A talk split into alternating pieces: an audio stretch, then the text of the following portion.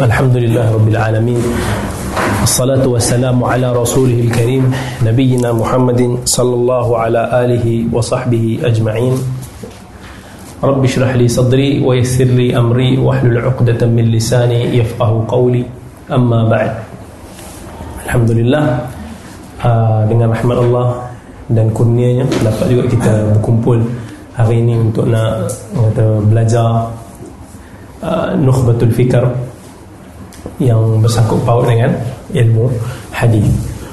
Macam mana semua yang kita tahu kenapa kita datang ke sini? First kali ialah untuk nak kita belajar mengatasi kejahilan kita. So itulah antara tujuan utama untuk kita belajar.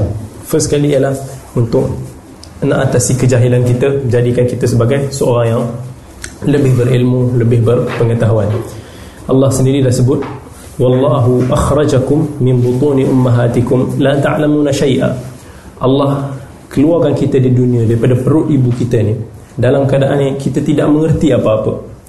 Dan uh, semua orang yang kita tengok sama ada orang alim ulama yang besar-besar daripada dulu sampai ke sekarang dia orang tak sampai that level daripada lahir terus jadi seorang yang alim. Tak kita semua manusia kita semua lahir dalam kosong-kosong. Yang mana kita sendiri usaha kita tawakal kita keikhlasan kita benda itulah yang akan menjadikan kita seorang talibul ilm seorang yang alim insya-Allah. Dan uh, dan kata apa? Itulah yang akan um, menjadikan kita survive dalam bidang ilmu. Dan uh, dalam setiap ilmu pasti akan ada mukaddimah iaitu pendahuluan permulaan. Yang kita tahu apa-apa pun yang kita nak buat kalau tak disertai dengan mukaddimah maka benda tu akan um, ada some masalah. Kalau kita nak berkenalan dengan seseorang pun dia mesti ada mukaddimah dia. Dia kalau kita nak nak berjalan pun dengan kereta pun nak ada mukaddimah mukaddimah yang perlu kita lakukan sebelum kita meneruskan perjalanan. Begitu juga dengan ilmu. Sebelum kita senang sebelum kita menuntut ilmu pastikan mestikan ada mukaddimah dalam mana-mana cabang ilmu. Dan overall mukaddimah sebelum kita belajar apa-apa ilmu sekalipun yang pertama sekali kita kena tahu kita kena belajar yang ulama sebut sebagai adab. Iaitu kata adab ni bukan satu benda yang kita hanya fikir adab ni menjadikan kita orang yang baik dan sebagainya tak tapi adab ni ialah satu sesuatu yang membina karakter kita. Membina kepribadian kita sebagai orang kata talibul ilm yang akan orang kata sama ada menunjukkan kita ni boleh survive dalam bidang ilmu ataupun tak. Itulah. Itulah apa kata uh, karakter yang perlu dicari. So kita tengok hari ini ramai orang yang pergi belajar agama. Betul tak? Yang pergi ke Mesir pergi ke Jordan pergi ke Madinah pergi ke mana-mana sekalipun ramai tapi berapa banyak yang daripada kalangan yang pergi untuk belajar tersebut orang kata bersiap sedia mempunyai karakter sebagai talibul ilm. Benda ini yang jarang diambil tahu. Ramai orang pergi hanya untuk orang kata belajar, belajar, mak ayah hantar ke. Ada yang pergi sebab itu je choice yang dia ada. Ada yang pergi disebabkan uh, dia nak sesuatu habuan ataupun adalah dia punya objektif tertentu. Jadi bila mana kita tidak mempelajari adab yang ulama sebut kita hari ini lebih memerlukan adab daripada ilmu. Kerana kalaulah kita menjadi seorang yang berilmu tanpa orang yang ada karakter tanpa ada adab maka mungkin kita akan jadi seorang ilmuwan yang bermasalah. Sama ada di dunia ni ataupun di akhirat kelak. Sama juga macam mana kalau hari ini kita nak didik seorang uh, contoh kita nak belajar sebagai seorang doktor seorang engineer. Yang mana kalaulah kita tak ada some elemen-elemen yang perlu diterapkan sebagai dalam adab Islamiyah maka kemungkinan kita akan jadi engineer yang korup kita akan jadi doktor yang malas doktor yang bermasalah dan seumpamanya. Begitu juga dalam bina ilmu adab ni satu benda yang akan menentukan siapa kita hala tuju kita siapa yang sebenarnya kalau siapa-siapa yang belajar di universiti-universiti uh, di Timur Tengah ke di Malaysia ni ke kita akan tengok macam-macam karakter student. Ada yang kata belajar ni bermudah-mudah nak senang kelas pergi tak pergi pergi tak pergi. Ada yang pergi untuk nak ambil nota ambil apa apa ambil nota kawan saja. Kalau di Mesir tu kita boleh dengar banyak student yang tak pergi pun kelas sampai kan ada dekat exam agaknya banyak cerita kawan-kawan kita boleh dengar. Baru nak tengok oh ini bangunannya universitinya. Ada ramai kita boleh tengok? Tanyalah kawan-kawan. Di mana-mana sekalipun mesti akan ada orang-orang yang macam ni. Dan uh, yang sangat dikesali jumlah ni bukan satu dua tapi ramai. Lebih ramai daripada yang yang betul-betul pergi belajar. Sebab apa? Sebab kita tak kita tak tumpu kepada adab ni. Karakter yang kita nak bina sebab kita pergi-pergi mak ayah hantar terus kita kena pergi belajar kita tak tahu apa sebab kita belajar. Berbeza dengan ulama dulu kenapa dia orang boleh survive? Kenapa dia orang boleh menghasilkan sesuatu yang menjadi khazanah sampai ke sampai ke zaman sekarang ni?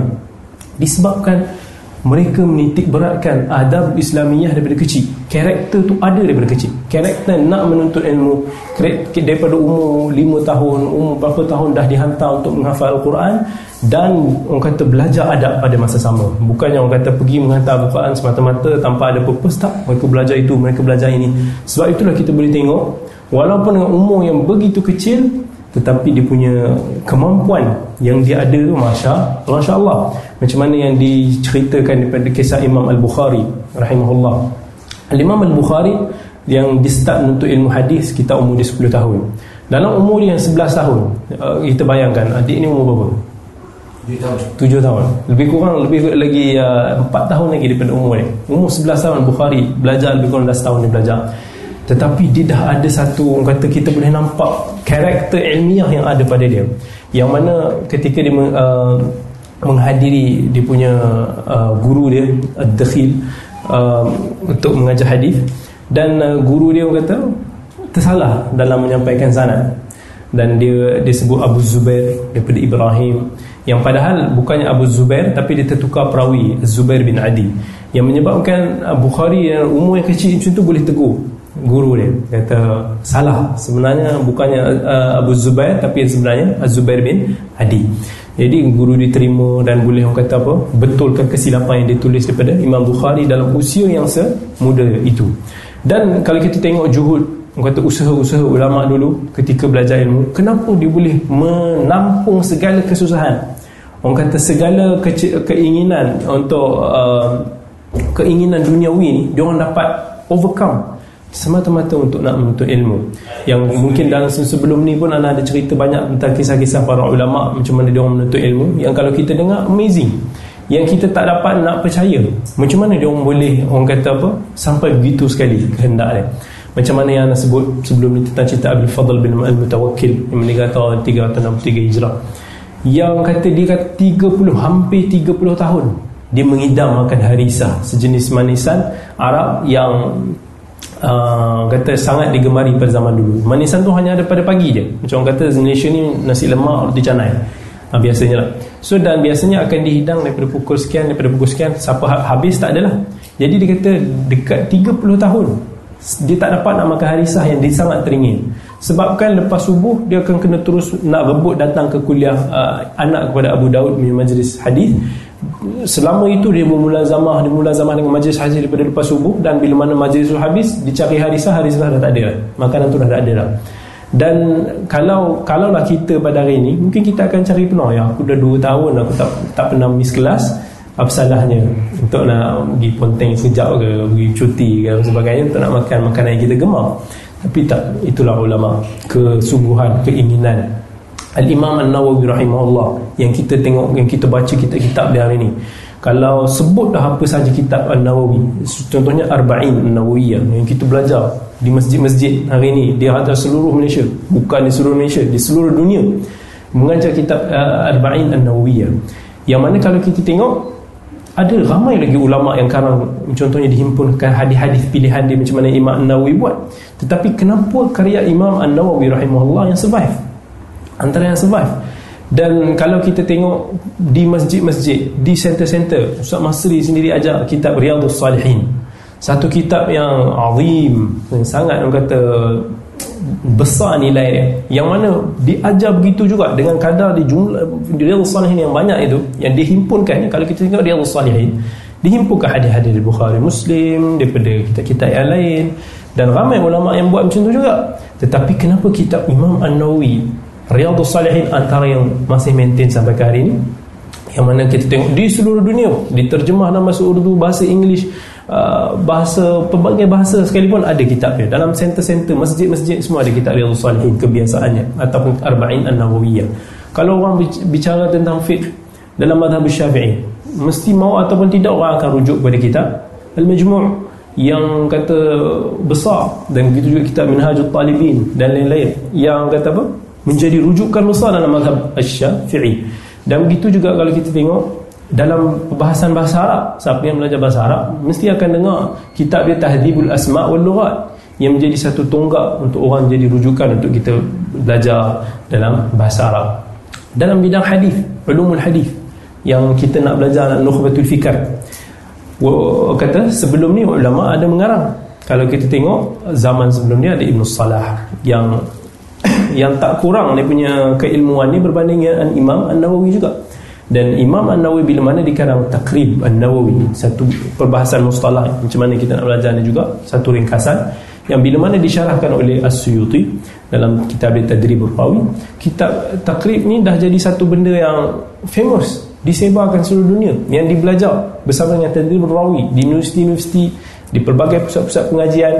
Yang mana ini semua kata apa uh, satu kelebihan yang Allah jadikan pada Imam Nawawi untuk menjadikan dia sebagai sumber pahala dia. Tapi macam mana kita fikir macam mana dia boleh sampai ke taraf tersebut? Adakah orang kata benda ni berlaku secara coincidence Wallah ta'ala alam Tapi ia ada berlaku semua adalah Kuasa Allah SWT yang nak menunjukkan bahawa Imam An-Nawawi seorang ulama yang bukan calang-calang. Yang kata apa? Yang seluruh hidup dia Walaupun dia tak berumur panjang Umur dia 40 tahun Tapi dia start menulis Sekitar 10 hingga 15 tahun Jadi tempoh dia menulis. Dengan tempoh yang begitu singkat Berbeza dengan Ibn Hajar yang kita nak belajar. Ibn Hajar mengarang kitab Fathul Bari Dia pun selama 30 tahun. Dia punya proses ngarang ni semua lama. Imam Nawawi dalam masa tempoh yang sekejap dikarang banyak kitab-kitab khazanah ni yang menjadi rujukan yang orang kata seluruh dunia bertahun-tahun. Yang mana kalau lah kata dapat royalty lah atas dia punya buku-buku hari ini dia lebih kaya daripada J.K. Rowling kata uh, itu adalah semua adalah berkat daripada first kali ialah ikhlas. Ikhlas yang Imam Nawawi tunjukkan. Dan usaha dia yang orang kata kita nak tengok sebagai contoh karakter talibul ilm yang asli. Kalau kita nak cari Antaranya kita boleh tengok Macam contohnya pada Imam An-Nawi Misalnya Imam An-Nawi Apa yang dia buat?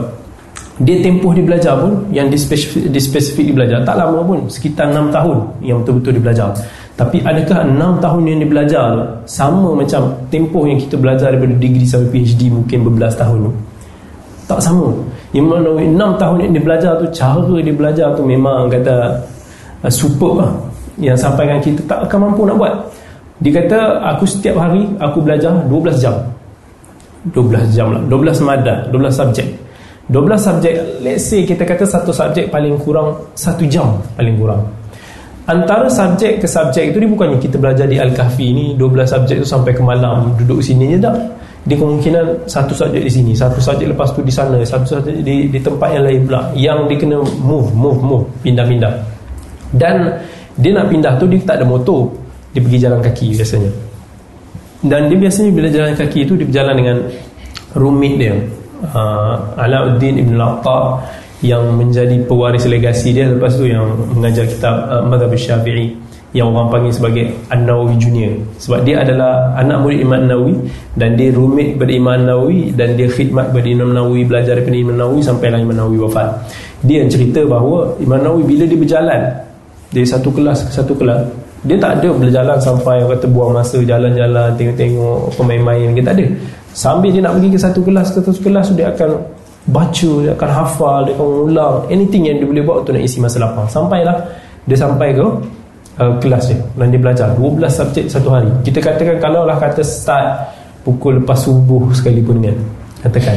Dengan 12 jam travelling nak pergi ke sana ke kemari itu semua mungkin habis dia malam. Dan bila dia balik malam tu dia tengah hari dia tak makan. Itu luar biasanya Manawi ya. dia bukan sengaja tak nak makan. Tapi dia hanya merasakan benda tu tak sesuai untuk dia. Sebab dia kata kalau dia makan lebih dia akan jadi malas. Dia dia jadi macam kenyang kan ngantuk dan sebagainya. Jadi dia hanya makan satu kali satu hari. Iaitu malam. Bila dia dah balik kawan dia Al-Audi bin Affar akan sediakan dia makanan dan uh, hidang kat dia. Makanan yang sangat simple dia makan minum satu cawan air. Lepas tu dia sambung dia punya ulang kaji. Zaman yang tak ada lampu tu dengan lilin ke apa benda dia ulang kaji dia baca dia dia dia murajaah. Sampai dia tertidur dia tertidur atas meja yang Imam Nawawi rahimahullah dia kata apa? Aku tak dua tahun badan aku ni tak merasai tanah. Maksud dia apa?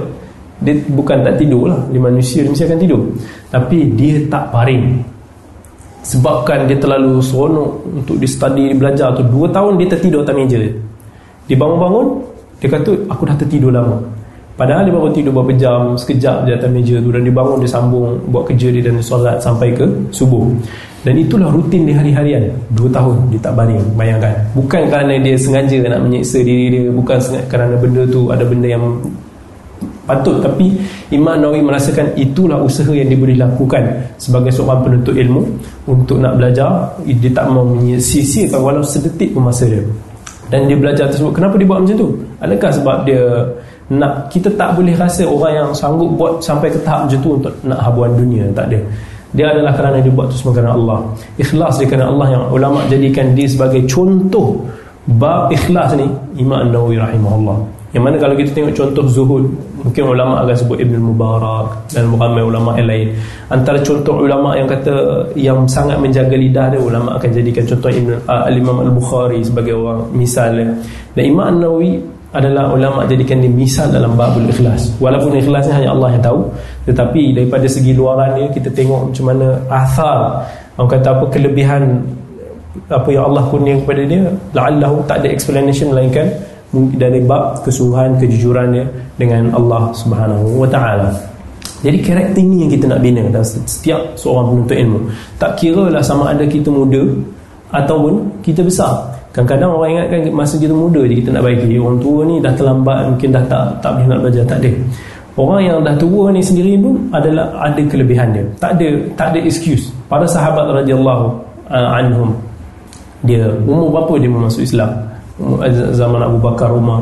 Ramai daripada kalangan para sahabat yang masuk Islam Umur dia dah lebih 40 tahun. Dan ramai daripada kalangan mereka yang Tak tahu membaca dan menulis kan? Yang Allah SWT kata dalam Quran hu, apa? Huwa alladhi ba'atha fil ummiyyin rasulan. Allah jadikan kepada satu bangsa yang buta huruf itu rasul seorang rasul. Yang mana Nabi SAW kata dalam satu hadis riwayat Bukhari dan Muslim inna umma uh, la naktub wa la nahsib. Kami ni bangsa yang tak tahu nak menulis tak tahu nak mengira. Daripada uh, kata Nabi awal diutuskan para sahabat ramai daripada kalangan para sahabat tak tahu membaca tak tahu menulis pun apatah lagi berpengetahuan dalam bidang agama. Tetapi dengan begitu juga dia orang menuntut ilmu dia orang teruskan kata bersama dengan Nabi sallallahu alaihi wasallam uh, sampai ke akhir hayat. Sebab itu kita kita walaupun kita dah veteran ke kita tak boleh jadikan itu sebagai excuse untuk kita stop daripada menuntut ilmu. Dan ramai daripada para ulama dahulu pun yang belajar menuntut ilmu ni dari kiranya pada zaman ni dah agak lewat lah. Contohnya Ibn Hibban. Ibn Hibban rahimahullah yang menulis kitab sahih Ibn Hibban. Uh, dia belajar uh, pada tahun dia belajar pada sekitar umur dia 20 tahun. Lebih 21 tahun yang kira pada zaman dulu tu dah lambat lah. Kan sebab zaman dulu zaman sekarang ni lain. Kalau zaman zaman atuk nenek kita pun kahwin umur 14 tahun tu biasalah. Tapi zaman sekarang 14 tahun tu jadi super muda. Yang kita rasa sampai tak logik kahwin umur tu. Itu perbezaan kata generasi dulu dan generasi sekarang. Ibn Hazm rahimahullah yang mengarang kitab uh, apa Al-Muhalla yang meninggal tahun 456 Hijrah. Antara ulama yang disebut lewat juga lepas daripada umur 20 tahun 26 tahun dia belajar. Al-Qaffal Al-Madhab Syafi'i yang meninggal tahun 417 Hijrah. Dia pun sendiri adalah seorang yang berasal daripada bidang orang yang buat tukang besi, tukang buat kunci ni. Tetapi selepas dia belajar kata apa dia, dia rasa dia talented dalam bidang fiqh maka dia pun fokus di belajar dalam bidang fiqh sampai dia menjadi salah satu ulama besar dalam mazhab Syafi'i rahimahullah. Dan ulama-ulama yang lain ramai lagi boleh dijadikan contoh dalam bab tersebut. Maka kita sebagai penuntut ilmu jangan kita rasa lambat kita rasa terlewat. Dan bagi yang muda pun muda adalah sebagai satu contoh untuk inilah masa yang terbaik lah sebab ada masa tu kita lebih cergas mungkin yang belum kahwin tu rasa dia dia tak ada komitmen dalam banyak benda lain. Maka benda tu sebenarnya semua benda yang sangat membantu kita dalam uh, belajar. Imam Syafi'i rahimahullah dia kata man lam yaduk murrat ta'allumi sa'atan tajarra'a dhulla al-jahli tula hayati wa man fatahu at-ta'lim waqta shababi fakabbir alayhi arba'an li siapa yang tak pernah rasa kepahitan dalam menuntut ilmu ni maka uh, macam kata apa? Uh, tajarra'adul jahli tula hayatih. Dia akan sentiasa bergelumang dalam kejahilan. Dan siapa yang tercicir masa muda dia belajar ni maka Imam Syafi'i umpamakan dia sebagai seorang yang dah mati lah seolah macam tu lah. Fakabbir alaihi arba'an. Takbirkan empat. Macam takbir jenazah tu sebab dia telah mati. Itu apa yang Imam Syafi'i rahimahullah sebut. Maka kita sebagai penuntut ilmu kena kuat strong untuk hadir untuk nak belajar. Sebab kalaulah kita tak ada benda-benda tu kita tak kuat memang kita akan gagal. Banyak kita jumpa pelajar-pelajar yang belajar di luar negara ke di sini ke yang dia belajar hanya semata-mata untuk periksa. Yang kata apa? Kita tengok even belajar pun masih lagi masa exam nak cuba meniru. Yang kadang apa nak cari yang mudah-mudah. Bila bila orang apa lecturer mengajar ah, apa benda yang masuk exam nak tanya juga. Bila dah dapat dah, dah bagi tahu kita akan masuk di bab sekian ke bab sekian ada tak nota? Bila dah ada nota mana yang specifically masuk dalam exam ha, itu semua kita nak tahu sebab kita nak belajar for exam. Kita nak tahu apa yang kita nak tahu je. Yang paling mudah paling sikit yang kita boleh nak. Tetapi benda ni kita akan rugi bila mana kita dah grade nanti. Mungkin kita boleh score dalam exam. Sebab kita hafal poin tertentu ringkasan yang dah dibuat. Tetapi untuk kita sebagai karakter mungkin kita tak ada. Walaupun di exam kita kita excellence dan saya masa belajar di Madinah dulu uh, kita pernah jumpa ramai student daripada luar especially yang saya jumpa daripada Yaman. Masya Allah dia menunjukkan contoh yang kata tinggi dalam menuntut ilmu. Yang kita tengok kalau dia belajar tu hari-hari kalau pergi ke kelas tak kira lah hari pertama yang student cuba lepas daripada balik cuti hari pertama student mesti malas-malas minggu pertama tu kan ramai yang tak datang. Kadang-kadang kami ni bertiga je masuk dalam kelas sebab yang lain semua tak datang. Sebab dia orang masalah. Minggu pertama mesti kata masih main-main lah orang minggu pertama baru balik daripada cuti kan. Tapi tak. Datang tiga orang dia mesti ada. Dan dia akan cuba duduk yang paling depan sekali. Dia akan duduk paling depan sekali. Walaupun orang kata kat dia janganlah datang. Kalau datang nanti syekh mesti datang mengajar juga. Walaupun syekh kalau nak tiga, dua tiga orang sekalipun datang dia akan ajar. Seorang pun dia akan ajar. Sebab kenapa? sebab ilmu ni bukan kerana ramainya anak murid ataupun ramainya uh, penuntut ilmu yang datang belajar. Tak. Dari, daripada ramai-ramai tu kita nak yang paling berkualiti saja. Mereka inilah yang akan kata ada dia punya kebaikan kelebihan barakah. Walaupun pada satu dua orang tapi satu dua orang inilah yang akan orang kata membawa ilmu tersebut dengan lebih baik. Kerana orang yang boleh datang satu dua orang tu inilah yang karakter ilmu yang paling tinggi yang paling strong yang ada yang lain nak ponteng Nak cari excuse supaya tak datang Supaya tak belajar. Yang datang ni Dia tak peduli lah Kata yang penting dia datang sebab dia nak belajar.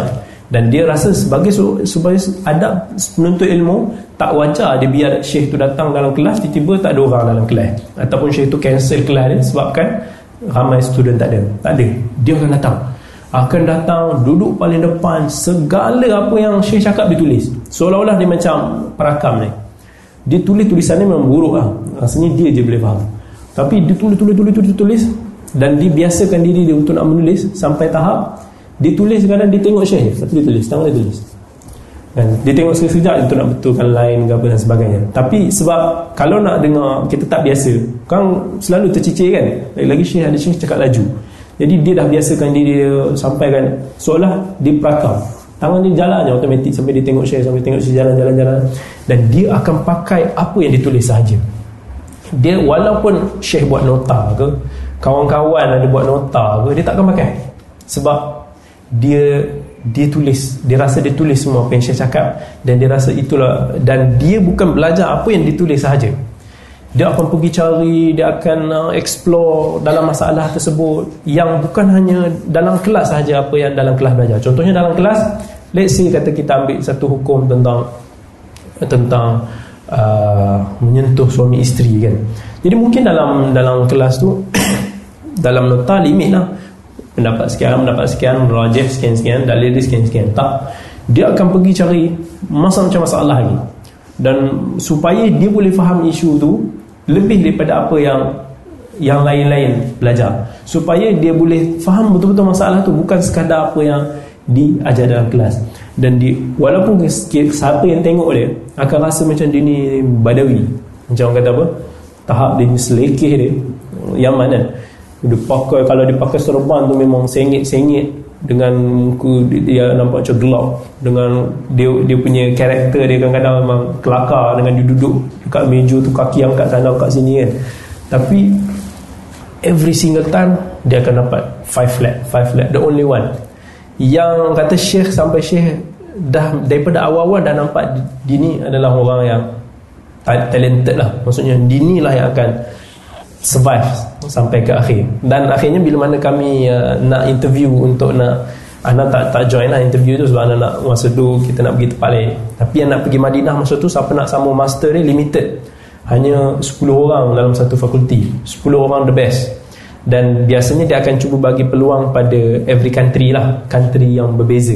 Contohnya daripada Yaman seorang dia tengok country lah. Nigeria mungkin seorang. Dia akan pilih yang terbaik hasil interview. Tapi kawan-kawan yang ramai yang lain walaupun ramai juga yang dapat mumtaz yang dapat excellent tapi sebab Agam Mahdi ni nama dia ni sebab nama, dia ni je nak, nak pergi interview semua lari semua tak nak pergi uh, apa ambil exam untuk nak masuk master kuliah hadis sebab semua kata mesti kita orang tak dapat. Mesti dia dapat. Sebab dia memang Masya Allah memang kata mumayyiz unik. Satu yang lain daripada yang lain kita boleh tengok. Dan sampai sekarang pun saya masih berhubung dengan dia dah sampai ke PhD orang yang Masya Allah banyak manfaat ni kita boleh tengok. Walaupun dengan masih dia belajar degree sahaja dulu pun kita dah nampak manfaat dia. Sampai Syekh satu hari Syekh datang kelas tak ada suara. So Syekh tak dapat nak bercakap minta dia gantikan ajar uh, subjek yang nak tu. Jadi itulah yang kita nak pelajar macam ni. Bukan kita nak pelajar yang pergi kiaskanlah dengan sekitaran kita ini yang pergi ponteng kita student Malaysia ini kalau pergi belajar sana kadang-kadang tempat saya belajar dulu ada yang sampai kira-kira berapa hari dia boleh ponteng.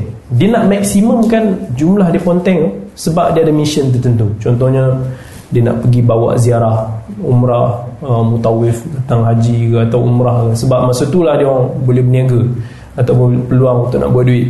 Jadi sanggup kira kelas. Nilai ilmu tu banding dengan habuan keduniaan ni habuan keduniaan ni jauh lebih tinggi yang mana kata belajar ni cancel lah sebanyak yang boleh. Kalau lah kata tak ada agaknya rule universiti yang kata Herman maksudnya siapa yang ponteng sekian-sekian tak boleh masuk exam. Rasanya lagi ramai orang ponteng. Lagi banyak disebabkan peluang keduniaan yang ada kat sana. Tapi lil asaf syadid mereka macam ni ramai. Dan yang very very very very orang kata apa uh, menyerlah mungkin tak ramai. Macam mana sama yang macam yang uh, saya sudah sebut tentang Amash Sulaiman bin Miran Amash yang meninggal tahun 147 Hijrah. Pada zaman ni ramailah orang belajar hadis. Tapi dia kata tak tak ramai akan survive daripada jumlah yang ramai. Dia kata biasanya akan ada tiga kelompok daripada pelajar hadis. Satu kelompok akan mati. Maksudnya mati dia dia akan fail lah. Give up, akan surrender.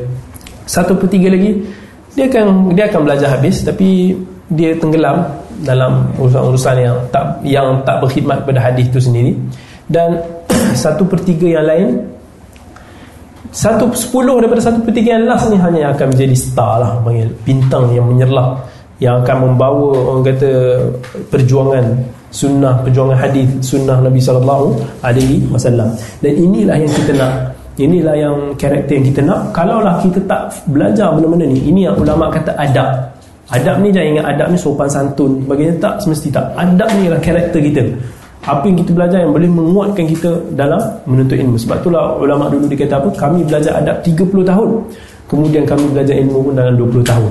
Tetapi disebabkan adab 30 tahun yang ditimba tu dia dah ada survive karakter yang dia ada 20 tahun yang dia belajar tentang ilmu tersebut jauh lebih baik daripada hari ini kalau kita belajar 200 tahun sekalipun disebabkan usaha perjuangan karakter yang dia ada. Tengok ulama dulu macam mana dia survive. Yang mungkin saya dah pernah cerita few time dalam kisah Abu Hatim. Yang dia sanggup berjalan kaki 6000 kilo. 6000 kilo dalam Quran apa kiraan sekarang lebih kurang yang alf farsakh dalam bahasa Arab ni dia travel pergi ke uh, daripada Palestin daripada semua negara ada Tabariyah Asqalan uh, semua yang ada kat situ. Kemudian dia pergi ke Syam Riqqa Dimash dia pergi ke Turki Al-Taqiyah semua yang dia pergi sana pergi patah balik sana patah balik sini patah balik. Sampai lah dia kata sampai Alf Farsakh sekitar 6000 kilo dia kata aku dah malah kira. Lah dia dah penat lah nak kira. Jalan kaki. Belajar. Selama masa tu umur dia 20 tahun.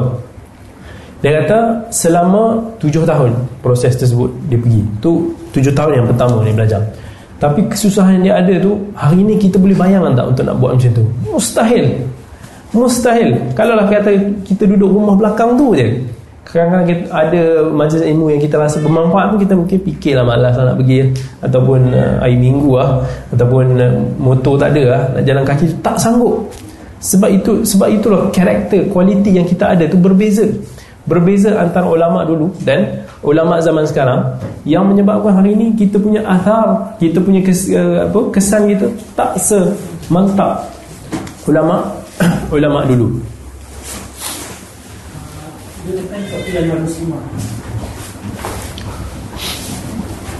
Pak ini yang perlu first kali yang perlu dalam mukaddimah pengajian sekali benda yang anda sangat suka tekankan. Mesti kena tekankan. Sebab tak ada gunanya kalau kita belajar dia kata baca banyak mana pun Kalaulah kita Macam umpamanya macam ni lah. Tak gunanya kita ada banyak duit pun Kita jadi billionaire pun. Tapi hidup kita ni penuh dengan benda-benda haram. Kita orang yang korak Kita orang yang apa Melakukan perkara-perkara haram. Benda tu tak ada manfaat. Walaupun banyak duit. Walaupun dengan duit tu Dia boleh gunakan untuk Berbagai manfaat untuk umat Untuk agama dan sebagainya Satu kelebihan. Tetapi kalaulah tak ada elemen-elemen integriti dalam jiwa seorang muslim itu sia-sia. Begitu juga dengan kita. Tak gunanya kita menjadi seorang alim ulama seorang yang kata banyak ilmu sekali pun. Tapi kalau kita tak ada adab ini tak ada jiwa karakter integriti ni tak ada guna. Sebab itulah kadang-kadang dia akan ini yang dipanggil ulama usuk. Sebagai ulama yang teruk. Yang mana kan dalam bila mana kita mengajar tu contohnya kita untuk mendapatkan habuan keduniaan. Benda ni banyak benda berlaku. Ramai orang yang hari ni mungkin dia belajar semak dia nak position tertentu pangkat tertentu habuan keduniaan tertentu. Uh, yang mana Allah kata dalam Quran man kana yuridul hayata dunya wa zinataha nuwaffi ilaihim a'malahum fiha wa fiha la yubkhasun. Siapa yang nakkan kehidupan dunia ni habuan keduniaan ni Allah akan bagi dia kat dunia ni. Dia nak dia nak pangkat silakan ambil. Tetapi ulaika lahum fil akhirati illa laysa lahum fil akhirati illa an-nar. Tetapi di hari akhirat kelak tak ada apa lagi yang mereka akan dapat melainkan api neraka. Sebab ikhlas. Ini adab yang pertama sekali yang perlu kita kita kena perlu faham. Iaitu kita belajar apa-apa ilmu pun pertama sekali kita nak harapkan ganjaran Allah. Selepas daripada kita nak hilang kejahilan kita mestilah untuk nak mengharapkan ke, apa ganjaran Allah. Yang dalam hadis yang diriwayatkan Abu Hurairah riwayat Abi Dawud Nabi SAW kata siapa yang belajar man ta'allama ilman mimma yubtagha bihi wajhullah? Siapa yang belajar satu ilmu tu? Yang ilmu tu dia boleh digunakan untuk mendapat uh, orang kata untuk mendapat keridhaan Allah. La yata'allamu illa yusiba bihi 'aradan min ad-dunya. Tapi dia hanya belajar untuk nak dapatkan habuan dunia. Lam yarih raihatal jannah. Dia tak akan cium bau syurga. Betapa jauhnya. Orang kata jauh daripada syurga tersebut dan uh, dalam hadis riwayat Muslim daripada hadis Abi Hurairah antara tiga golongan awal yang akan dihisap di akhirat akhirat kelak ialah orang yang disebut sebagai ulama orang yang berilmu. Yang mana bila ditanya kenapa kamu apa yang kamu dah lakukan di dunia? Dia kata aku belajar ni semua untuk nak kerana mu ya Allah. Dan Allah nafikan. Allah kata tak kamu belajar sebab nak orang puji kamu sebagai seorang alim. Nak orang kata kamu sebagai orang yang hebat dan seumpamanya. Dan Allah akan ambil dan campak di dalam neraka di hari akhirat kelak tak ada benda yang kita boleh simpan di dunia ni orang tanya kamu kenapa kamu mengajar ikhlas kerana Allah kerana aku nak berdakwah kepada masyarakat untuk nak mengembalikan mereka kepada Allah kita cakap kat dunia kita boleh sebut tetapi Allah kata di hari akhirat kelak nanti Fadal Abdul Aziz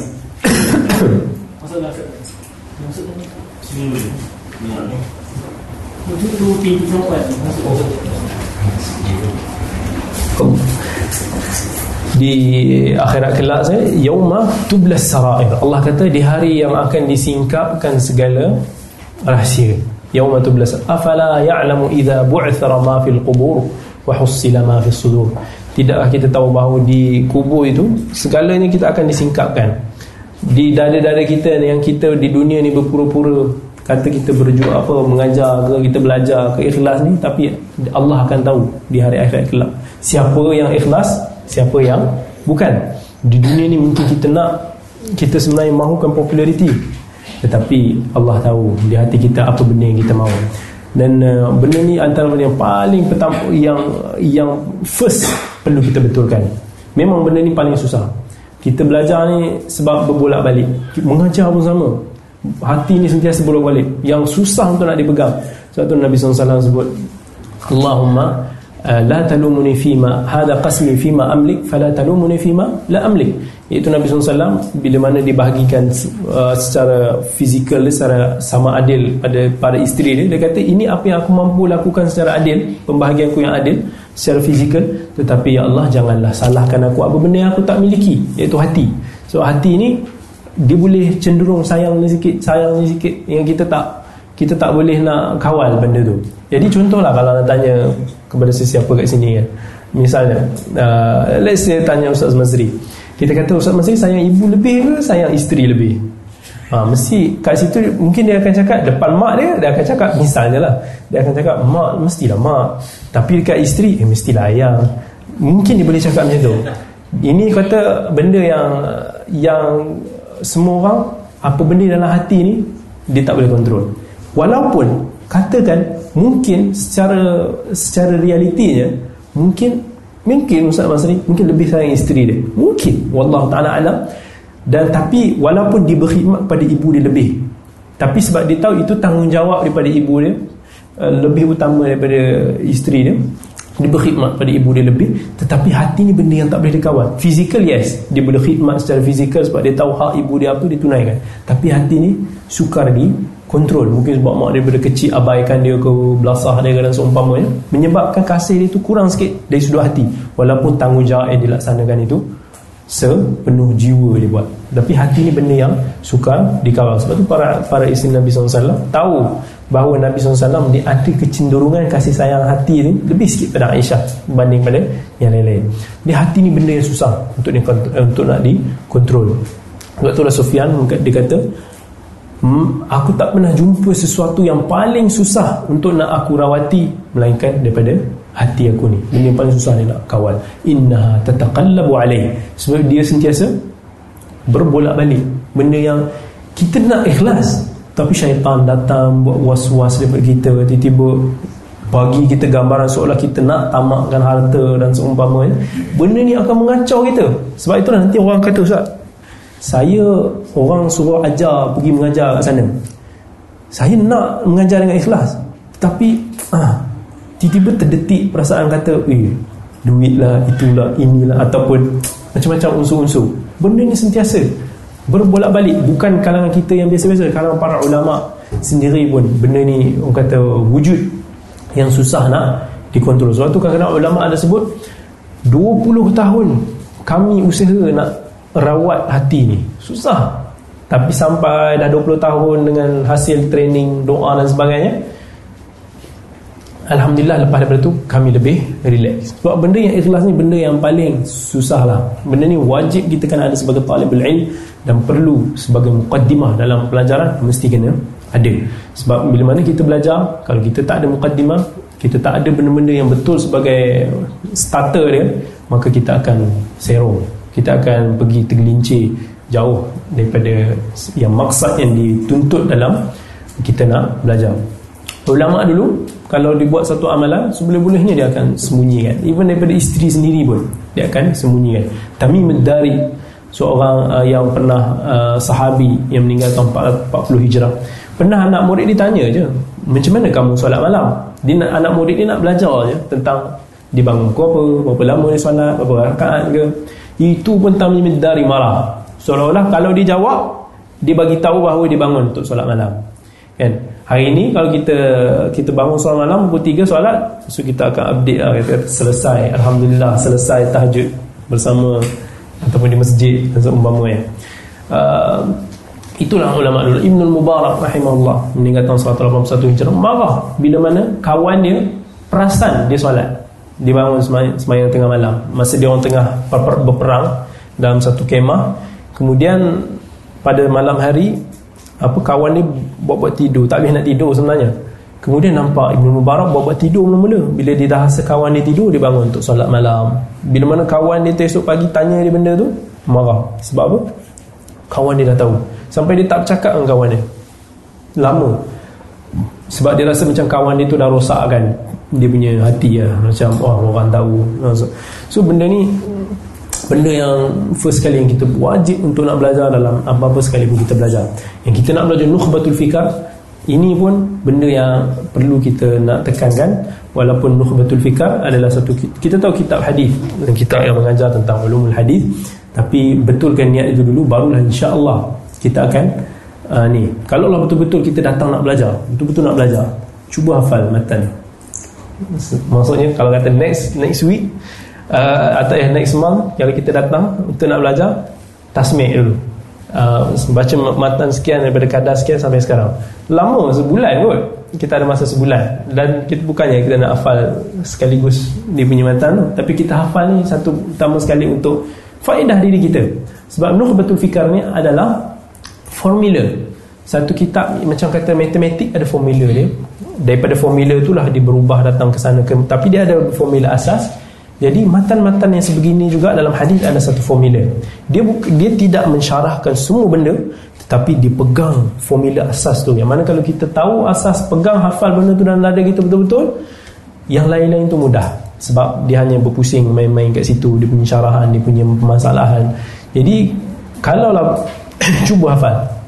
Ada benda yang kalaulah ada student uh, contoh nak pergi belajar di universiti di luar ke dan sebagainya saya akan cuba akan nasihatkan supaya dia hafal dia hafal segala yang diwajibkan di sana hafal hafal sebetul-betulnya.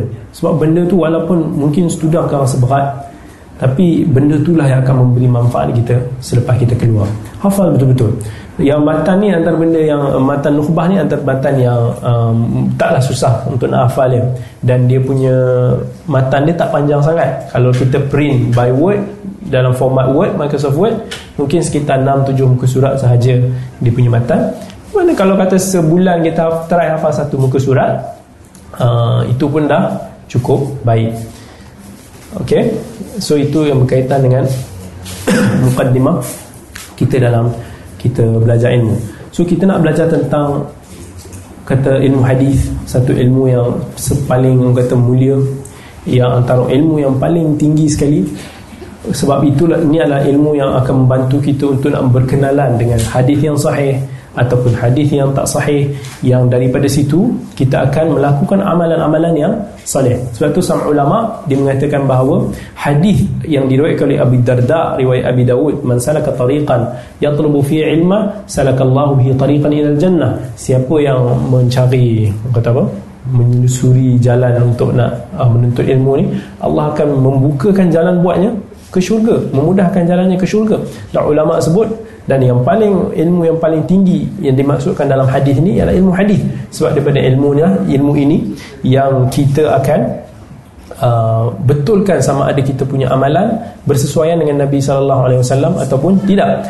Sebab tu dalam ayat Quran disebut alladzi khalaqal mauta wal hayata liyabluwakum ayyukum ahsanu amala. Allah ciptakan kita ni hidup dan mati ni semuanya adalah untuk nak mengujikan adakah siapakah yang sebaik-baik amalan dari kalangan kita. Di mana Fudail bin Iyad seorang ulama mengatakan bahawa ayyukum ahsanu amala sebaik-baik amalan tersebut berbalik kepada dua syarat.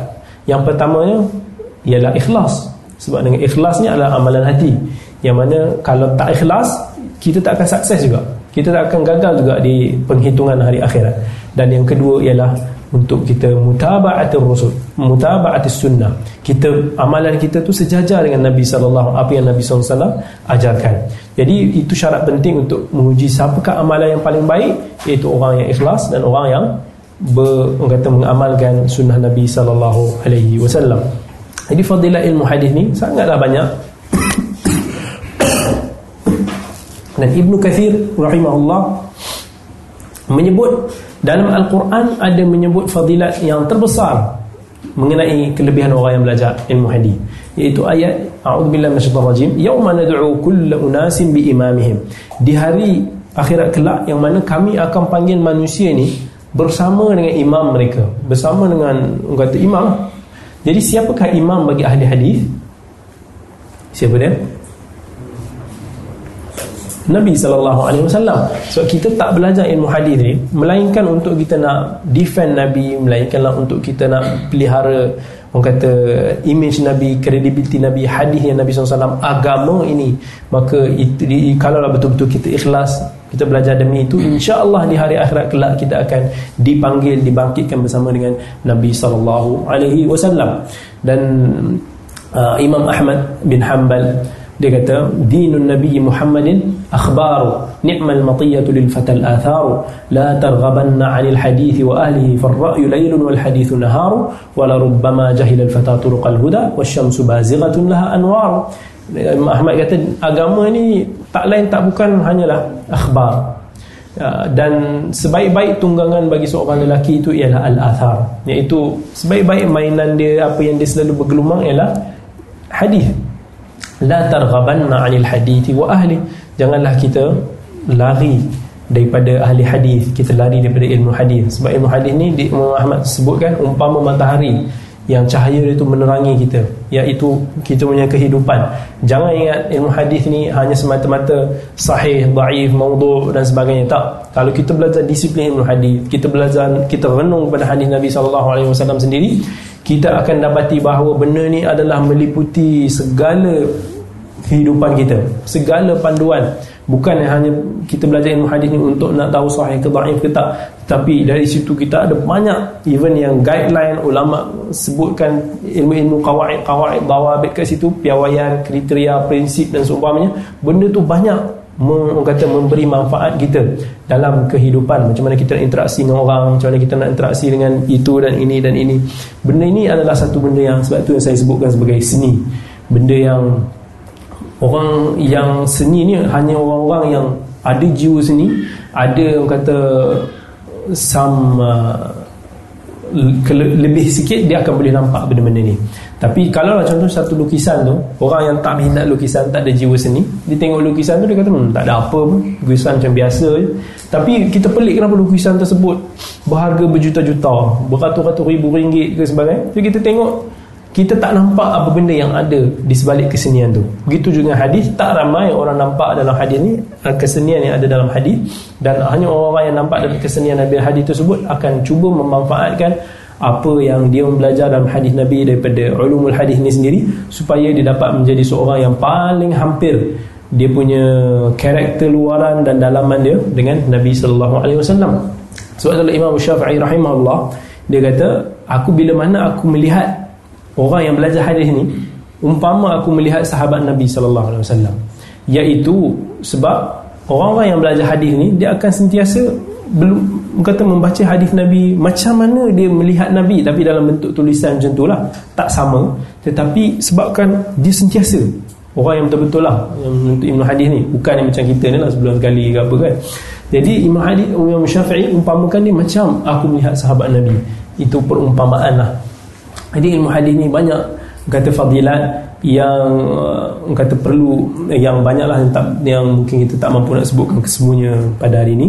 Dan uh, sebelum kita nak belajar ilmu hadis kita mesti kena tahu ada beberapa asas. Iaitu asas ilmu hadis ni mesti kalau kita nak belajar ilmu hadis yang pertama sekali kita kena tahu sumber rujukan apa dalam bidang hadis. Itu benda yang sangat penting. Dan itulah antara puncanya saya memilih tajuk pada saya membuat master dulu di uh, Riyadh. Tajuk tu sebab saya rasakan itu antara manfaat yang saya boleh dapat ialah kita boleh mengetahui sumber-sumber sumber rujukan dalam bidang hadis yang pelbagai. Yang yang kadang-kadang di luar kita punya imagination di luar kita punya jangkaan. Dalam bidang hadis kadang-kadang masuk kitab-kitab yang di luar bidang kita. Cerita tentang geografi yang boleh masuk cerita tentang sejarah daripada ini cerita tentang ada ulama karang kitab muzik pun boleh jadi manfaat dalam bab rijal. Kata jadi benda ni adalah asas pertama yang perlu kita ada dalam orang yang betul-betul nak mahirkan dalam bidang hadis dia kena tahu. Sebab sumber bidang rujukan hadis sangatlah banyak. Kalau tak beribu-ribu beratus-ratus itu sangat banyak. Yang mana kalau ya, hadis ni dia bukan macam bidang-bidang lain. Okey, kalau lah kata sama ulama dia mengatakan kalau kita nak jadi seorang mufassir, seorang yang okey dalam bidang tafsir, kita cukuplah kita uh, contohnya kalau kita mampu hafal tafsir Ibn Kathir ke, siapa boleh hafal? Hafal betul-betul tafsir Ibn Kathir tu. Insya-Allah dia akan jadi seorang mufassir dengan dia tahu tawabit dan syarat-syarat dia. Tapi ilmu maklumat tu semua dah ada dalam kepala dia. Quran 30 juzuk dan tafsiran yang Ibn Kathir sebut dari segi asal dan umpamanya ada dalam kepala dia InsyaAllah dia dia boleh jadi separuh mufassir kat situ. Dan begitu juga kalau kita nak jadi seorang fiqh, kalau kata seorang tu uh, dia nak jadi pakar dalam fiqh syafi'i misalnya, katakanlah dia boleh hafal kitab al-majmu' komplit dia boleh hafal ataupun dia dia boleh rujuk majmu' dan beberapa kitab asas yang lain. InsyaAllah dia kalau dan dia belajar benda-benda yang basic, dia boleh jadi seorang ahli fiqh. Tapi hadis susah. Ada tak kitab yang menghimpun semua hadis pada satu tempat? Ha. Susah. Even orang yang ada maktabah syamilah pun nak mencari hadis pun tak tahu macam mana nak cari dalam tu kan. Belum lagi kita nak cari hadis-hadis yang kita nak. Belum lagi kita nak bezakan hadisnya sahih ke hadisnya dhaif ke. Kitab hadis banyak sangat pelbagai jenis kitabul ajza kita ada kitab mustadrakat az-zawaid atraf wa, wa, banyak sangat kita kita hadis yang perlu kita tahu supaya kita uh, kata apa untuk nak kita mahir dalam bidang hadis. Contohlah kita let's say kita ambil kitab miftah kunuz as-sunnah. Mungkin Abdul Aziz pernah dengar kitab miftah kunuz as-sunnah. Yang dah disusun mengikut maudu'at tajuk-tajuk dalam dia hadis-hadis ni disusun mengikut topik lah. Katakan kita nak cari hadis uh, misalnya lah katakan uh, kita nak mengajar dalam bidang mati kematian. Kita nak cari maut dalam miftah kunuz sunnah sebab kita nak nak cari. Sebab dia akan kumpulkan hadis-hadis yang ada perkataan ma tayamu tu ma, ma, ma, apa-apa yang berkaitan dengan ma, mati tu maut tu dia akan sebut dalam bab yang khas. Mungkin kita boleh jumpa few hadis. Tetapi macam mana kita nak cari lagi hadis-hadis yang berkaitan dengan mati tetapi tak ada yang tak digunakan perkataan maut kat situ. Daripada tasrif al-maut tu kita mungkin susah. Sebab kita nak kena tahu bahasa Arab kita nak kena ada at least uh, pengetahuan yang luas dalam benda-benda yang lain katakan kita boleh kita boleh orang kata apa uh, kita boleh guess kita boleh teka je agak-agak lah nak cari dalam dalam bab apa kita nak cari satu hadis tu katakan mungkin kita boleh teka tapi macam mana kita nak cari hadis tu dalam Musnad Ahmad misalnya? Kita tahu Musnad Ahmad. Macam mana Musnad Ahmad disusun? Musnad Ahmad adakah disusun hadis dia mengikut bab? Tak. Dia ikut nama sahabi. Uh, dia, dia ada susunan ni Asyara Mubashirin, Rasul sahabat yang mukfirin, sahabat yang banyak meriwayatkan hadis, sahabat lain satu sahabat. Macam mana kita nak cari hadis berkaitan mati dalam Musnad Ahmad? Kita nak kena sebab satu persatu persatu nak cari kan Sahabat mana yang riwayatkan Kita nak cari dalam yang disusun untuk sahabat Sahabat mana yang riwayatkan mungkin kita tak tahu Kalau kita boleh tahu tu okey lah. So kita nak cari proses nak cari satu hadis Satu benda ni. Bukan satu benda yang mudah. Kadang-kadang ada orang ingat kan mudah je. Ustaz apa status hadis ni? Mohon pencerasan hadis ni sahih ke tak? Lepas tu kadang-kadang aspek kita dapat jawab immediately. Kalau dah banyak sangat orang bagi soalan macam tu Susah. Sebab kan soal hadis-hadis yang biasanya ditanya tu Hadis-hadis yang tak ada dalam Dalam kata kitab-kitab yang muktabar Jadi kita nak kena detailkan pencarian Luaskan pencarian Hadis-hadis yang pelik-pelik yang kita dengar-dengar tu kan. Jadi benda ni susah mengambil masa. Dan uh, Sebab tu ni disebut bahawa ilmu hadis ni adalah khadim kepada ilmu-ilmu yang lain. Iaitu ilmu hadis ni berkhidmat pada semua bidang. Tapi tak semua ilmu lain berkhidmat kepada hadis. Orang yang nak mahir dalam bidang fiqh mesti kena tahu hadis. Sebab fiqh tu tak terbina melainkan atas hadis juga kan? Kalaulah takkanlah fiqh tu dibina atas uh, kata-kata orang biasa tak mesti asasnya daripada dalil-dalil yang telah di yang muktabar lah. jadi fiqh tu dibina atas hadis. Tafsir. Tafsir adakah uh, tafsir ni boleh lari daripada hadis? Tak boleh. Banyak hadis yang mesti kena related tu pendapat daripada Nabi SAW daripada athar daripada sahabat ke daripada tabi'in ke dan lain-lain maka itu semua sangat penting sebab Al-Quran dan As-Sunnah saling berkait rapat. Yang saling mentafsirkan each other saling menjelaskan each other saling mengkhususkan apa yang am dan seumpamanya. Sebab uh, hadis ni adalah yang Allah sebut dalam Quran wa anzalna ilaika dzikra litubayyana linnas ma nuzila ilaihim iaitu uh, Allah turun jadikan utuskan nabi ni untuk nak perjelaskan apa yang diturunkan daripada al-Quran. Jadi tak cukup untuk nak kita gunakan al-Quran semata-mata tetapi nak memahami al-Quran mestilah kita kena merujuk kepada hadis Nabi sallallahu alaihi wasallam. Begitu juga dalam bahasa. Kalau orang yang belajar bahasa Arab banyak hadis-hadis yang dijadikan example dalam kata guideline, kawaid, kaedah-kaedah dalam bahasa Arab. Jadi uh, ilmu hadis ni adalah satu ilmu yang berkhidmat kepada semua ilmu. Tetapi tak semua ilmu berkhidmat kepada hadis. Nak mensahihkan hadis, nak tahu tentang ni eh, berkaitan ilmu-ilmu hadis ni tak memerlukan kepada fiqh, tak memerlukan kepada uh, misalnya tafsir, maybe memerlukan kepada bahasa Arab. So itu benda yang kata benda kelebihan mizah ilmu hadis. Dan ilmu hadis adalah satu ilmu yang susah kita nak jumpa orang yang ahli betul-betul dalam bidang ni. Sebab itulah mungkin sangat sukar kita nak jumpa lagi orang yang kita boleh bagi nama muhadis pada zaman ni. Susah. Sebab ulama hadis ni bila dia meninggal tak ramai yang menggantikan dia. Tapi dalam fiqh mungkin kita boleh jumpa ramai. Sebab ramai student yang belajar fiqh syariah. Kemudian isu-isu yang berkaitan fiqh syariah ni menjadi jadi tumpuan. Satu agenda negara satu kata yang dimartabatkan tinggi kalaulah matinya ahli uh, contohnya mufti sekian ramai lagi mufti yang ada. Tiba-tiba kalaulah matinya ahli mufti sekian ramai lagi ahli majlis fatwa yang lain. Dan ram, itu kita boleh itu boleh tengok dalam mana-mana negara. Tapi dalam hadis dalam satu negara tu kita nak jumpa seorang muhaddis pun susah. Dua muhaddis ke pun susah. Yang mana kalaulah matinya dia mungkin kita susah nak dapat pengganti dia sekian lama kita nak jumpa pengganti ni sangat sangat-sangatlah lama. Sebab itu Waqi' bin Jarrah nak menggantikan uh, majlis Sufyan al-Thawri. Mengambil satu tempoh yang lama. Seorang yang mampu untuk nak menggalas tugas tu. Ibn Hajar rahimahullah yang penulis kitab Nukhbatul Fikar ni. Dia seleb dia belajar 10 tahun dengan Al-Hafidh Al-Iraqi guru dia. Dan guru dia tu bagi kepercayaan kepada dia. Yang disebut orang yang pertama anak murid Iraqi yang diberi kepercayaan untuk nak ganti majlis Al-Hafidh Al-Iraqi. Jadi susah zaman lagi-lagi zaman sekarang ni. Cuba hitung je bilangan ulama hadis yang zaman sekarang ni kita boleh trust. Mungkin sampai tak satu tangan. Kalau sampai sampai tak dua tangan kita bilangan jari ni sebutkan dunia ni mungkin ada tak? Mungkin Abdul Aziz boleh sebutkan sebahagian ulama hadis yang dia tahu pada zaman ni yang yang diyakini keilmuan dia. Mungkin boleh sebutkan lima Syekh Abdul Aziz Al-Tarifi. Abdul Aziz Al-Tarifi seorang ulama dari Saudi yang yang hufaz yang jarang nak kita jumpa orang yang macam dia.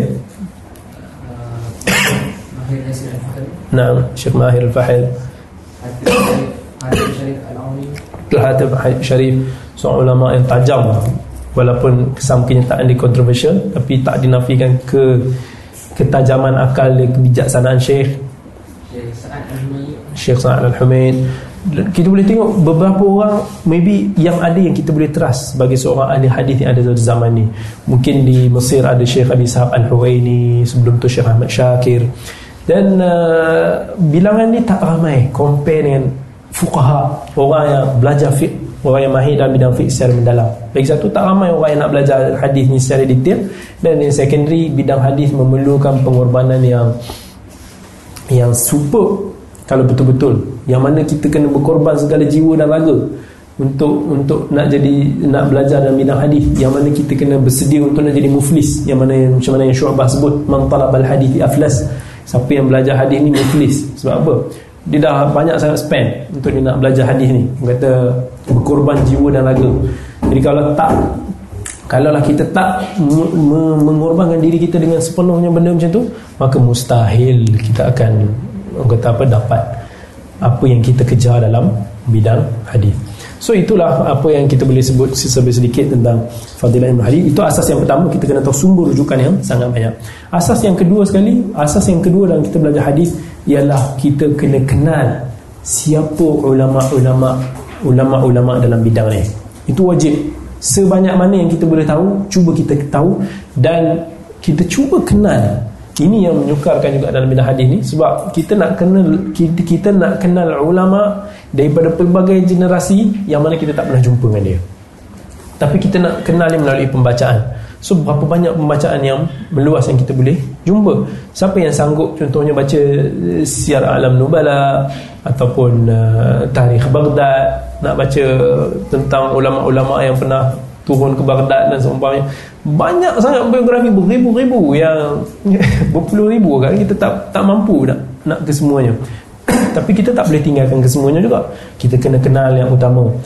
Kalau dalam bidang fiqh orang yang belajar fiqh mestilah kena kenal Imam Syafi'i. Misalnya dalam uh, fiqh Syafi'i dah anak murid-murid dia siapa yang tokoh-tokoh ulama dalam mazhab Syafi'i begitu juga dalam mazhab-mazhab yang lain. Begitu juga dalam bidang hadis.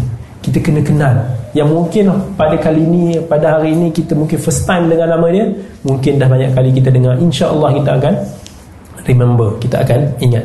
Dalam hadis contohnya siapa yang uh, siapa yang kenal Nabi hadis ada? Ada kenal Nabi? Siapa ulama hadis yang daripada zaman dulu yang kenal lah nama dia? Muhammad bin Ismail Bukhari ini nama yang paling famous lah kata meninggal tahun 250 Nabi Hijrah ni adalah ulama yang kalau kita tanya sesiapa pun semua akan sebut Imam Al-Bukhari. Dan tak dinafikan Imam Al-Bukhari Amirul Mu'minin fil hadis seorang ulama yang antara yang paling hebat sekali dalam bidang hadis yang pernah dilahirkan. Orang yang kalau baca je sejarah ni dah cukup lah. Kita boleh tahu uh, kenapa dia boleh sampai orang kata begitu sekali tahap keilmuan dia tahap hafalan dia yang super yang mana dia boleh uh, kalau kawan-kawan dia tulis apa dalam kelas dia tak tulis bukan dia tak tulis kerana sengaja tapi sebab dia benda tu semua dia hafal dia serap sampai kawan-kawan dia petikai kenapa kamu tak tulis? Seolah macam belajar buat apa? Macam tu kan tapi Imam uh, Bukhari kata tak aku hafal daripada kulit ke kulit semua yang semua yang diajar. Hadis yang beribu. Dan Abu Bukhari sebut balik sampai kawan-kawan yang petikaikan dia dulu datang balik betulkan hadis yang dia tersilap tulis ke yang dia muskil ke apa dia betulkan kepada berdasarkan kepada ingatan Al-Imam Al-Bukhari. Siapa lagi? Ada yang kenal? Al-Imam Muslim. Seterusnya Imam Muslim. Itu imam yang yang mengarang kitab sahih. Anak murid kepada Imam Al-Bukhari sendiri yang meninggal tahun 261 Hijrah. Seorang ulama yang kita tak nafikan mahir yang mana Dar ni pernah sebut kalau Imam Muslim ni kalau tak kerana Bukhari tak ada lah Imam Muslim seolah macam uh, Imam Muslim banyak sangat ambil berfaedah dan Imam Muslim melazim Imam Bukhari dan dia mengarang kitab sahih Sahih Muslim yang mana kedudukannya di sisi ulama hadis selepas daripada kesahihan Sahih Al-Bukhari. Ada lagi? Ha. Oh, semua semua ni dalam yang sebut mesti semua dalam kutubus sitah kan. yang mengarang nah habis uh, Abi Isa At-Tirmidhi yang meninggal tahun 279 Hijrah yang mengarang apa selain daripada Jami' Tirmidhi dikarang Al-Ilal. Al-Ilal Al-Kabir Al-Ilal Al-Saghir. Ulama antara yang pertama disebutkan mengarang kitab dalam ilmu hadis yang insya-Allah kita akan sentuh nanti. Antara ulama pertama yang disebut ulama mengarang kitab dalam perbahasan ilmu hadis bila mana dia mengarang kitabul ilal ya, ada ilal kabir ada ilal saghir Uh, jadi kata Imam Tirmi juga perlu kita kenal siapa dia, siapa kedudukannya, apa kelebihan dia. Yang lain selain daripada kutub sita. Nah. Imam Ibn Hajar Al-Asqalani Itu jawapan yang paling baik sekali Sebab ini adalah kitab yang kita akan belajar Untuk bertifikah Al-Imam Ibn Hajar Al-Asqalani InsyaAllah kita akan ceritakan sikit sebanyak Tentang dia punya latar belakang Untuk kita berkenalan dengan dia Sebab kalau kita nak hargai kitab dia Kita kena tahu siapa Ibn Hajar Baru kita boleh uh, appreciate suatu kitab Jarang kita beli suatu kitab uh, Melainkan kita dah tahu penulis ni seorang yang yang kita tahu, kita yakini keilmuan dia, kita kenal dan sebagainya. Maka Ibn Hajar juga perlu kita kenali insya-Allah lepas ni kita akan cerita pasal dia. Ada lagi? Ali uh, Ali bin Al-Madinah, Ali bin Abdullah Al-Madini rahimahullah yang meninggal tahun 234 Hijrah adalah guru kepada Imam Al-Bukhari. Guru yang mana uh, Al-Bukhari kata dia pernah sebut mastasghartu nafsi inda ahadin illa inda Ali bin Madini. Aku tak pernah merasai diri aku begitu kerdil di hadapan sesiapa pun melainkan di hadapan Ali bin Al-Madini. Yang mana dia nak kata bahawa Ali Madini masya-Allah. Yang kata di mungkin bagi dia dia tak dapat nak dia susah dia sangat impress dengan Ali bin Madini guru dia sendiri. Dan bila mana orang pun tanya kepada Ali Madini orang bagi tahu Ali bin Madini apa yang Bukhari cakap. Ali al-Majini pun sebagai guru guru Bukhari apa dia cakap? Dia kata da'hu fa innahu la yara mithla nafsi tinggalkan dia. Sebab itu dia maksudnya dia main manis-manis mulut je. Sebenarnya dia tak pernah nampak orang yang seperti dia. Nak nak kata bahawa kata anak murid dan ni tapi sama-sama hebat. Ali bin al-Madini adalah uh, yang ulama ittifaq. Ulama bersepakat bahawa dia adalah pada zaman dia dia adalah ulama yang paling alim sekali dalam bidang ilalul hadis. Ilal hadis adalah bidang yang sangat rumit yang membabitkan kecacatan hadis yang berlaku secara tersembunyi. Benda yang rumit lah penyakit-penyakit yang dalam hadis ni alim ini adalah pakar dia. Dan yang paling pakar dalam bidang tersebut pada zaman dia. Dan dia adalah guru Imam Bukhari dia adalah guru kepada Abu Hatim Ar-Razi adalah guru kepada Abi Zur'ah Ar-Razi. Okey, siapa lagi? Ishaq bin Rahuya. Ishaq bin Rahuya yang meninggal tahun 238 Hijrah adalah seorang tokoh besar juga dalam bina hadis dan guru juga kepada Al-Imam Al-Bukhari. Yang mana kalaulah kita tengok Ishaq bin Rahuya, kata anak murid di Dawud Al-Khaffaf, dia kata Ishaq bin Rahuya dia hafal 100 ribu hadis seolah-olah macam dia tengok depan mata dia macam dia hafal betul benda tu sampai nampak macam depan mata dia kalau lah kita hafal benda tak tipu. Benda ni betul. Siapa yang hafal betul-betul satu benda tu macam surah Al-Fatihah lah. Kita baca surah Al-Fatihah ni kita macam nampak je depan kita betul tak? So itu benda yang kita rutin kita hari-hari kita ulang benda tu kita ingat. Ishaq bin Rahoya seolah dia hafal hadis 100 ribu hadis seolah depan mata dia. Yang mana anak murid dia Daul Khaffah ni kata dan dia mengajar kita orang hadis Sebelas ribu hadis semuanya daripada hafz dia semua daripada ingatan dia kata amazing daripada tahap ingatan dia dan Ishaq bin Rahuyah adalah guru Imam Bukhari. After that orang pernah cerita benda ni daripada Imam Al-Bukhari. Orang bagi tahu Al-Bukhari kata ya, orang bagi tahu pada Al-Bukhari Ishaq bin Rahuyah dia hafal seratus ribu hadis macam mana depan mata so, dia rasa Bukhari akan impress lah. Bukhari kata apa? Tapi Bukhari orang yang tawaduk tapi pada masa sama dia nak bagi tahu. Dia kata uh, mungkin kamu tak tak pelik ke pada zaman ni ada orang yang boleh hafal 200 ribu hadis macam depan mata dia. Dia nak masukkan dia lah tapi dia tak cakap dia tapi murid tu faham uh punya Bukhari ni dia dia tak impress dengan Isa bin Rahuya hafal satu hadis sebab dia dua kali ganda lebih daripada tu. Ha, itu itu itu kata manzilah ulama. Siapa lagi? Dari Ad-Dar Qutni Ad-Dar Qutni yang meninggal tahun 385 Hijrah.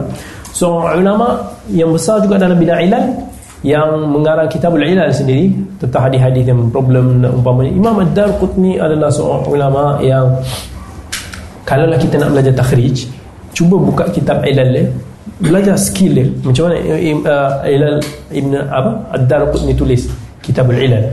Try follow dia punya step macam mana dia bahagikan dia buat follow step takhrij itu sangat bermanfaat dan itulah yang masa kami di Riyadh dulu belajar dengan Syekh Muhammad Turki seorang syekh yang sangat garang. Bukan dia tak garang dia baik. Tetapi dia punya uh, exam dia dia punya belajar dia syadi ketat. Dia baik orang ni kalau kita jumpa dia sentiasa orang yang senyum lembut orang yang Masya Allah sentiasa dengan ilmu. Tapi dia punya kerja setiap minggu dia bagi kerja memang tak rak dia punya exam bayangkan kami punya exam untuk subjek takhrij dia sahaja daripada pukul 8 pagi sampai asar. Dia kata uh, kita akan buat di library. Bawalah apa-apa yang boleh membantu nak bawa program apa ke laptop ke silakan. Yang penting pandai-pandai gunakan semua yang ada dalam library ke buku ke laptop ke selesaikan punya soalan. Nak buat soalan tu pagi sampai asar ada. Hmm, apa kata ni? Dan dia pun strict. Dia kata tak ada dalam exam dia tak ada bagi can ha, dia kata siapa yang daripada situ dia akan boleh tengok siapa student yang boleh faham apa yang dia ajar ataupun tak. Dan banyak masa uh, tadrib apa kerja dengan dia masa takhrij dia kami disuruh untuk nak follow tengok pada kitab Ilal Ad-Darqutni untuk nak tahu tentang step macam mana Ilal Madini Ilal Ad-Darqutni buat tersusun cara dibagikan khilaf-khilaf ulama dalam masalah sanad itu sebut sangat bermanfaat uh, ok siapa lagi? Sufyan al-Thawri. Sufyan al-Thawri yang meninggal tahun 161 Hijrah. Pun adalah disebut antara ulama yang pertama mengarang kitabul jami' dia ada jami' thawri tapi tak silap saya dah dah hilang kitab tersebut. Dia disebutkan pada zaman dia dulu adalah antara ulama yang awal-awal dulu mengarang kitab uh, hadis di samping Imam Malik Al-Muwatta di Madinah yang mengarang kitab Al-Muwatta kan yang tahun 179 dia meninggal. Dan pada zaman itu dia di Madinah antara yang terawal mengarang kitab hadis antaranya Imam Malik tadi. Dan uh, disebutkan juga uh, Ibn Abi Dhi'ib yang meninggal tahun uh, 158 Hijrah. Dan di Kufah uh, di, uh, di, di, di, di, di, di Yaman kita ada Ma'mad bin Rashid antara ulama yang pertama uh, menulis hadis Ibn Mubarak di Khurasan yang meninggal tahun 181 Hijrah jadi Thawri pada tempatnya dia adalah orang yang disebut antara yang pertama sekali menulis mengarang kitab Al-Hadis ada lagi yang biasa kita dengar? Ni dah nama yang mungkin Tauri ni semua nama-nama yang dah Mungkin sebahagian tak pernah, pernah dengar lagi lah. So Nah. Sufyan meninggal tahun 198 Hijrah adalah anak murid kepada Imam Ibn Shihab Az-Zuhri uh, yang Allah bagikan dia umur yang agak panjang jugalah. Dia hidup lebih 80 tahun, sekitar 90 tahun umur dia, dia hidup dan dihidup pada zaman Ibn Syihab Az-Zuhri yang meninggal tahun 124 Hijrah. Dan ada lagi nama-nama ulama yang mungkin kita jarang dengar misalnya Syu'bah bin Hajjaj. Syu'bah bin Hajjaj oh, yang meninggal tahun 160 Hijrah adalah ulama antara yang disebut eh, Ibn Rajab sebut ulama yang pertama macam kata kalaulah Malaysia bapa kemerdekaan dia siapa? Tunku Abdul Rahman bapa dalam Ilalul Hadis dalam perbahasan ni Ibn Rajab sebut Eh, eh, Syu'bah bin Al-Hajjaj. Syu'bah bin Al-Hajjaj adalah seorang ulama hadis yang yang dikira berkarakter kuat lah. Dia punya ni kan so kalau kita zaman sekarang ni nak belajar dengan Syu'bah ni payah.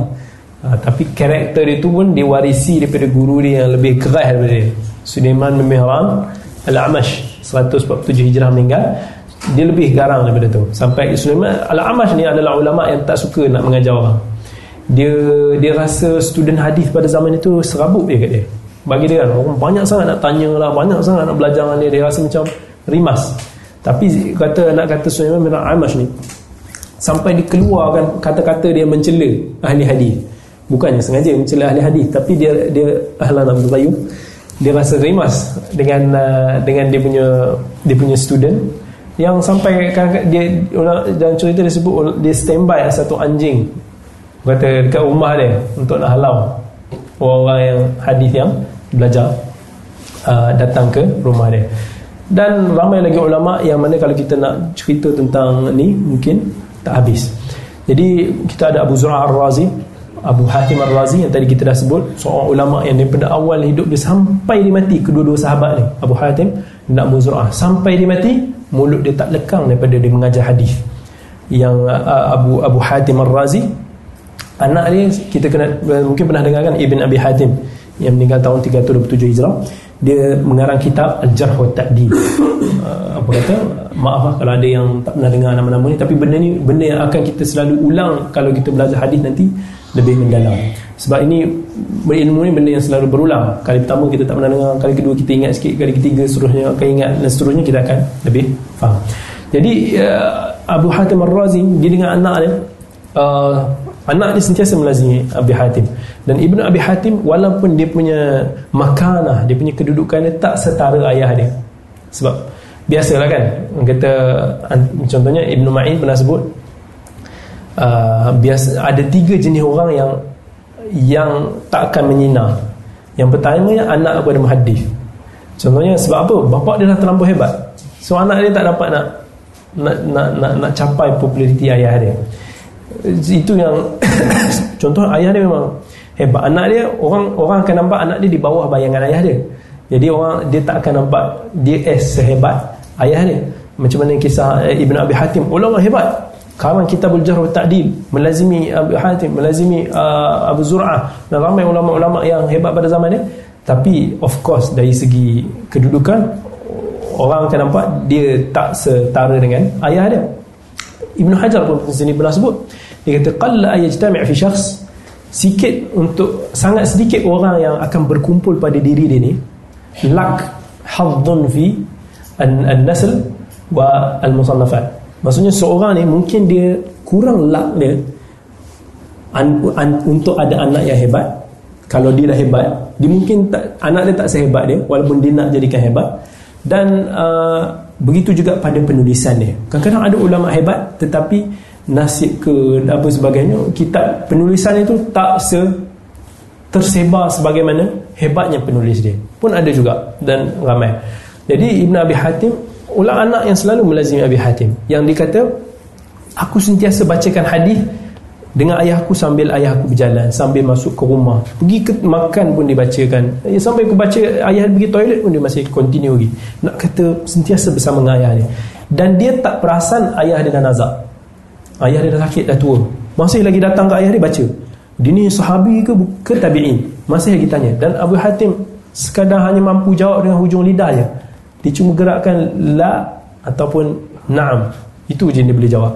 Dan uh, dia tak kata Ibn Abi Hatim tahap tu dia punya tara anak dia ayah dia punya hubungan ilmiah. Sampai dia tak perasan ayah dia nazak dan meninggalnya Abu Hatim dalam keadaan masih lagi dia munakashah dengan anak dia sendiri. Dan Abu Hatim pun kata bila mana ter, macam terkejut tengok ayah dia meninggal kan sampai dia kata mungkin Allah nak tunjukkan akhir hayat dia macam mana dia hidup?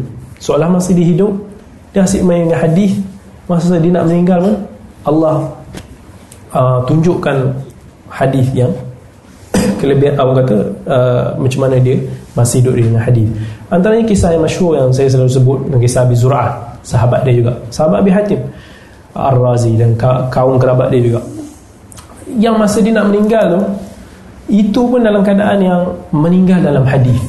Nikmat kata husnul khatimah yang mana uh, Abi Hatim kata sebab Abi Zur'ah antara meninggal awal sebelum Abi Hatim dia meninggal tahun uh, belas 13 tahun sebelum Abi Hatim. 264 Hijrah. Abi Hatim meninggal 277 Hijrah. Jadi dia kata kami aku Muhammad bin Muslim bin Warah kawan dia Abi Hatim datang apa duduk duduk uh, dia masa nazak masa nazaknya Abi Zur'ah dan kita orang nak suruh dia cakap la ilaha illallah. Tapi tak tak tergamak nak cakap. Sebab Abi Zur'ah ulama besar. Kata takkanlah kami ni nak mengajar dia mengucap. Padahal dia adalah ahli hadis yang lebih yang yang memang hebat lah. Jadi kita buat satu trik kita baca satu hadis. Kan? Itu yang dia, dia biasa ini misalnya antara kisah yang dijadikan example ulama tentang husnul khatimah. Antara yang paling husnul khatimah kita boleh jumpa Muslim uh, apa Muhammad bin Muslim bin Warah pun start lah.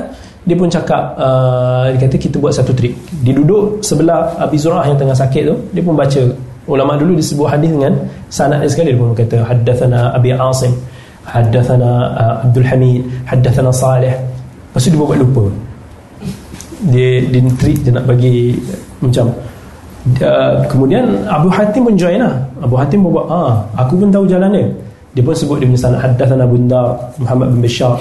Haddathana di lalu jalan sama Abu Asim. Haddathana uh, Abdul Hamid. Haddathana Saleh. Sebab buat tersekat. Lupa. Abu tujuan dia, dia nak pancing Abu Zur'ah. Sebutkan hadis tu. Jadi Abu Zur'ah pun dia dengar dua kawan dia tak ingat hadis yang sangat penting tu. Dia cuba juga kuatkan diri dia dia kata sanad dia dia bacakan balik hadatsana bundar sanad dia dengan Abi Zur'ah Abi Hatim sama. Sebab dia sentiasa belajar sekali. Dia pun sebut balik sanad dia hadatsana bundar hadatsana Abu Asim hadatsana Abdul Hamid hadatsana Saleh. Dia pun sambung hadatsana Kathir bin Murrah hadatsana Mu'adz bin Jabal.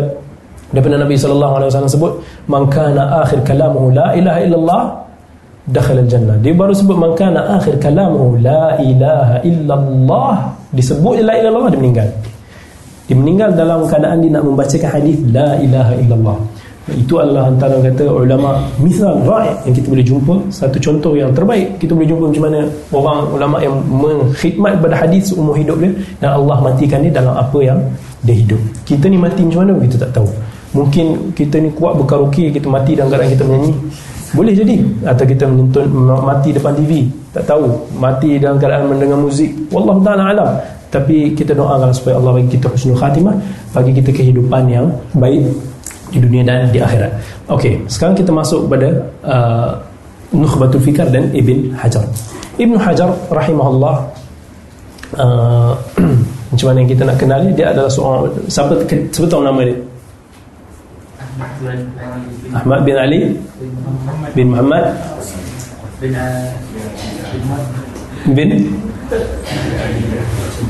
Okey, nak ingat nama Ibn Hajar ni senang je. As-Sakhawi, As-Sakhawi kata nama dia yasluh an yakun tardan wa aksan. Tardan wa aksan Abdul Qayyum tahulah, kan? Maksud tardan wa aksan ni dia boleh dia pergi macam ni dia patah balik. Maksudnya kullun fi falakin yasbahun. Kullun fi falak. Kaf lam fa ya tengah balik pada fa balik balik pada lam balik balik pada kaf. Boleh boleh imagine? Kalau tak boleh imagine cuba tulis. Kullun dalam Quran sebut kullun fi falakin. Dia start dua-dua dia, hujung hujung awal hujung akhir start dengan kaf lam fa. Tengah-tengah dia. Ha, jadi itu yang dipanggil dalam Arab sebagai tardan wa aksan dia boleh pergi macam tu patah balik. Jadi nama Ibn Hajar pun macam tu. Senang nak ingat. Yang ditarjahkan oleh As-Sakhawi lah. Dia, nama dia adalah Ahmad Ibn Ali. Ibn Muhammad bin Ali patah balik. Ibn Ahmad Ibn Hajar. Ini yang nasab dia yang disebutkan sendiri oleh Ibn Hajar dalam uh, dalam kitab dia Fathul Bari dan kitab dia Raf'u Al-Asr jadi ini cumanya Ibn Hajar sendiri ketika menukilkan nasab keturunan dia dia khilaf juga. Ha, dia tak semua dalam tempat dia dia bagi nasab dia macam ni. Dan nasab yang kita sebutkan ni adalah nasab yang dirajihkan oleh As-Sakhawi ni juga. As-Sakhawi lah murid dia. Murid dia yang paling setia. Uh, dia ada satu kitab yang yang khas mengarang tentang terjemah biografi guru dia Ibn Hajar yang dinamakan sebagai Al-Jawahir wa Ad-Durah. Ini antara kitab yang rujukan utama dalam terjemah Ibn Hajar sebab Sakhawi ini dia mulazamah dengan Ibn Hajar dia dia ambil tahu semua maklumat Ibn Ibn Hajar. Dan ada juga pada kitab yang lain Ibn Hajar sebut nasab dia lain. Contohnya dalam kitab Ad-Durar Al-Kaminah uh, disebut dan kitab Raful Isar juga ketika disebut nasab pak cik dia. Disebut nasab pak cik dia lain. Dis, uh, disebut pak cik dia nama dia Uthman Ibn Muhammad Ibn Ali Ibn Ahmad Ibn Mahmud. Kalau yang tadi tu Ibn Hajar. Lepas ayah moyang di Ahmad tu ini disebut Mahmud. Ada tambahan Mahmud kat situ. Itu yang Ibn Hajar sendiri tulis dalam kedua kitab tersebut. Dan ada juga dalam uh, kitab Ibn Hajar sendiri yang lain dalam Majma' Muassis dan kitab dia Ad-Dural Kaminah juga. Ketika dia trans dia dia bagi biografi ayah dia dia sebut lain. Lah ha, disebut Mahmud tu selepas Ali. Ha, bukan selepas Ahmad dikedepankan. So basically dekat atas tu khilaf. Tapi ala kulli hal kita pergi ambil apa yang As-Sakhawi tarjih kan iaitu sebab Ibn Hajar famous nama dia sebagai yang boleh pergi patah balik Tardan wa Aksan. Uh, Ibn Hajar. Kenapa dia dinamakan Hajar? Ibn Hajar. Kan nama dia Ahmad comel-comel ayah dia bagi dia nama Ahmad. Tapi kenapa panggil Ibn Hajar? Nak kata anak Hajar. Hajar tu yang ulama sebut ialah dia adalah nama kepada ayah Ahmad. Ayah kepada moyang Hajar tadi tu. Dan ini yang disebutkan oleh Al-Biqai dalam syair di dalam Unwan Az-Zaman. Itu yang menyokong kepada nasab ni. Dan begitu juga sama ulama sebut Hajar ni adalah gelaran kepada moyang ayah moyang yang nama dia Ahmad tersebut. Itu Hajar. Dan ada juga sama ulama yang dikata bahawa Hajar ni berbalik kepada satu keluarga yang stay di uh, Ardi Qabis yang terletak sekarang ni di Tunisia. Dan Al-Kittani serta ulama mutaakhirin disebut macam Al-Kittani disebut benda yang lain lah. Dia kata Ibn Hajar ni berbalik kepada ada yang kata sebab dia ni dia kita akan pergi dia adalah dia dijaga oleh keluarga angkat yang kaya. Sampaikan banyaknya batu permata yang dia ada sebab tu orang panggil dia Ibn Hajar. Dan ada juga yang kata Ibn Hajar ni sebab kepala dia macam batu. Dari sudut memori dia tahap tahap tahap, tahap dahsyat macam batu. Dia orang panggil Ibn Hajar. Tapi dua-dua ni memerlukan dakwah bukti lah. Sebab yang disebutkan tentang nasab dia tu adalah lebih kuat. Itu adalah yang disebutkan sendiri oleh dalam uh, Ibn Hajar tulisan dalam As-Sakhawi sendiri nukilkan itu yang lebih kuat. Dan dia digelar sebagai kunyah dia apa? Macam Abdul Qayyum Abu Shifa. Kalau uh, Ibn Hajar? Abu Al-Fadl. Abu Al-Fadl inilah yang famous yang digelar Ibn Hajar yang dipanggil Ibn Hajar. Uh, dan ayah dia sendiri yang bagi gelaran kepada Ibn Hajar dan dia juga tapi dia dipanggil dengan gelaran yang lain oleh guru dia Al-Hafidh Al-Iraqi. Al-Hafidh Al-Iraqi panggil Ibn Hajar dengan gelaran Abu Al Abu Al-Abbas dan ya, Al-Iraqi Ibn Al-Muhalli antara yang gelar dia sebagai Abu Al-Abbas. Nah ada ulama yang lain juga panggil dia dengan Abu Ja'far. Dia tak semestinya anak ni mesti kena ikut nama tu. So, Ibn Hajar tak ada anak nama Fadl. Nanti kita akan pergi kepada anak-anak Ibn Hajar rahimahullah Abdul Ibn Hajar Al-Kinani Al-Asqalani. Al-Kinani adalah satu keluarga adalah keluarga Ibn Hajar. Yang Ibn Hajar sendiri tulis ketika dia, trans, dia terjemahkan tentang terjemah ayah dia dalam Muassis. Dia uh, itu adalah family dia Kinana yang berasal daripada Palestin yang berasal Asqalan ni adalah satu wilayah di Palestin. Sebab tu dinamakan sebagai Asqalan ni. Itu adalah asal usul susu galuh keluarga Ibn Hajar. Dan Ibn Hajar ni keluarga dia dia punya keturunan dia bermain pada dua carrier je. Sama ada ulama ataupun businessman. Jadi pakcik dia businessman ayah dia seorang ulama uh, tok dia seorang businessman. Di keluarga yang bermain pada susu galuh dia businessman dan uh, ulama. Cumanya Ibn Hajar ni ibu dia meninggal masa dia baby lagi. Awal lagi baby dia dah ibu dia dah meninggal. Dan ayah dia meninggal ketika Ibn Hajar berumur 3 tahun. Sangat muda lah uh, umur Ibn Hajar. Cuma Ibn Hajar dia kata aku macam ingat-ingat. Ayah aku pernah bawa dia pergi majlis hadis pernah bawa dia pergi rehlah satu rehlah uh, travel. Dan sayang sekali ayah dia mungkin tak sempat tak tengok bahawa anak dia ni akan jadi seorang ulama besar. Yang mana saya boleh cakap selepas wafatnya Ibnu Hajar tak ada dah ulama hadis semisal Ibnu Hajar. Yang mana Allah sebut uh, dalam Quran apa? Wa inna minal hijarati lama yatafajjaru minhu al-anhar so daripada hijarah daripada batu tu terpancutnya air-air yang menjadi sungai kemudiannya seorang ulama umpamakan Ibnu Hajar ni macam ayat tersebut. Wa inna minal hijarati. So daripada hijarah tu tu nama Ibn Hajar tu ter, ter, terpancut daripada ilmu-ilmu yang sangat bermanfaat. Dan Ibn Hajar al-Asqalani meninggal dalam usia yang kecil. Tapi ayah dia sempat ayah dia meninggal dalam usia yang kecil dan ayah dia sempat mewasiatkan dia untuk dijaga oleh uh, Al-Kharubi yang Ibn yang meninggal kemudiannya ketika Ibn Hajar berumur 15 tahun dan Ibn Qattan yang meninggal ketika Ibn Hajar berumur 40 tahun. Dan first kali dia, dia dijaga oleh Al-Kharubi. Al-Kharubi ni adalah seorang tycoon di Mesir ketika itu. Orang kata bapa bisnesmen lah. Ya, orang kata dia macam ketua Dewan Perniagaan di Mesir ketika itu. Uh, very very rich man. Dan Ibn Hajar hidup dalam orang kata kesenangan lah masa dijaga oleh Al-Kharubi tapi kita boleh tengok walaupun dia kaya dia tidaklah orang kata leka. Bahkan Ibn Hajar tu dia hantar untuk nak belajar agama daripada kecil. Dan umur 9 tahun Ibn Hajar dah start menghafal Al-Quran. Dan menghafal Al-Quran. Yang dikatakan Ibn Hajar menghafal Al-Quran dalam tempoh 4 bulan je. Dia punya laju dia. Dan uh, di Mekah dia, dia hafal Al-Quran tu di Mekah bila mana dia di Mekah ni ada satu tradisi pada zaman tu orang-orang yang special daripada kalangan hufaz ni akan diberi eh, keistimewaan untuk mengimami solat di Masjidil Haram.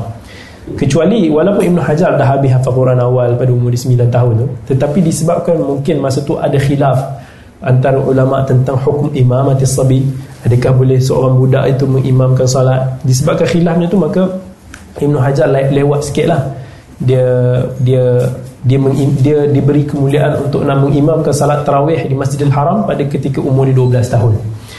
Dan uh, biasanya kita tengok student-student muda-muda kecil-kecil macam ni dia akan start dia belajar dengan benda-benda yang basic. Dia akan hafal matan-matan yang simple. Contohnya macam Nukhbatul Fikar yang kita akan belajar ni antara matan yang paling simple yang sepatutnya orang-orang yang baru nak belajar bidang hadis hafal benda tu dulu. Sebab itu dan tradisi pada ulama, ulama zaman dulu dia akan hafal matan-matan yang pendek. Untuk nak nak nak nak apa orang kata sebagai formula dia. Tapi Ibn Hajar disebutkan dia tak hafal yang pendek-pendek. Dia hafal matan yang panjang-panjang. Dan contohnya dia hafal hadis umur semuda tu dia hafal Umdatul Ahkam yang uh, hadis-hadis yang uh, dalam sahih Bukhari Muslim oleh Al-Maqdisi lebih kurang 400 hadis dia hafal. Umur dia macam tu.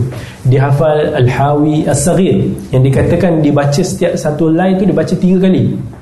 Dia dibaca tiga kali uh, untuk dia ingat dia hafal Mukhtasar Ibn Al-Hajib dalam usul. Dia hafal dia hafal Alfiyah Ibn Malik kan? Abdul Qayyum tahulah Malik ni Alfiyah tu kata siapa boleh hafal? Masya Allah lah dia hafal Alfiyah Al-Iraqi. Kan? Kata semua matan-matan yang panjang.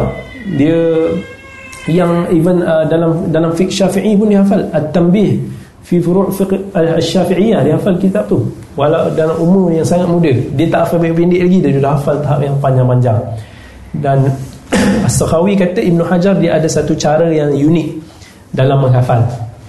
Yang biasanya cara dia lain sikit daripada orang lain. Tetapi itulah kelebihan Ibn Hajar. Sampai dia boleh hafaz surah Maryam dalam masa satu hari. Dia dia mulazam dia ikut majlis apa Mu'jam At-Tabrani As-Saghir yang ada lebih kurang 1500 hadis dalam tu. Dalam masa satu, satu hari dia baca dengan guru dia. Dalam masa dua hari dia habis. Orang kata apa? Talaqi sahih muslim. Itu boleh bayangkan tak? Dua hari nak habis syarah sahih muslim. Kata tapi itulah kata di dalam usia muda tu Allah dah berkatkan dia. Dan kemudian ketika di umur 15 tahun Al-Kharrubi ayah angkat dia meninggal. Meninggalkan dia dalam keadaan yang susah. Dan dia sempat berniaga je lah. Dia berniaga nak cari balik nafkah dia. Dan selama ni dia hidup dalam kesenangan. Tapi kali ni dia berniaga. Tapi mungkin berniaga tu tak berapa ada masalah kat dia sebab dia ada background keluarga yang berniaga. Ayah angkat dia tycoon ayah dia dulu uh, pakcik dia dulu pun dulu peniaga family dia pun family orang yang berniaga so dia berniaga juga. Dan di samping tu dia pun masa tu dia dijaga oleh Ibn Qattan ayah angkat yang kedua dia. Dan dia belajar dia belajar Ibn Qattan ni mau pada ulama lah. Dia belajar fiqh dia belajar macam-macam. Dia start belajar bahasa Arab. Itu antara kepentingan ulama dulu. Antaranya sebelum dia start belajar yang detail-detail yang awal sekali dia bagi tumpuan ialah bahasa Arab sebab bahasa Arab ni adalah asas untuk nak kita mahir dalam bidang agama. Kan kalau macam lah sekarang ni contohnya kenapa dia orang wajibkan untuk nak belajar English? Sebab dia orang nak suruh kita master dalam bidang sains. Sebab rujukan-rujukan semua dalam, dalam bahasa Inggeris nak biasakan familiarkan benda tu. Jadi dalam agama ni juga wajib sebab mana rujukan-rujukan overall semua yang detail-detail semua dalam bahasa Arab lagi. Tak ada pun terjemahan dalam bahasa Melayu dan susahlah kita nak dapatkan. Jadi Ibn Hajar ni dia dia dia belajar bahasa Arab sastra-sastra Arab tu dia belajar begitu detail dia hafal macam-macam syair sampai dia katakan syair-syair yang ada di Mesir masa tu semua dia dia tahu asal usul dia. Sebelum umur dia 19 tahun. Dan pada umur 20 tahun dia dah start nak pilih takhasus dia. Bila dia dah ada ilmu alat yang kuat dia dah tahu bahasa Arab dia dah ada asas dalam fiqh yang kuat uh, jadi dia pun pilih. Soal manusia ni dia kena pilih takhasus. Sebab kita manusia ni ada 24 jam. Melainkan Al-Fadhil Datuk Daud Bakar ada 25 jam. Tapi maksudnya kita ni ada kehidupan yang very limited. Kita masa ni kita tak mampu kita nak masterkan dalam semua bidang. Ilmu ni terlampau luas. Yang ulama sebut ma aktharul ilma wa ma awsa'ah. Man dhal ladhi yaqdiru ay yajma'ah. In kunta la budda lahu taliban faltamis anfa'ah. Yang ulama sebut ilmu ni sangatlah luas. Ma aktharul ilma wa ma awsa'ah. Man dhal ladhi yaqdiru ay yajma'ah. Siapa dari kalangan kita yang mampu nak himpunkan semua nak mahir dalam semua ilmu ni in kunta la budda lahu taliban kalau kamu nak belajar juga cari yang paling memberi manfaat kepada kamu. That's why Imam Syafi'i juga pernah pesan kepada murid dia man arada al-ilm siapa yang nak belajar ilmu tu secara lebih tekun falyudaqiq maka perincikan masalah tersebut belajar secara takhasus maka itu lebih kita akan lebih strong lah dalam bidang kita jadi ini Ibn Hajar pada umur 20 tahun dia dah start untuk nak melazim, melazimi Al-Hafidh Al-Iraqi seorang ulama yang besar pada zaman dia yang ulama hadis antara yang terkemuka yang paling hebat pada zaman ini Al-Hafidh Al-Iraqi. Dimula zaman dengan Al-Hafidh Al-Iraqi selama 10 tahun dia belajar dengan Iraqi dan uh, dia orang kata apa dah, dia diberi kepercayaan untuk mengganti majlis Al-Hafidh Al-Iraqi. Dan pada umur dia 20, 25 tahun sampai-sampai dia belajar tu dia pun berkahwin dengan anak seorang Qadhi Abdul Karim. Dan uh, dia Masya Allah dia dengan isteri dia orang kata hebat lah. Dia, dia ajak isteri dia belajar dengan Hafiz Iraqi. Isteri dia belajar. Abdul belajar Sahih Bukhari. Dan uh, Hafiz Sakhawi ni ada meriwayatkan 40 hadis yang diriwayatkan oleh isteri Ibn Hajar. Yang dibacakan di majlis yang dihadiri juga oleh Ibn Hajar. Dia punya suami jadi isteri uh, Ibn Hajar ni bukan calon-calon orang. Dia adalah orang yang yang sampai Ibn Hajar ni pernah bergurau kata kat dia ah, kamu ni nak jadi seorang syekh. Dah jadi macam ustazah lah, seorang ulama lah. dan antaranya kisah Ibn Hajar ni yang unik yang mungkin kita jarang dengar ialah kisah keluarga dia. Kita ni manusia ni walaupun sehebat mana pun macam Ibn Hajar ni kita tahu dia seorang ulama yang super yang hebat. Tapi macam mana pun bagi seorang manusia dia ada kehidupan peribadi kehidupan peribadi yang sama normal macam orang lain. Keluarga yang normal macam orang lain. Burung merak yang kita nampak cantik di mata kita tu bila mana dia keluar daripada kelompok dia. Tapi di sisi burung-burung merak burung merak ni kawan-kawan ni nampak dia macam biasa je. Seolah-olah dia sebab dia adalah burung merak yang sama. Jadi Ibn Hajar ni juga dia ada family. Dia teringin lepas dia kahwin tu dia teringin anak lelaki. Dia teringin anak lelaki tapi dia tak dapat sampai dia dah dapat lima anak perempuan. Ada nama dia Rabi'ah, Fatimah, Farhah uh, Zain Khatun apa nama dia tu. Jadi uh, dia dapat anak perempuan dia nak anak lagi dia tak dapat anak lagi dah. Umur dia dah dekat 40 tahun dah. Dah dekat 40 tahun dia menunggu. Lalas dia kahwin senyap-senyap. Dia kahwin dengan seorang wanita satu sedikit jauh daripada isteri pertama dia dan dia kahwin dengan dia berhasil dapat sebab anak anak lelaki dia yang sebelum tu gugur keguguran. Asal dapat anak lelaki je gugur daripada isteri pertama dia. Dan dia kahwin senyap-senyap dengan yang kedua ni kalau kita fikir oh Ibn Hajar kahwin senyap-senyap.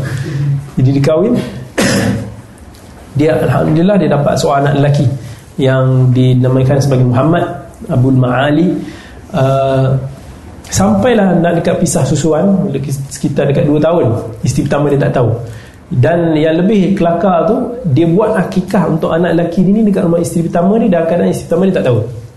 Ha, dia buat akikah tu sebenarnya dia buat akikah kat rumah isteri pertama tapi isteri pertama ni ingat mungkin kenduri ke jamuan ke apa benda kan. Ha, itu dia mesti kreatif tapi sampai nak dekat 2 tahun tempoh tu isteri dapat tahu. Dan dia pergi ke rumah isteri Hazar yang kedua tu sembang macam biasa ajak datang rumah. Seolah-olah macam welcome datang ke rumah so datang jauh kan madu dia pun ingatkan yang pertama ni dah terima dia dia pun dia pun kata ok nyorok dulu dalam bilik ni kita tunggu Ibn Hajar balik Ibn Hajar balik dia, dia start question kamu ni ada kahwin dua ke? Ada kahwin lain ke? Ibn Hajar ni macam nak deny tak deny, nak deny tak deny. Tak, dia nak deny dia tipu. Tapi nak cakap benar kan, clear direct sangat kan? Macam orang kata apa? Uh, susah pula hidup dia. Jadi dia macam jawab perkataan yang sama-sama. Yang macam tak tipu, tak tak betul juga. Tapi sampai dah isteri dia kata keluar.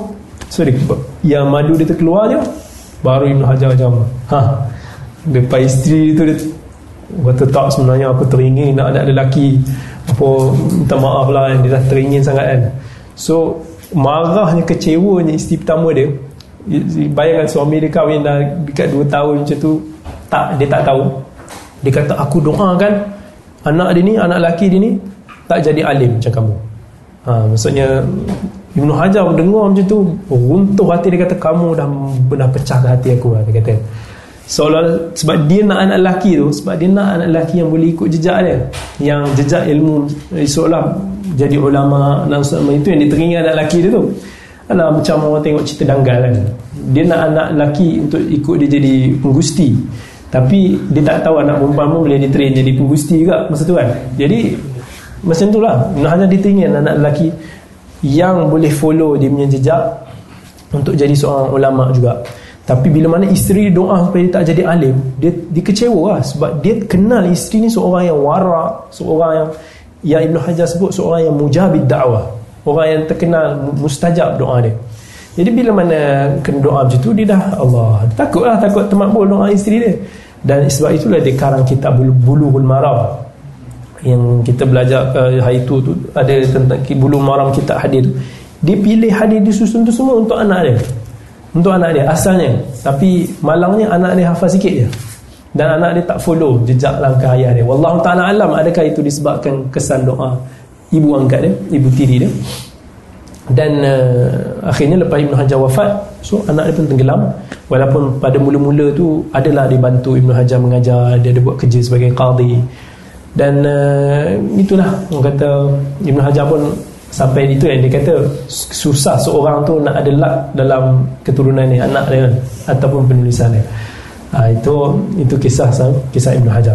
Dan Ibn Hajar rahimahullah apa yang membina dia punya kekuatan diri? Kenapa Ibn Hajar ni kata unik berbanding ulama pada zaman dia. Sebab Ibn Hajar pertama sekali dia berguru dengan ulama-ulama yang top-top pada zaman dia. Siapa antara guru dia? Al-Hafidh Al-Iraqi yang merupakan ulama yang paling masyhur hadis pada zaman dia. Dan dia berguru juga dengan Ibnu Al-Mulaqqin ulama yang paling banyak penulisan pada zaman dia. Ibnu Mulaqqin. Dan dia berguru dengan Ibnu Jama'ah seorang ulama yang ulama sebut akthar tafannunan. Ulama yang paling berseni. Karya-karya dia semua kitab-kitab yang ditulis semua macam-macam kesenian dia masuk. Ibn Jama'ah. Dia punya ayat takbir Ibn Jama'ah. Dia berguru dengan Fairuz Abadi. Ha, Fairuz Abadi ahli lurah seorang ulama lurah bahasa yang paling hebat juga pada zaman tersebut. Jadi ni semua antara guru-guru top yang menyebabkan dia um, uh, membina dia punya kekuatan. Dan lagi satu antara secret dia adalah dia fokus pada noktah kekuatan diri. Ha, ni ada orang macam zaman kita ni sekarang kita jenis yang ni nak cuba, ni nak cuba, ni nak masuk semua benda kita nak. Akibatnya lalas semua tercicir. Bila mana kita tengok ni, ni zaman zaman orang tengah seronok cerita pasal hadis kita nak jadi ahli hadis lah. Kita nak belajar-belajar hadis. Zaman tu tiba-tiba tiba-tiba famous jadi fake oh kita pun nak, nak belajar fake tinggal hadis. Semua benda kita nak jadi. Kita nak jadi tu nak jadi ni nak jadi ni. Lalas kita tak tahu strength point kita kat mana dan semua benda kita tercicir. Ibn Hajar dia tahu string point dia ialah dalam bidang ilmu dan dalam bidang qada. Uh, jadi bila mana dia dia tak dapat nak bagi tumpuan pada benda-benda lain. Contohnya lah kawan dia pernah datang tegur dia kamu ni aku tengok kurang bersosial asyik duduk kerja dengan ilmu mengajar jadi qadi tak ada pun kamu pergi ziarah kamu kawan-kawan ke sosial lah. Lepak-lepak dengan kawan-kawan. Ibn hanya jawab senang ya. Da'uni fakullun muyassarun lima khuliqalah dia jawab dengan hadis Nabi dia. Dia kata kamu biarkanlah aku.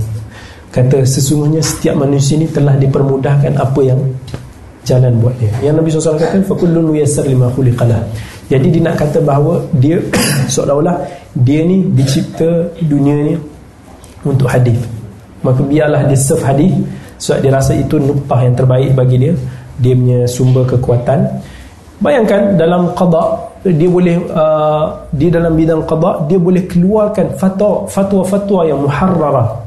Kata fatwa yang detail dalam masa sebulan dia boleh keluarkan 300 fatwa. Yang detail yang sampaikan orang bukukan fatwa-fatwa dia tu dalam masa sebulannya. Dan diberi judul nama kitab dia Ajabu Dahrin fi Fatawa Syahrin. Satu kitab yang khas fatwa Ibn Hajar dalam masa sebulan. Lebih kurang 300 fatwa yang Ibn Hajar keluarkan secara detail. So itu adalah strength point dia. Dia rasa itu adalah kekuatannya maka kita pun kita tumpu pada benda yang kita rasa kita strong kita minat kita insyaAllah kita explore kat dalam tu dan kita cuba jadi yang terbaik apa yang kita boleh dapat. Dan Ibn Hajar rahimahullah orang yang sibuk. Kita tengok kehidupannya kesana kemari mengajar beberapa sekolah disebutkan empat sekolah dia ajar serentak dalam satu masa. Dan dia menjadi khatib dia jadi qadi qudah. Dia seolah-olah macam ketua hakim di Mesir ketika itu. Kerja dia yang sibuk dengan mengajar hadis menulis. Macam mana dia, dia sempat nak menulis penulisan Ibn Hajar yang kita tengok is As-Sakhawi sebut lebih daripada 280 penulisan. Bukannya penulisan yang kecil-kecil 100 muka yang boleh dibeli dengan RM20 tak? Penulisan-penulisan Ibn Hajar ni kebiasaannya ada macam-macam. Yang panjang kita tengok Fathul Bari kita tengok Takhliq Ta'liq tengok Nas, uh, uh, Talkhisul Habir. Kita tengok kitab dia dalam pelbagai bidang sekalipun banyak daripada kitab dia semua berjilid-jilid banyak. Yang mana kalau Al-Kahfi susul semua kitab dia sekeliling ni maybe. Tapi itu pun banyak yang dah hilang. Macam mana dia seorang yang begitu busy hidup dia dalam keadaan zaman dulu yang terhad dia punya kemampuan mampu menulis sebanyak itu? Dan ini semua tak lain tak bukan adalah barakah yang Allah kurnia kepada dia dan masa yang dia ada uh, untuk dia sampai ke that level. Sampai kan seorang lecturer di Arab dulu dia pernah dibayangkan dia ajar imla'at Ibn Hajar. Yang Ibn Hajar imla' aja dan murid ditulis semua apa yang dibaca dan benda tu lecturer bagi kepada murid untuk baca daripada makhtutat manuskrip-manuskrip Ibn Hajar. Yang student baca garu kepala macam mana nak baca ni semua dengan siapa laki ni nama ni nama ni nama, nama ni semua. Yang ambil masa berbulan untuk nak habiskan kaji apa imla'at Ibn Hajar tu bila sampai ke akhir manuskrip apa yang ditulis dia kata sekian imla'at daripada Ibn Hajar yang tamat pada hari sekian pada majlis sekian yang disampaikan oleh Ibn Hajar daripada ingatan dia seperti biasa.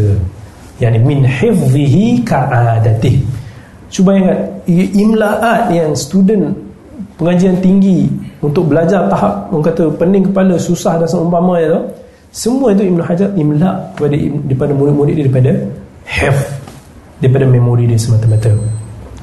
So ni kata Ibn Hajar ni adalah Ibn Hajar yang kita perlu kenal untuk kita sebelum kita belajar. Uh, Nukhbatul Fikar dengan mengenali penulis dia barulah kita akan lebih appreciate dia punya uh, kitab dan karangan. So insyaAllah setakat itu dulu uh, untuk hari ini. Dan insyaAllah pada sesi akan datang kita akan start kita akan start pada awal uh, Nukhbatul Fikar siapa yang kat sini ada hafal Nukhbatul Fikar Abdul Aziz. Belum hafal lagi? insyaAllah. Ya, sebab Nukhbatul Fikar ni adalah satu benda yang senang satu formula الحمد لله الذي لم يزل عالما قديرا وصلى الله وسلم على على محمد الذي أرسل إلى الناس بشيرا ونذيرا وعلى آل محمد وصحبه وسلم تسليما كثيرا. أما بعد فإن التصانيف في اصطلاح أهل الحديث قد كثرت وبسطت واختصرت. فسألني بعض الإخوان أن ألخص لهم المهم من ذلك فأجبته إلى سؤاله رجاء للدراج في تلك المسالك فأقول Al-Khabaru Itu semua sampai ke akhirnya Itu adalah satu formula uh, Nukhbatul Fikar insyaAllah kita akan start next. Sentuh kita komen satu-satu yang berkaitan dengan matan siapa yang faham sikit bahasa Arab tu lebih better dan kita akan baca daripada matan ni lah. So daripada situ sebab Ibn Hajar setiap susunannya ada setiap tulisannya ada value dia. Yang kenapa disusun macam ni kenapa dia buat macam ni. So itulah kita akan baca daripada matan dia. Barulah kita insyaAllah uh, ada manfaatnya. So uh, ada siapa-siapa yang ada pertanyaan macam kalau kalau kita ustaz nak mula untuk bulan depan ada tak kita yang kita boleh selaraskan untuk kita baca supaya kita boleh diskusi sekali uh, mata talaki lah kan? jadi mungkin kita tak nampak kalau kita cakap kita okay. Pernah, mungkin kita boleh ni yeah. tapi kalau kita menari kita mungkin, mungkin lebih jelas untuk kita buat apa nota atau sebagainya InsyaAllah yang tepat anda akan bincang dengan Ustaz Masri uh, dia ada yang dia dalam bentuk Microsoft Word yang dah di dah disus macam matan semata-mata itu dalam boleh di print lah. Kalau ni ada oh ni oh ni ada terjemahan. Kalau siapa nak mungkin Al-Kahfi ada jual ke apa? Abu Talha. Oh Abu Talha ada jual. Nipis tengok. Look fikir so yang ni oh yang ni terjemahan semata-mata eh? Oh Oh di belakang ada bahasa Arab dan depan dia uh, terjemahannya. Jadi okey insya-Allah siapa yang nak di samping kalau tak faham bahasa Arab dia boleh lalu-lalu sikit dengan bahasa Arab. Sambil tu dia tengok terjemahan yang ada di belakang ni. So kita boleh belajar secara tak langsung. Dan kita akan komen satu persatu. Ini macam daripada huruf ke huruf insyaallah. Fa ni pun salah satu apa kata alternatif yang baik. Itu pun ada sama eh okey sama. okey ada mata Arab. So mungkin siapa yang uh, tak ada boleh beli yang ni. Uh, kata very useful. Insyaallah so kita akan lalu satu-satu. Macam orang kata kalau kadang-kadang macam kalau talaqi kita uh, di satu-satunya tu dari awal dari awal satu persatu sampai ke akhir. So itu yang kita insyaAllah akan cuba buat. Dan uh, ada apa lagi?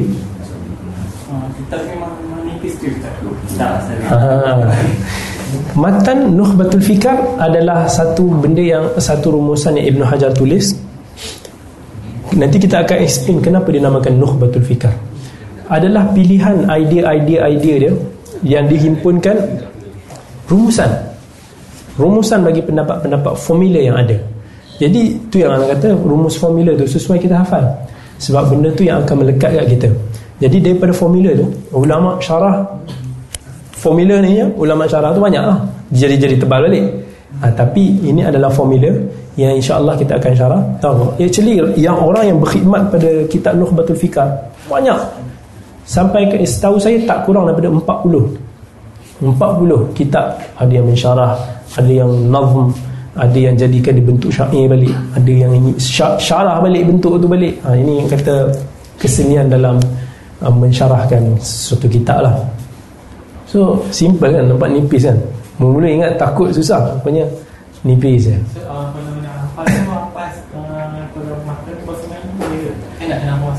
Bahasa Arab comel sikit. Bahasa Arab dia bahasa Melayu jadi orang kata apa? Nak fahamkan dia je. Sebab terjemahan orang berbeza kan? Terjemahan boleh berbeza tapi Arab tu stick formula. Kalau kita ni kurang dalam bahasa Arab kalau mungkin semua ni dia telah biasa dengan bahasa Arab dan sedangkan kita baru nak mengenal bahasa Arab tu sendiri.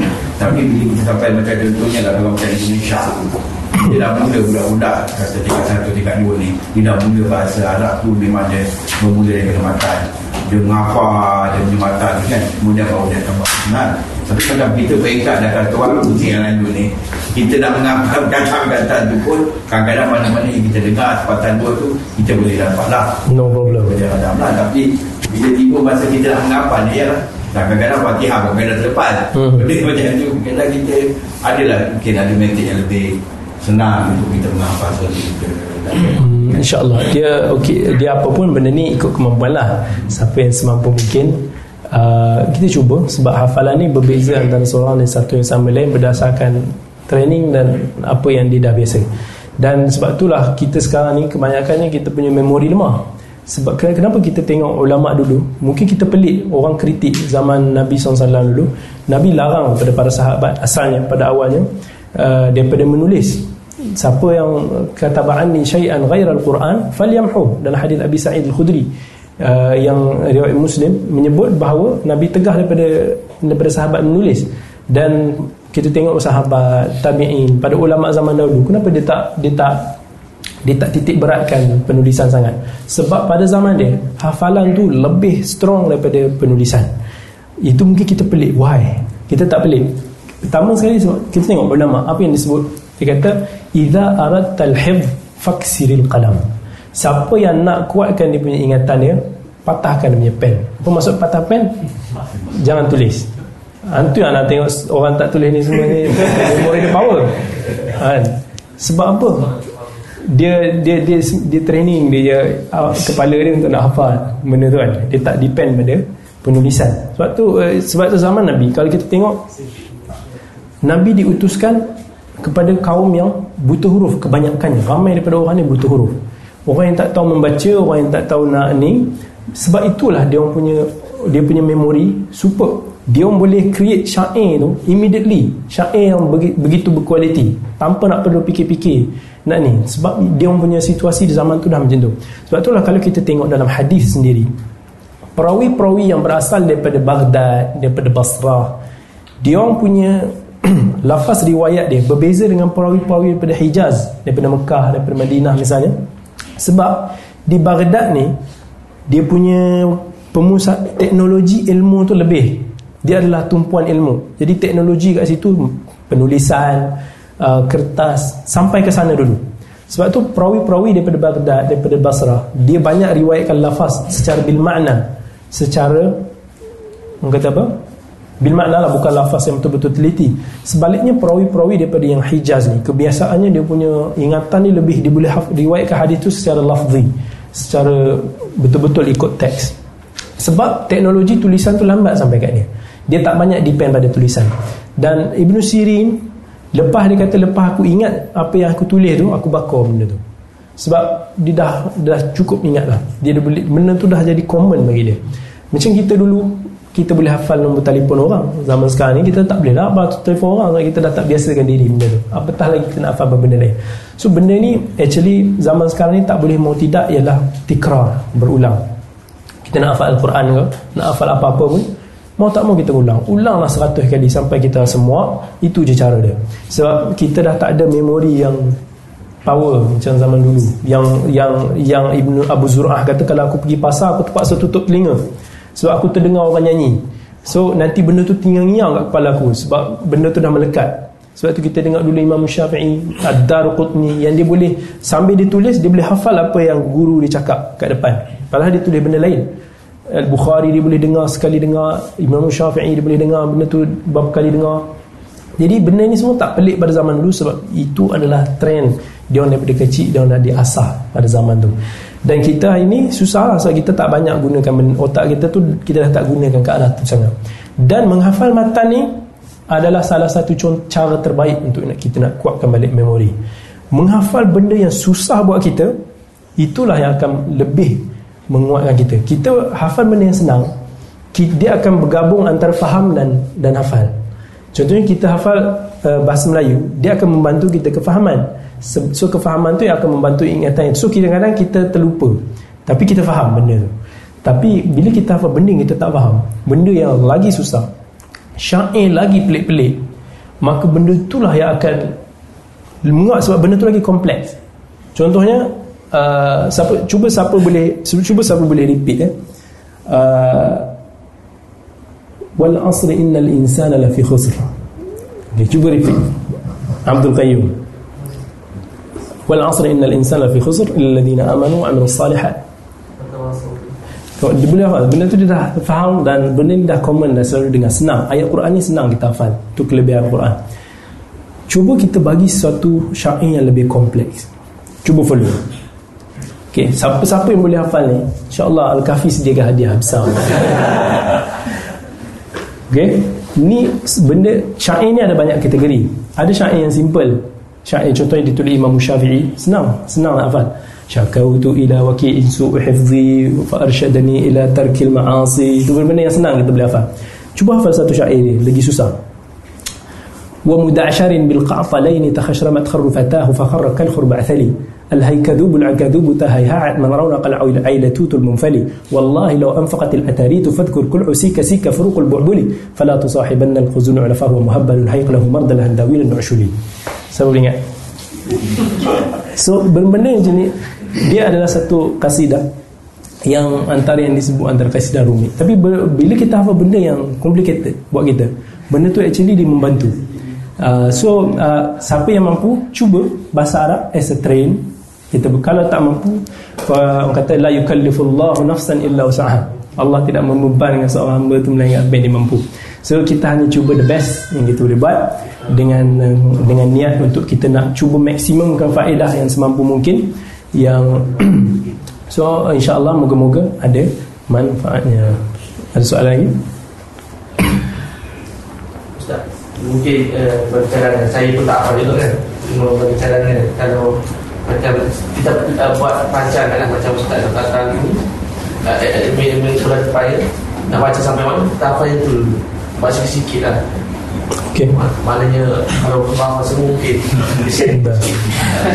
Itu itu itu itu yang bagus. Uh, tahu cuma masalahnya bagi saya saya pun tak tahu sampai mana benda dalam masa yang tu berapa banyak yang boleh di cover. Itu dilema saya lah kita tak tahu dalam masa yang mungkin nak ajar ni ni sampai daripada awal ni sampai ke bahagian mana. Itu yang tak sure. Tapi agak-agak lah kan. Agak-agak lah dulu. Mula-mula kita tengok berapa banyak kita boleh pergi dulu. Lepas tu baru kita boleh agak lah. Dia tak akan pergi banyak.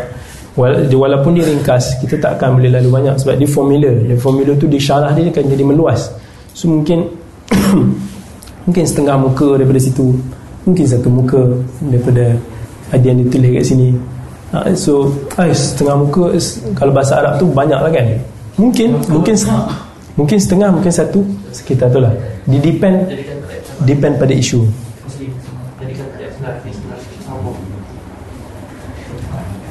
Uh, dia ki, macam dia sebab dia setiap satu mata dia ada pembahagian ikut isu. Uh, so kita ikut isu lah. Kita tengok isu. Mula-mula tentang khabar mutawatir sampai ke sampai ke pembahagian macam tu kita akan masuk wa khabarul ahadi bi naqli adlin dhabitin semua itu semua kita akan lalu selepas lepas tu. Lepas tu lalu baru masuk kepada pembahagian hadis-hadis yang mardud hadis-hadis kemudian jenis-jenis wahdan dan ke akhirnya. Insyaallah. Mungkin mula-mula payah tapi kalau kata kita kena cuba sesuaikan dan insyaAllah benda tu membantu. Dan apa-apa yang tak faham nak tanya ahlan wa sahlan. Um, Aku qawli hala wa astaghfirullah al-azim li wa lakum. Wa assalamualaikum warahmatullahi wabarakatuh. Bismillahirrahmanirrahim. Assalamualaikum warahmatullahi wabarakatuh. Alhamdulillah لله ala man من min ibadihi bi talabil ilmi syar'i. Wa dhalika fadlullah yu'tihi man يشاء والله ذو الفضل العظيم. وصلى الله وسلم على القائل من يريد الله به خيرا يفقهه في الدين وعلى آله وصحبه الذين تعلموا العلم في كبر سنهم حرصا لطلبه ونيلا لفضله. رب اشرح لي صدري ويسر لي أمري واحلل عقدة من لساني يفقه قولي. أما بعد الحمد لله شكر kepada Allah. Uh, dengan nikmatnya dapat juga kita berkumpul pada siri kedua dalam pengajian kitab uh, Nukhbatul Fikr uh, sebuah kitab hadis yang sangat penting yang ditulis oleh Ibnu Hajar Al-Asqalani. Fa insyaallah uh, kalau kalau kata uh, kita tak ramai, mungkin yang di belakang mungkin lebih baik di kedepankan sikit. Supaya kalau ada kemusykilan dapat kita uh, interaksi bersama.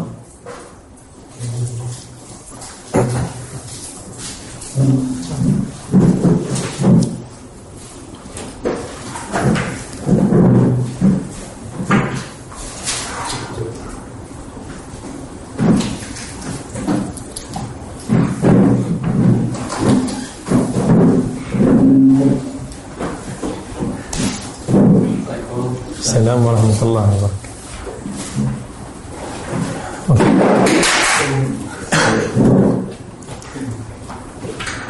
Pada sesi yang lepas uh, kita dah ambil mukaddimah uh, tentang pengajian ilmu hadis. Kita dah ambil beberapa mukaddimah penting macam uh, kita ambil tentang biografi terjemah Ibn Hajar penulis kepada kitab Nukhbatul Fikar yang mana kita nak uh, kalau kita nak tahu tentang nilainya sebuah kitab atau penulisan seseorang itu maka kita perlu berkenalan dengan penulis dia baru kita kenal maka alhamdulillah kalau semua masih ingat lagi kalau masih ingat lagi kita tahu siapa Ibnu Hajar dan kedudukannya dalam ilmu hadis. Jadi itu membayangkan betapa kitab Nukhbatul Fikar walaupun dia sangat ringkas tetapi ia mengandungi satu faedah yang sangat besar. Nukhbatul Fikar fi mustalah ahli al-athar apa yang dimaksudkan dengan kitab Nukhbatil Fikar iaitu tajuk Nukhbatil Fikar? Nukhbah Nukhbah ialah bermaksud uh, macam pilihan Al-Mukhtar macam seolah-olah Al-Fikar ni Fikar ni ialah idea idea, pemikiran. So dia bermaksud bahawa Nukhbatul Fikar ni ialah perahan idea pilihan idea Ibn Hajar berkaitan dengan ilmu hadis, ilmu mustalah.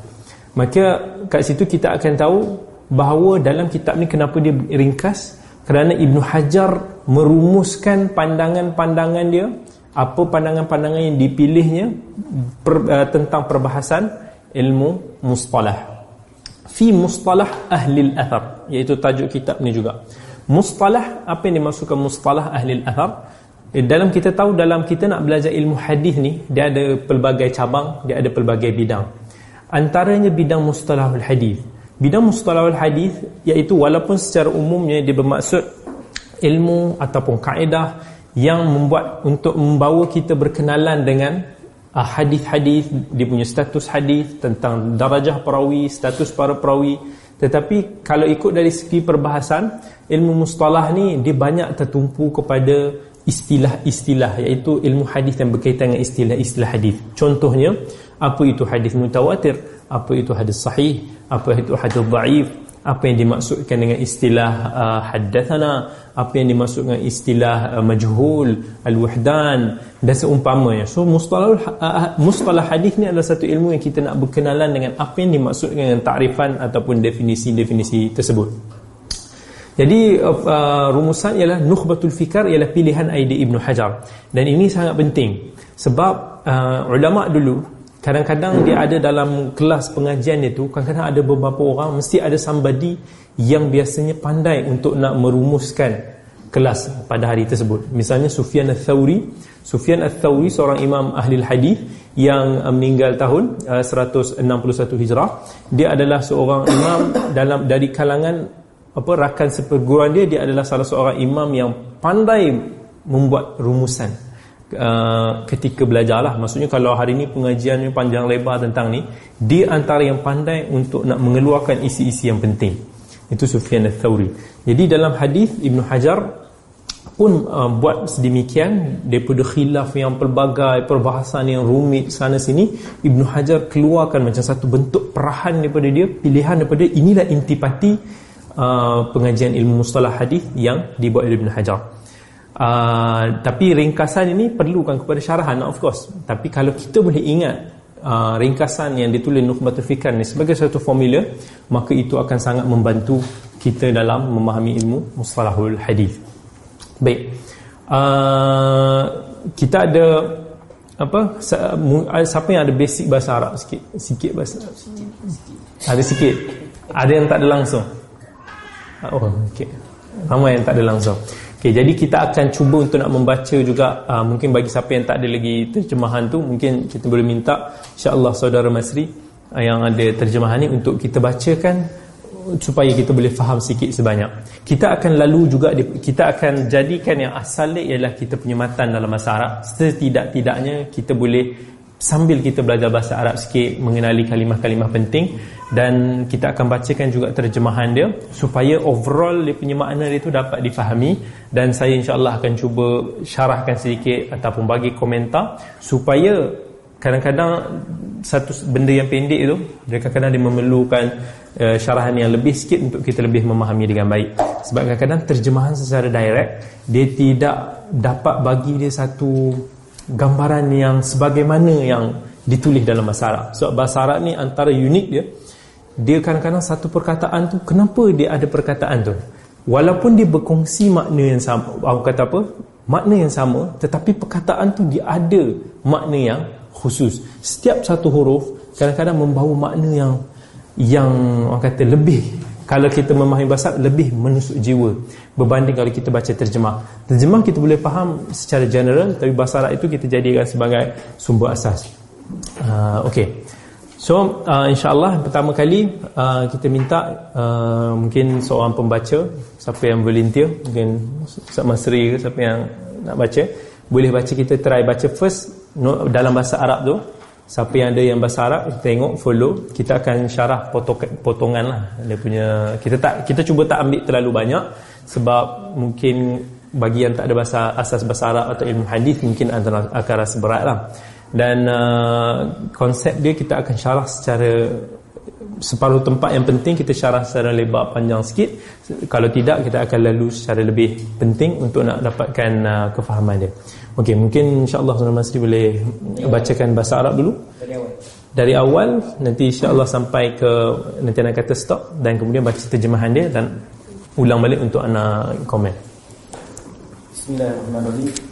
Qala al-Imam al-Hafiz Ahmad bin Ali bin Hajar al-Asqalani yarhamuhullah taala Alhamdulillahillazi lam yazal aliman qadira wa sallallahu ala sayyidina Muhammadin allazi arsalahu ila an-nasi bashiran wa nadhira Muhammadin allazi Muhammadin allazi أرسله إلى الناس بشيرا ونذيرا وعلى آل محمد وصحبه وسلم تسليما كثيرا. أما بعد فإن التصانيف في في في اصطلاح أهل الحديث قد كثرت وبسطت واختصرت فسألني بعض الإخوان أن ألخص لهم المهم من ذلك فأجبته إلى سؤالي رجاء الاندراج في تلك المسالك.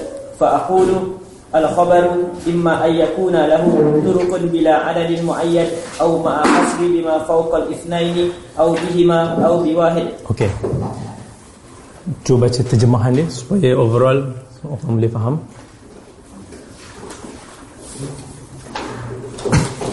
Segala puji bagi Allah yang sentiasa maha mengetahui lagi maha berkuasa Salam dan selawat ke atas junjungan kami Muhammad sallallahu alaihi wasallam yang telah diturunkan kepada sekalian manusia sebagai pembawa berita gembira dan penyampai khabar mengenai ancaman dan seterusnya kepada keluarga baginda sallallahu alaihi wasallam serta para sahabatnya. Amma ba'du, sesungguhnya telah banyak kitab yang ditulis mengenai istilah al-hadis, ada yang perbahasannya mendalam dan ada juga perbahasannya yang ringkas. Sebahagian daripada saudaraku telah meminta agar saya menulis risalah untuk mereka yang menggariskan perkara-perkara penting daripada kitab ini.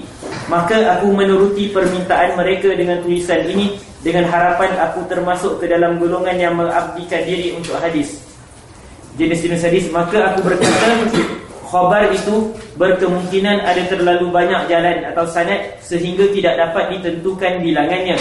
Mungkin juga akan ada hadis yang mempunyai lebih daripada dua sanad atau dua sanad sahaja atau satu sanad sahaja. Baik. قال الحافظ ابن حجر رحمه الله dalam النخبة الفكر الحمد لله الذي لم يزل عالما قديرا وصلى الله وسلم على سيدنا محمد الذي أرسله إلى الناس بشيرا ونذيرا وعلى آل محمد وصحبه وسلم تسليما كثيرا أما بعد فإن التصانيف في اصطلاح أهل الحديث قد كثرت وبسطت واختصرت فسألني بعض الإخوان أن ألخص لهم المهم من ذلك فأجبته إلى سؤاله رجاء الاندراج في تلك المسالك فأقول الخبر إما أن يكون له طرق بلا عدد معين أو مع حصر بما فوق الاثنين أو بهما أو بواحد Baik, ini uh, antara formula yang disebut oleh Ibn Hajar. So, saya uh, antara orang kata nasihat saya untuk bagi orang-orang yang baru dalam ataupun asas dalam mana-mana pengajian bidang hadis, bidang agama overall untuk nak cuba mementingkan aspek hafz, aspek hafalan.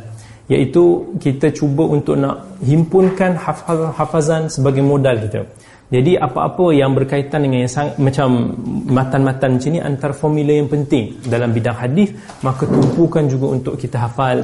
Dan kemudian dalam bidang yang mana yang kita nak terokai kita hafal asas-asas dia. Dengan itulah itulah cara ulama dahulu macam mana dia belajar. Ulama dahulu dia belajar daripada kecil dia start dengan menghafal benda-benda yang sangat penting. Contohnya mereka akan start dengan Al-Quran lah biasanya. Jadi Al-Quran ni antara satu benda yang bila mana dia dah hafal Al-Quran diorang dah orang kata sedikit sebanyak expose tentang menghafal sesuatu menghafal sesuatu ilmiah. Jadi dan selepas daripada itu mereka akan mula menumpukan kepada uh, matan-matan yang ringkas. Uh, apa contohnya Nukhbatul Fikar ni sangat ringkas dan beberapa benda yang matan hadis yang lain misalnya yang sangat ringkas Cuma macam kita dah sebut dalam biografi Ibn Hajar dulu. Ibn Hajar pun memulainya dengan dia menghafal banyak benda dulu. Dia menghafal asas dan binul hadis. Kita tahu dia hafal Umdatul Ahkam. Hadis-hadis yang uh, dihimpunkan berkaitan hukum hakam yang apa yang khas kepada Bukhari dan Muslim. Dia hafal asas dan dalam ilmu usul fiqh dia hafal asas matan dalam berkaitan dengan fiqh mazhab syafi'i. Dia hafal beberapa benda yang kira walaupun agak kuat tebal agak banyak. Tapi kita tahu bahawa ulama dulu dia, dia memulai dia punya penuntutan ilmu dengan menghafal. Dia orang tak terkejar-kejar untuk nak nak misalnya nak istimbat sebagai hukum. Tak terkejar-kejar untuk nak jadi seorang muhaddis dan tahu darjah hadis ni dhaif ke sahih ke tak. Itu itu selepas nanti dihimpunkan benda-benda itu sebagai modal. Sebab itu kita dalam uh, bidang pengajian agama ni asas kepada hafaz hifz ni adalah modal kita. Kalau dalam berniaga duit ia sebagai modal. Dalam bidang pengajian agama apa hafalan sebegini juga adalah sebagai modal kita. Jadi janganlah kalau kita baru belajar setahun dua tiga tiga empat tahun kita terus tergesa-gesa untuk nak jadi seorang yang faqih terus istimbat ha, tentang hukum hakam ini tarjihkan antara pandangan ulama sekian sana dan sini untuk nak hadis sahih dan dhaif kemudian kita pilih yang mana kita mau. Sebab kita tak ada asas yang penting. Tumpukan pada tahun-tahun awal kita untuk nak kita hafal semua benda asas-asas benda yang penting. Satu faedah yang pertama macam tadi saya dah sebut dia, antar, dia akan mengumpulkan modal yang besar pada diri kita. Second dia akan mengasah kita punya uh, memori dia akan asah kita punya kefahaman dengan selepas daripada tu. Dan bila mana kita sudah hafal barulah kita akan lebih proses belajar lepas daripada itu akan menjadi lebih mudah. Sebab kita sudah ada banyak input dalam kepala kita.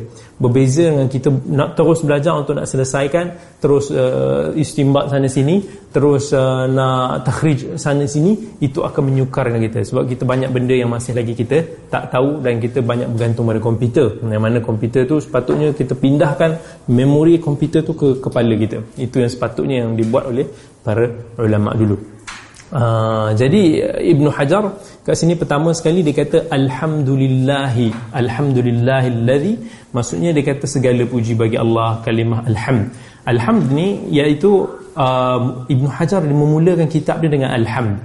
Iaitu uh, barangkali disebabkan oleh hadis yang kita selalu dengar hadis Abu Hurairah uh, man lam yabda fihi uh, al-amr yang urusan yang kita tak mulakan dengan alhamdulillah fahuwa aqta' maka ia seolah-olah terputus. Sama terputus berkat terputus rahmat dan seumpamanya. Dan uh, hadis ini diriwayatkan oleh beberapa ashabis sunan seperti Abu Dawud Ibn Majah uh, Ahmad. Tapi hadis ini di dan hadis ini dihasankan dinilai hasan oleh al-Imam An-Nawawi rahimahullah. Cumanya dia jumhur mendhaifkan hadis ini. Jumhur ahli hadis mendhaifkan hadis ini. Uh, kerana hadis ini diriwayatkan uh, daripada Zuhri daripada jalan Az-Zuhri daripada Abu Salamah daripada Abu Hurairah radhiyallahu an.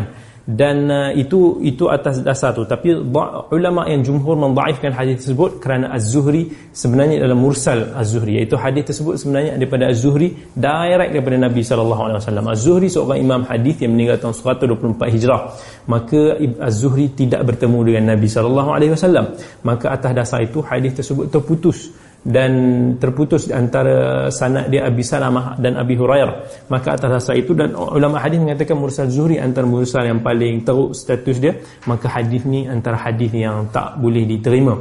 Cumanya adakah bila mana hadis ni dhaif iaitu uh, kullu amrin dhibalin lam yabda'u fi bilhamdulillah fa huwa aqta. Adakah kita tak boleh kita mulakan urusan kita dengan dengan bacaan alhamdulillah tak. Sebabkan kita ada dalil yang lain juga. Misalnya uh, kita tahu bahawa dalam al-Quran Al-Quran sendiri memulakan surah ataupun memulakan Al-Quran dengan surah Al-Fatihah. Alhamdulillahi Rabbil Alamin begitu juga dengan hadis-hadis yang lain.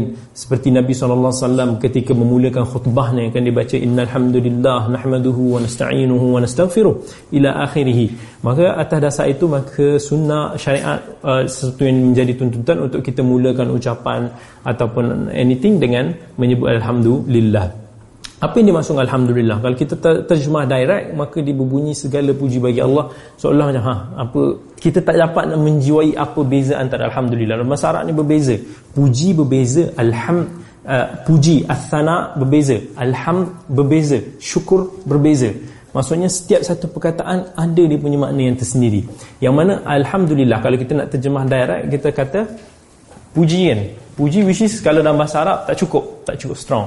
Sebab bila mana digunakan alhamd dia mesti menunjukkan uh, satu-satu jenis pujian yang ini macam yang Ibn Qayyim sebut dia mempunyai sifatil kamal iaitu mempunyai unsur yang sempurna yang disertai dengan al-mahabbah war-ridha iaitu mesti disertai dengan kecintaan dan perasaan rida kepada Allah Subhanahu Wa Taala. Kat situ itulah yang menghimpunkan makna alhamd. Berbeza dengan kalau sekadar puji ni kita tahu kita mengucapkan kata-kata yang baik kepada seseorang. Jadi itu as-sana dalam bahasa Arab. Jadi alhamd maka dia adalah satu perkataan yang paling tinggi yang di, di, digunakan kepada Allah Azza wa Jalla. Alhamdulillahilladzi Alhamdulillah Lillah kepada Allah. Dalam bahasa Arab bila kata li Lim lam lillah tu Maka lam dalam bahasa Arab Ada membawa banyak maksud. Ada yang membawa maksud uh, Litamlik Iaitu men untuk menunjukkan kepunyaan Seseorang. Kalaulah kita kata uh, Hadal jawal li maksudnya kita ini handphone ni kepunyaan saya li. Itu kat situ lam kat situ memasuk kepunyaan. Tetapi ada juga dia membawa maksud lam tersebut memasuk al-ikhtisas. Macam dalam ni lillah. Maksud alhamdulillah kalimah alhamd yang kita dah sebut tadi itu hanya dikhususkan kepada Allah. Maksudnya perkataan ini, kalimah ini tak di, disebut pada orang lain. Walaupun kita nak uh, thanks dia, kita nak syukur kepada dia, tetapi alhamdulillah khas lillah, khas untuk Allah. Di dalam kat sini tengok bila mana bukan hanya kepunyaan Allah kalau kita terjemahkan kepunyaan Allah kepada Allah, dia macam makna dia tak berapa strong. Tapi bila mana kita tahu bahasa Arab li kat situ masuk ikhtisas, maka kita lebih menjiwai perkataan alhamdulillah tu. Betul tak? Alhamdulillahilladzi lam yazal. Alladzi kalau dalam bahasa Arab bermaksud uh, kalau bahasa Melayu disebut yang, tapi dalam bahasa Arab dia adalah kalimat isim mausul iaitu kata penyambung iaitu yang alladzi lam yazal. Lam adalah dalam bahasa Arab masuk huruf nafi iaitu satu kalimah yang menafikan sesuatu. Nafi uh, jazm yazal iaitu fi'il mudhari' dia yang majzum bilam Okey, itu ni kita sentuh-sentuh sikit je tentang masyarakat, kita tak kupas secara detail, hanya sekadar untuk nak mendedahkan uh, supaya kita rasa feel sikit untuk orang kata baca teks dalam bahasa Arab ni kan. Alladhi lam yazal itu fi'il mudhari yazala ni adalah adik-beradik kana. Saya sebenarnya tak pandai mengajar bahasa Arab. Ha, itu yang saya tak tahu macam nak explain kadang-kadang uh, sesuatu dalam bahasa Arab. Uh, lam yazal azala ni adalah adik-beradik kana. Maksudnya dia mengambil hukum hakam yang sama dengan kana. Kana dalam bahasa Arab siapa yang belajar nahwu ke apa tu dia merafakkan mubtada dan dia menasabkan khabar. Dia maksudnya rafa ni dia, ha, kan? Ha, saya, dia nak explain. Bahasa Arab ni antara sesuatunya yang saya tak saya tak tahu nak mengajar macam mana. Sebab nak explain tu satu benda yang agak kompleks lah Uh, jadi itu lam yazal. Jadi dia punya isim dia mana? Dia mesti ada isim kalau bahasa Arab ni kan. Maksudnya nizala kana mesti ada isim dia. So isim zala kat sini mana? Lam yazal disebutkan ada huwa. Sebenarnya lam yazal huwa aliman qadira. Tapi huwa kat situ mustatir tersembunyi. Ha, ini antara benda yang susah, susah nak explain kenapa dia tersembunyi. Ha, jadi uh, kata kita jalan je lah kan. Sebab dia memerlukan satu kelas bahasa Arab yang yang yang lebih panjang untuk kita nak explain semua benda-benda ni. Uh, jadi dia punya apa aliman qadira maksudnya yang mengetahui dan qadira iaitu berkuasa kita boleh kata bahasa Arab uh, bahasa Melayu dia macam tu. Jadi dalam sebahagian naskah nukhbatul fikar aliman qadi uh, aliman. Dia maksud dia bukan aliman tapi dia aliman qadira. Maksudnya itu adalah aliman qadira adalah sifat sifat kepada Allah sifat uh, yang kita tahu kita dalam ahli sunnah bila mana datang sifat-sifat Allah kita isbatkan mengikut apa yang selayaknya bagi Allah. Yang kita uh, biduni takif wala ta'til. Tanpa kita untuk nak fikir macam mana sifat tersebut yang mengikut kepala manusia dan begitu juga kita tak merosakkan makna dia. Ataupun kita menyamakan dia dengan makhluk dan seumpamanya fa laisa kamithlihi syai' Maksudnya tiada yang seumpama dengan Allah walaupun dalam ayat sama Allah kata laisa kamitslihi syai' wa huwa samiul basir. Dan dialah yang Maha mendengar lagi Maha melihat. Allah lah kata pada mula-mula ya Allah menafikan ada sesiapa yang sama dengan Allah laisa kamitslihi syai'. Tak ada apa yang boleh sama dengan Allah. Wa huwa sami' dan Allah ithbatkan sifat sama' sifat mendengar, sifat basar iaitu wishes kita sebagai makhluk, kita sebagai manusia kita mendengar. Kita sebagai manusia juga kita melihat. Tapi Allah kata pendengaran kita, kita punya penglihatan kita tak sama dengan Allah sebab Allah menafikan apa-apa yang serupa dengan dia. Sebab akal kita manusia ni kita tak mampu nak sampai satu benda. Kita ni terlalu fikir kalaulah mata kita hanya boleh tengok dinding ni kita tak boleh tembus dia. Kalau kita tengok langit pun kita ada had yang kita boleh tengok yang kita tak mampu nak tembusi dia. Begitu juga dengan akal kita. Ada sampai satu tahap yang akal kita tak mampu nak nak fikirkan. Sebab itu dalam Al-Quran bila mana disebut tentang sifat ahli jannah sifat syurga itu sendiri bahawa jannatin tajri min tahtihal anhar yang mana ada sungai yang mengalir. Allah sebut lagi ada apa yang uh, sungai yang mengalir pada dia macam madu. Allah sebut lagi nikmat-nikmat yang di perkataan tu seolah-olah kita imagine yang macam mana ada kat dunia ni. Macam mana sungai itu mengalir tu kita terfikir macam sungai janda baik sungai dekat Switzerland tapi Nabi SAW kata apa? Di syurga nanti ha, tak dia nikmat-nikmat yang kita akan peroleh itu tak pernah terlintas di kepala kita. Kita tak akan terfikir, tak tak pernah fikir apa yang kita tengok imagine dalam movie whatsoever benda tu sebenarnya salah. Kita tak akan tak pernah terdetik benda tu. Dan kita tak ada satu pun yang Nabi SAW kata mata yang pernah melihat begitu. Jadi kita jangan terbayang oh sungai dia ingat macam tu rupanya is different. Kita tak boleh nak fikir. Fikir macam mana pun dia is gonna be different. So itulah itulah uh, limitasi Uh, panca indera akal yang Allah kurniakan kepada kita sebab itulah nikmat dia sangat sangat besar sangat agung sebab benda tu kita tak boleh nak reach dan kita akan nikmati bila mana kita uh, telah menunaikan apa yang Allah dan Rasulnya perintahkan. Alhamdulillahilladzi lam yazal aliman qadira wa sallallahu ala sayyidina Muhammad. Wa sallallahu. Apa yang dimaksudkan wa sallallahu? Iaitu Allah berselawat ke atas sayyidina Muhammad. Iaitu selawat Allah ni apa? Tak Allah kata Allahumma salli ala Muhammad ke? Macam yang kita faham? Yang yang Nabi SAW kata apa siapa yang mendengar nama aku lalu dia tidak berselawat kepada aku maka dia bakhil. Sebagaimana riwayat At-Tirmizi dan Allah dalam Quran kata ya ayyuhalladzina amanu sallu alaihi wa sallimu taslima. Dan itu Allah ni pun mengarahkan supaya kita berselawat. Innallaha wa malaikatahu yusalluna 'alan nabi. Dan Allah dan para malaikat itu berselawat ke atas nabi. Jadi bagaimana salawatullah kepada nabi? Bagaimana selawat Allah ke atas nabi? Adakah dengan beriahanana ataupun adakah dengan uh, salawat Allahumma salli Muhammad? La salawatullah ni uh, sebagaimana diriwayatkan oleh al-bukhari secara muallaq. Muallaq ni insyaallah kita akan belajar juga apa yang dimaksud dengan muallaq. Uh, insyaallah dalam perbahasan yang akan datang. Muallaq majzum. Iaitu muallaq majzum ni apa pun kita akan belajar nanti akan datang. Eh, apa yang dimaksudkan riwayat tergantung tetapi dengan uslub jazm tak apa yang bermula ni kita kita dengar dulu sebagai pendedahan. Diriwayatkan daripada Abil Aliyah bahawa yang dikatakan bahawa salawatullah ini adalah pujian Allah. Pujian Allah maksudnya Allah memuji Nabi sallallahu alaihi wasallam. Dan uh, diriwayatkan juga dalam sunan uh, dalam at-Tirmizi daripada Sufyan al-Thawri bahawa Sufyan al-Thawri mengatakan bahawa salawatullah ini adalah rahmat Allah iaitu Allah merahmati Nabi sallallahu alaihi wasallam. Jadi bila mana kita sebut uh, Allah selawat kepada Nabi itu maksud dia sama ada dia mengatakan bahawa Allah memuji Nabi ataupun merahmati Nabi. Wa sallallahu ala sayyidina Muhammad. Sayyidina insyaallah berselawat ke atas sayyidina. Sayyidina ni apa maksud dia yang orang nak kata Sayyidina Sayyidina Muhammad Sayyidina Umar Sayyid, macam tu kan. Apa yang dimaksudkan dengan Sayyidina? Ya, iaitu Za'imuna iaitu seolah-olah macam penghulu kami ataupun nama Arab dia bermaksud Syarifuna. Maksudnya orang-orang yang mulia di kalangan kami. Dan begitu juga orang yang a'la manzilah. Maksudnya orang yang paling tinggi kedudukannya di sisi kami. Itu orang yang dipanggil Sayyid. Iaitu bila mana kita kata ya Sayyid maksudnya dalam masa Arab bila kita panggil sayyid tu seolah-olah dia ni ketua. Dia the best man dalam dalam kelompok tu tersebut.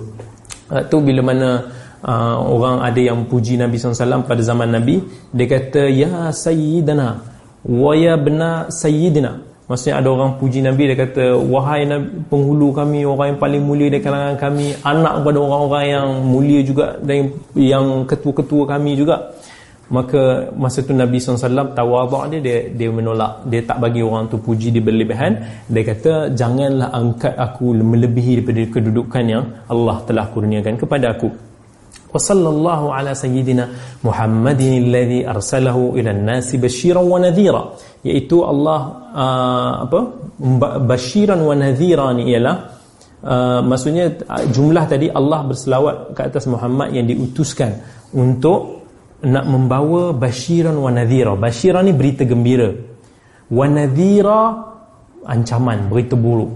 Maksudnya Allah menghantar Nabi SAW sebagaimana dalam Al-Quran sebut inna arsalnaka syahidan wa mubasyiran wa nadhira. Maksudnya Allah mengutuskan Nabi untuk nak membawa syahidan wa untuk nak membawa keterangan-keterangan penyaksian ni wa mubasyiran membawa berita gembira kepada orang-orang mukmin, orang-orang yang beriman, orang-orang yang mengamalkan ajaran Nabi SAW dengan jannah, dengan syurga dan ganjarannya dan membawa ancaman wa nadhira ni ancaman, berita buruk kepada orang-orang yang meninggalkan ajaran Nabi, orang-orang kafir, orang-orang yang tak mematuhi ajaran Nabi, maka itu adalah ancaman. Bentuk ancaman. Jadi Nabi sallallahu alaihi wasallam adalah seorang yang membawa bashir, seorang membawa busyra, membawa berita gembira kepada manusia. Sebab itulah Allah kata, "Wa ma arsalnaka illa rahmatan lil alamin." Bahawa Allah turun hantar utuskan Nabi sallallahu alaihi wasallam untuk membawa rahmat kepada alam, iaitu uh, rahmat ni satu benda yang sangat luas yang meliputi orang Islam, orang non-Islam, haiwan, uh, orang-orang manusia ni yang pelbagai kelompok. Dan Nabi sallallahu alaihi wasallam dalam hadis umpamanya uh, mengatakan bahawa Nabi SAW pesan supaya basyiru wala tunafiru maksudnya bagilah berita gembira pada orang.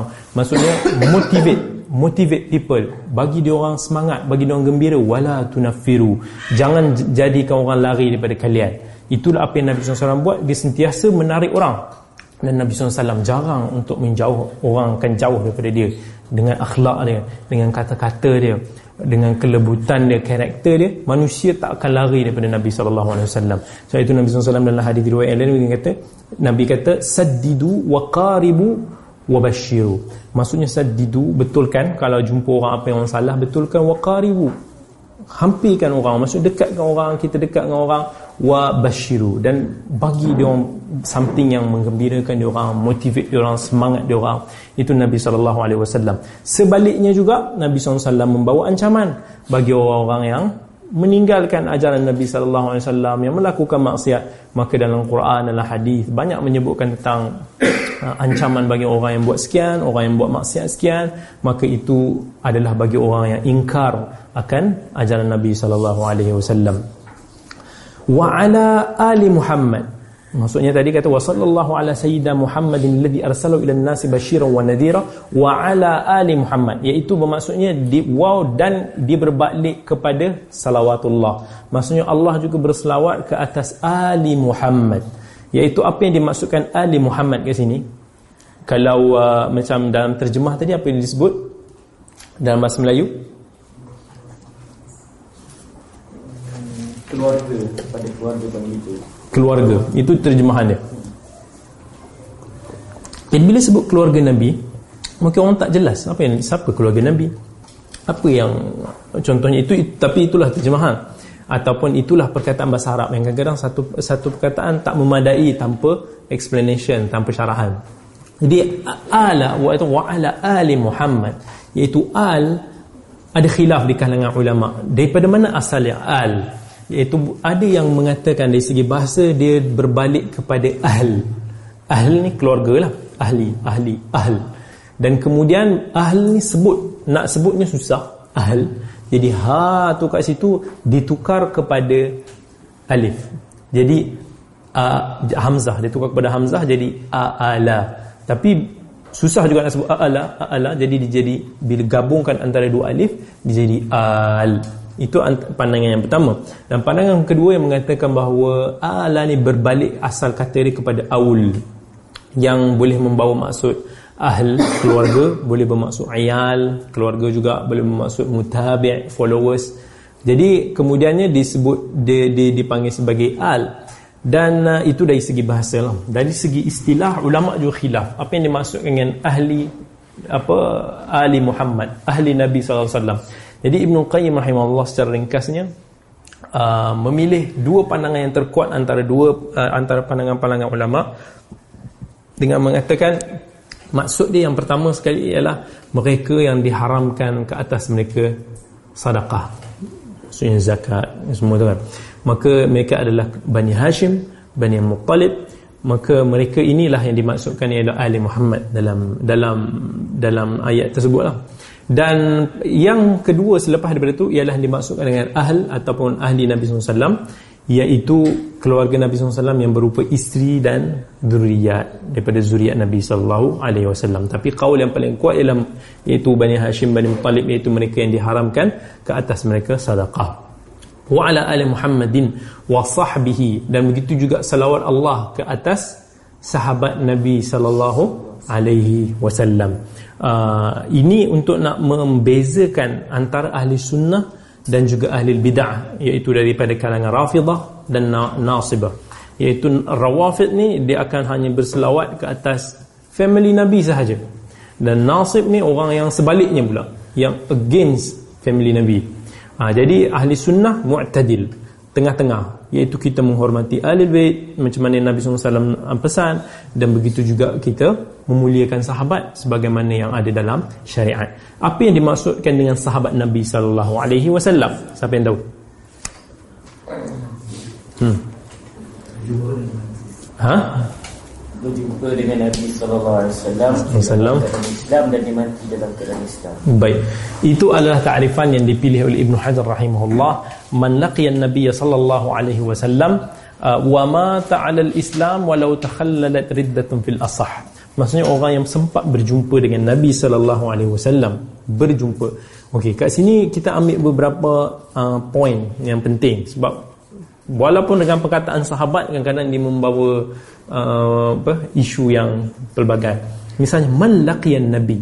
Man bila disebut man sesiapa yang berjumpa dengan nabi? Siapakah yang dimaksud dengan man? Bila kita terjemah direct kita ataupun kita faham direct sesiapa yang berjumpa dengan nabi sallallahu alaihi wasallam So maksudnya berjumpa dengan Nabi Mesti orang tu mesti berhadapan kan? Ataupun dia pernah di, bersentuhan Bertengok Ataupun daripada jauh. Jadi siapa yang dimaksud dengan man? Jadi mestilah man kat situ Dimaksudkan adalah orang yang Yang berakal. Mesti macam manusia. Haiwan Walaupun berjumpa dengan Nabi Tak disebut sebagai sahabat. Betul? Orang yang yang Nabi pakai baju perang ni Baju perang ni tak disebut sebagai sahabat Ha, jadi man kat situ mesti dia punya syarat dia ialah dia orang yang berakal. Iaitu daripada kalangan manusia. Dan juga daripada kalangan mungkin orang kata so macam tu daripada kalangan jin? Daripada kalangan jin yes. Itu juga boleh dimasukkan dalam takrifan sahabat. Sebab itulah ada some, uh, orang yang menulis kitab uh, menghimpunkan nama sahabat ada masukkan yang mana diketahui lah tapi kita tak tahu tentang jin punya dunia. Kita pun tak banyak berita tentang dia. Sebab itu bab ni kita tak payah sebut sebab nanti akan membuka fitnah bahawa orang-orang yang mendakwa mereka pernah berjumpa dengan sahabat Nabi daripada kalangan jin maka mereka mengatakan mereka ni adalah tabi'in. Wal'iyadzubillah sebab dunia jin ni adalah dunia yang kita tak tahu. We don't know nothing. Melainkan apa yang Allah dah sebut dalam surah jin apa yang Allah sebut dan, ataupun dalam apa yang khabar yang ada dalam hadis dan itu sahaja yang ada. Jadi orang kata malaikat Nabi pernah jumpa dengan malaikat. Jadi adakah Jibril juga sebahagian daripada hmm, daripada apa sahabat? Kita kata kita kata soalan tersebut useless. Satu takrifan definisi sahabat ni dirangka ataupun perbahasannya dalam untuk membabitkan ilmu riwayat dalam perbahasan ilmu hadis. Yang mana malaikat tak termasuk dalam ilmu riwayat maka tak perlulah kita nak sebut sebab nanti orang akan sebut oh Nabi pernah jumpa dengan Nabi Isa AS ketika Isra. Jadi adakah Nabi, Nabi Isa juga sebahagian daripada sahabat. Kita kata soalan pun nonsense juga. Sebab Nabi Isa dah dikurniakan manzilah yang lebih tinggi daripada sahabat iaitu Nabi. Dan dia juga tak termasuk dalam bab riwayat. Maka tak perlulah kita untuk nak ber, untuk nak expose lebih dalam perkara tersebut. Man laqiyan Nabi SAW berjumpa dengan Nabi SAW berjumpa. Jadi berjumpa kat situ maksudnya kenapa ulama tak sebut ulama tak gunakan perkataan melihat Nabi? Mesti benar berjumpa. Disebabkan ada sahabat yang buta. Contohnya Ibn Ummi Maktum. Antaranya sahabat yang buta. Jadi mereka tak dapat melihat Nabi. Jadi mereka, tapi mereka pernah berjumpa dengan Nabi sallallahu alaihi wasallam. Melaki Nabi sallallahu alaihi wasallam. Nabi masa mestilah syarat dia ialah di masa kenubuah kenubuahan Nabi iaitu kenabian Nabi. Bukannya zaman sekarang ni orang mendakwa jumpa dengan Nabi itu semua dusta. Yang siapa kata sekarang dia pernah jumpa dengan Nabi semuanya dusta. Jangan nak kata bahawa mereka ni adalah sahabat. Sebab Nabi sallallahu alaihi wasallam telah wafat daripada nas bil Al-Quran. Sendiri Allah sebut wama Muhammadun illa rasulun qad khalat min qablihi ar-rusul afa imma qutilan qalabtum ala aqabikum Allah berfirman itulah ayat yang dibaca oleh Abu Bakar ketika Umar dalam keadaan yang sangat sedih mendengar khabar kewafatan Nabi. Abu Bakar nak bagi tahu bahawa Nabi juga manusia biasa yang adalah rasul sebagaimana rasul sebelum ni yang telah pergi.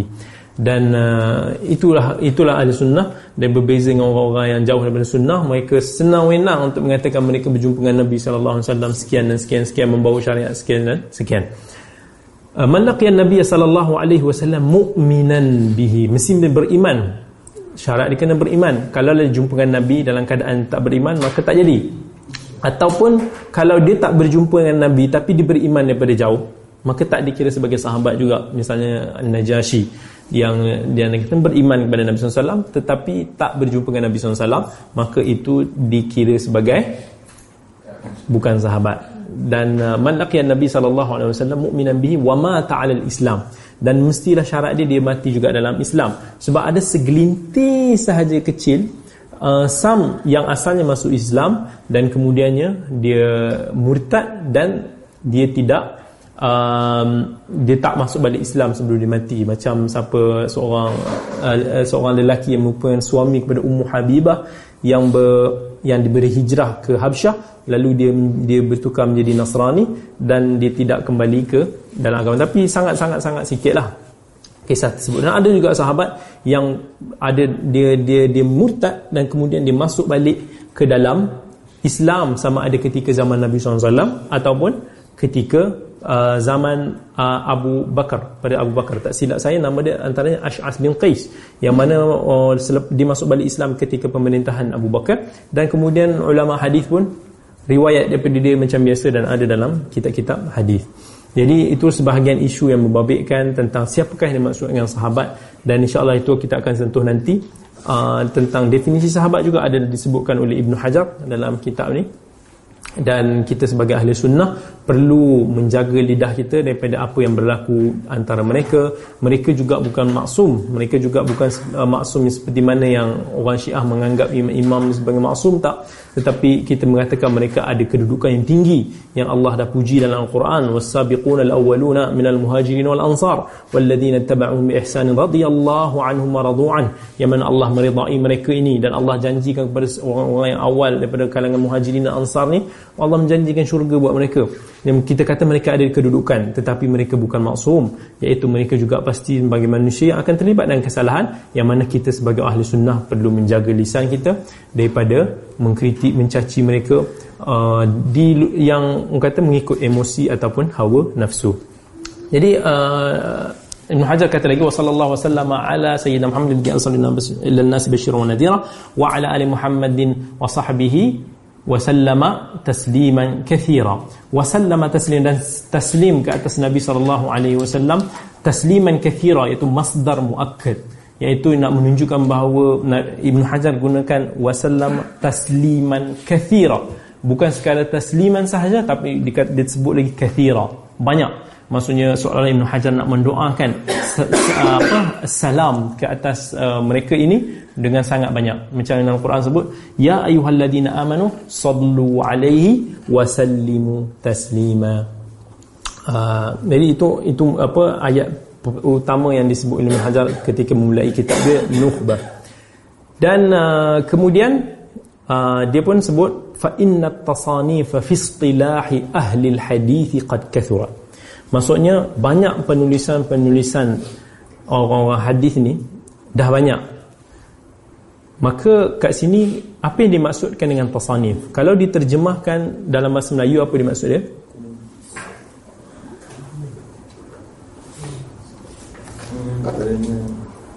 Sudah banyak kitab yang ditulis.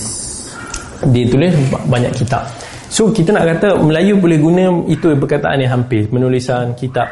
Tapi dalam bahasa Arab tasnif dia ada maksud yang tersendiri. Apa beza antara tasnif dan tadwin? Ha, dalam bahasa Arab dia ada Tadwin ialah satu benda yang berbentuk catatan. Yang macam kita tulis nota-nota-nota ni kan, tak sesusun apa, itu dipanggil tadwin. Tasnif ialah satu benda yang mana ditulis secara tersusun. Iaitu uh, macam buku-buku lah yang kita tengok sekarang ni dah ditulis dengan berchapter, dibahagikan mengikut uh, bab, tajuk dan sebagainya, itulah dipanggil tasnif. Jadi Ibn Hajar nak kata fa inna at-tasanif fi istilahi ahli al-hadith qad kathurat. Maksudnya penulisan-penulisan ulama hadis berkaitan tentang ilmu mustalahul hadis ni dah banyak. Daripada zaman sebelum dia sampai ke zaman Ibnu Hajar. Uh, dia kata kemudian fa inna tasanif fi istilah ahli hadis qad kathurat wa busitat wa ikhtusirat dan sebahagiannya telah di, di dicerita secara meluas wa busitat.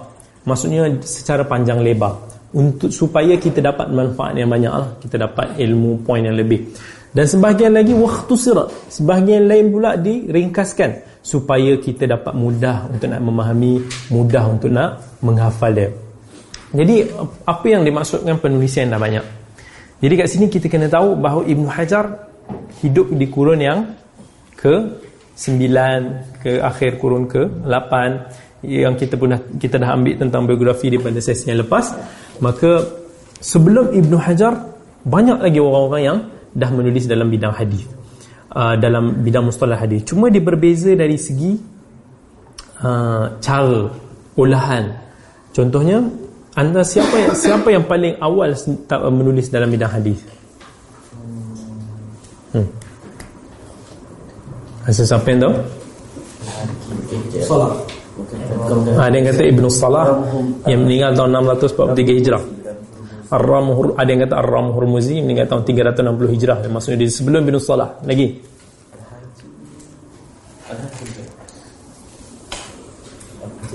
Al ada yang kata Al-Hakim 405 Hijrah. Lagi. Ada yang kata Tirmizi lebih awal lagi daripada tu 279 Hijrah. Al-Khatib. Ada yang kata Al-Khatib yang meninggal tahun 463 Hijrah. Baik.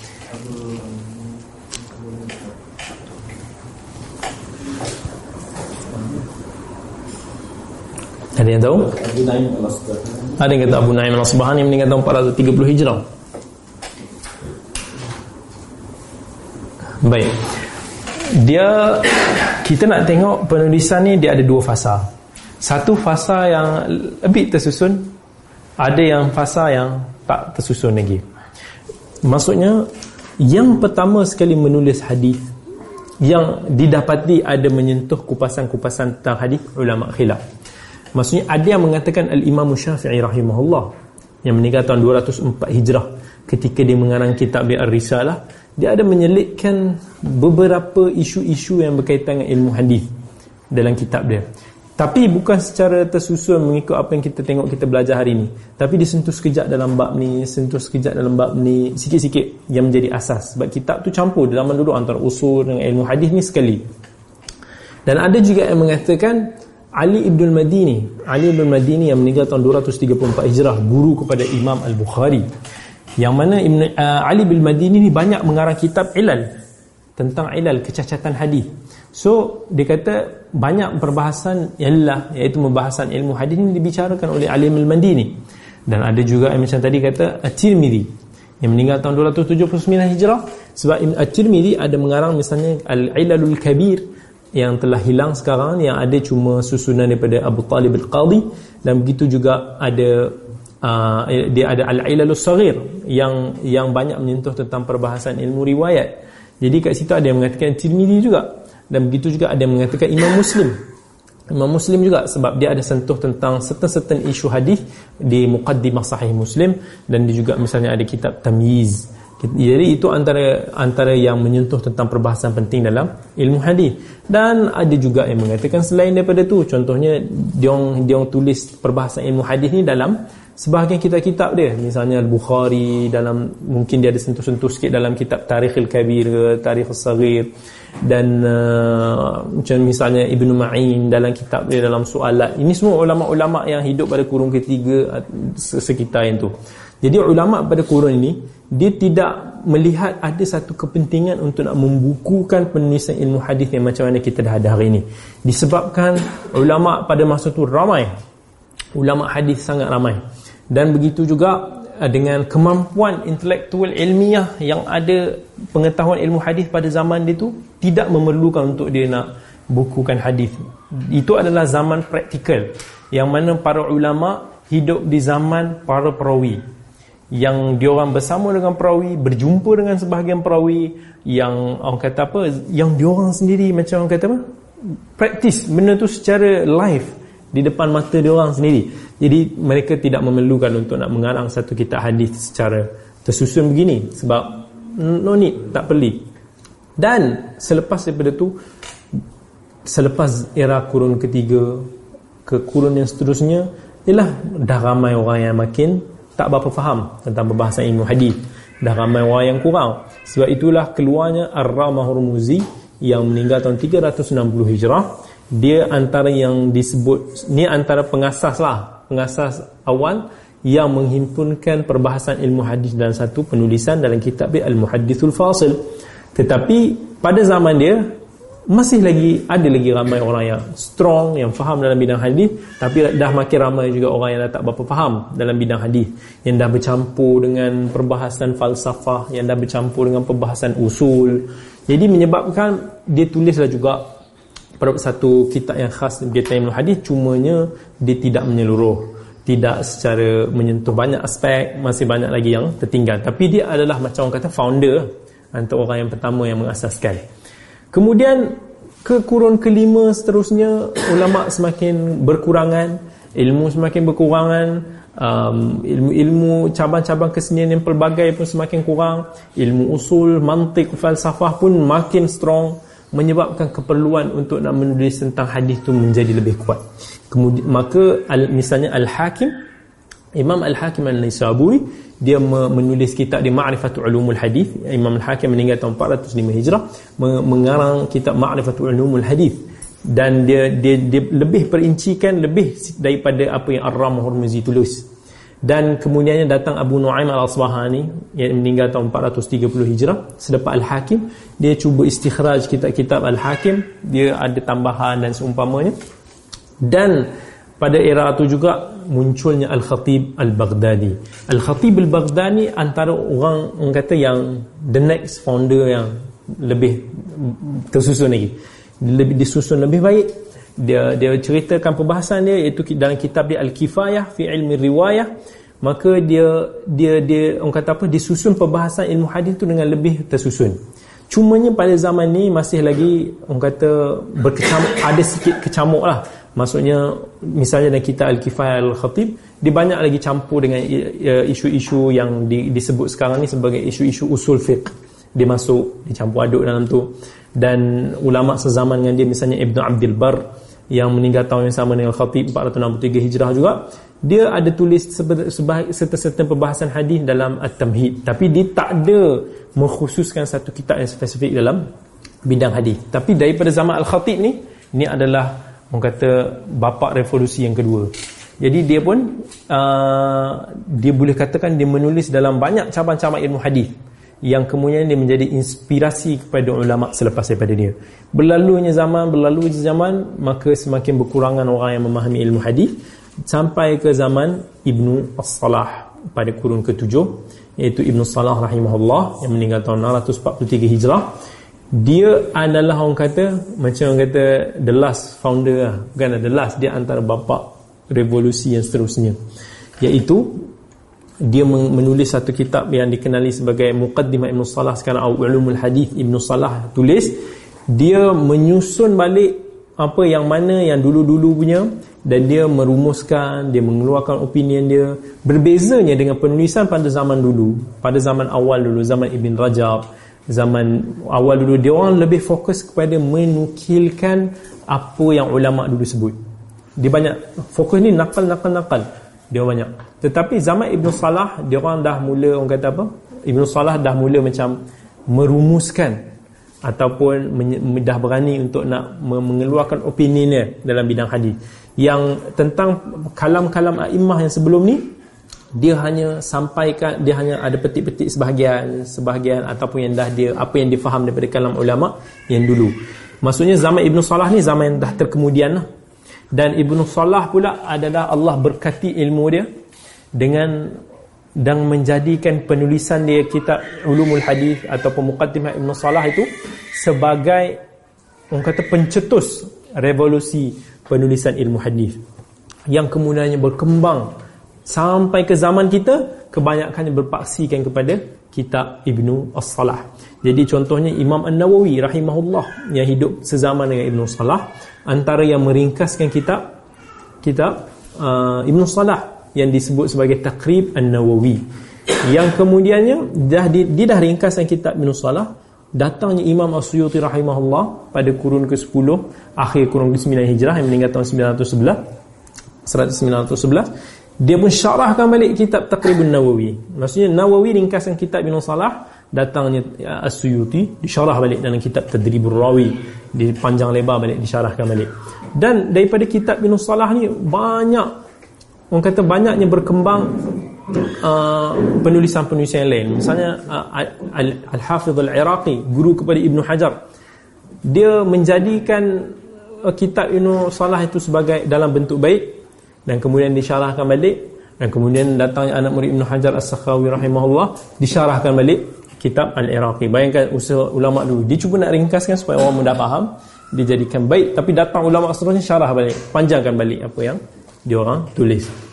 Ha, jadi itu antara penulisan yang dan Ibn Hajar sendiri antara ulama yang orang kata mengambil faedah lah daripada Ibn Salah. Kebanyakannya ambil daripada Ibn Salah. Orang kata uh, berapa revolusi penulisan hadis untuk era mutaakhirin iaitu untuk orang-orang yang dah generasi yang dah agak lewat dia punya ni.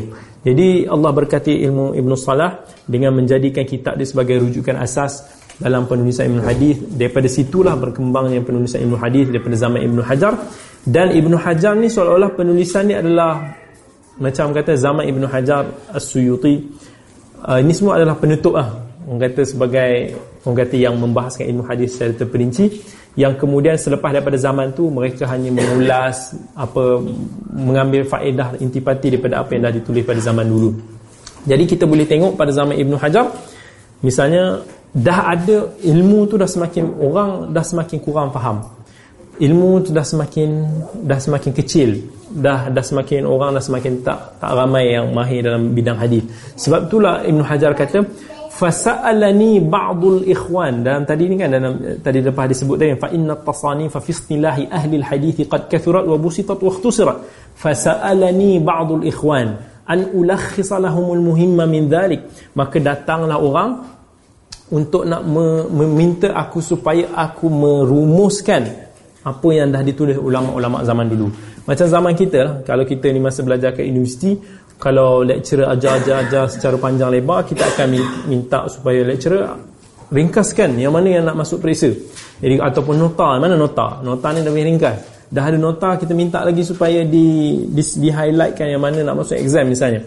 Jadi uh, pada zaman ni pada zaman ulama dulu pun ada juga yang begitu yang dia dah mula dah tak berapa faham perbincangan penulisan ulama yang zaman-zaman khatib zaman-zaman uh, sebelum dia lagi maka dia orang minta Ibnu Hajar untuk nak merumuskan apa perbahasan ilmu hadis ni. Sebab Ibnu Hajar adalah rujukan uh, bidang hadis uh, di zaman dia. Maka fa'ajabtuhu ila su'alihi. Maka Ibnu Hajar kata aku pun sahutlah uh, apa kata? Aku sahutlah permintaan tersebut dan antara orang yang meminta Ibn Hajar menulis kitab Nukhbatul Fikr ialah Syamsuddin Az-Zarkashi. Syamsuddin Az-Zarkashi antara uh, ulama yang meninggal tahun 813 Hijrah. Dan bila bila Ibn Hajar tulis Nukhbatul Fikr siapa tahu? Hajar menulis eh, disebut sebahagian baik. Ibn Hajar dia tulis kitab Nukhbatul Fikr ni masa dia dalam keadaan musafir masa dia sedang bermusafir dan uh, dia tulis pada umur dia 39 tahun. 39 tahun dia menulis kitab Nukhbatul Fikar yang mana kita tahu maka dia menulis Nukhbatul Fikar dia habis menulis Nukhbatul Fikar pada tahun 812 Hijrah. Dan uh, Syamsuddin Az-Zarkashi sebab ada orang keliru antara Zarkashi ni dengan Zarkashi yang Badruddin ataupun yang menulis kitab An-Nukat kan Ha, jadi dia bukan Zarkashi yang tu, ni Zarkashi yang lain. Jadi uh, cumanya Zarkashi itu antara uh, apa murid dia yang sempat menikmati tulisan Ibn Hajar ni dalam masa setahun. Sebab sebab selepas setahun uh, Zarkashi ini pun meninggal iaitu pada tahun 813 Hijrah. Uh, fasalani ba'dul ikhwani an ulakhis lahumul muhimma min dhalik faajabtuhu ila sualihi raja alindiraj fi tilkal masalik. Maksudnya aku pun menyahut permintaan orang yang meminta supaya aku ringkaskan tersebut. Diharapkan dengan penulisan ini dapat uh, dapatlah membuat sumbangan dapat join apa usaha-usaha ulama dulu yang rajin menulis yang ganjaran besarlah supaya menjadi satu legasi kepada uh, umat yang seterusnya Baik, sebelum kita um, pergi ke nukta seterusnya, ada yang nak tanya berkaitan apa yang tak faham yang lepas?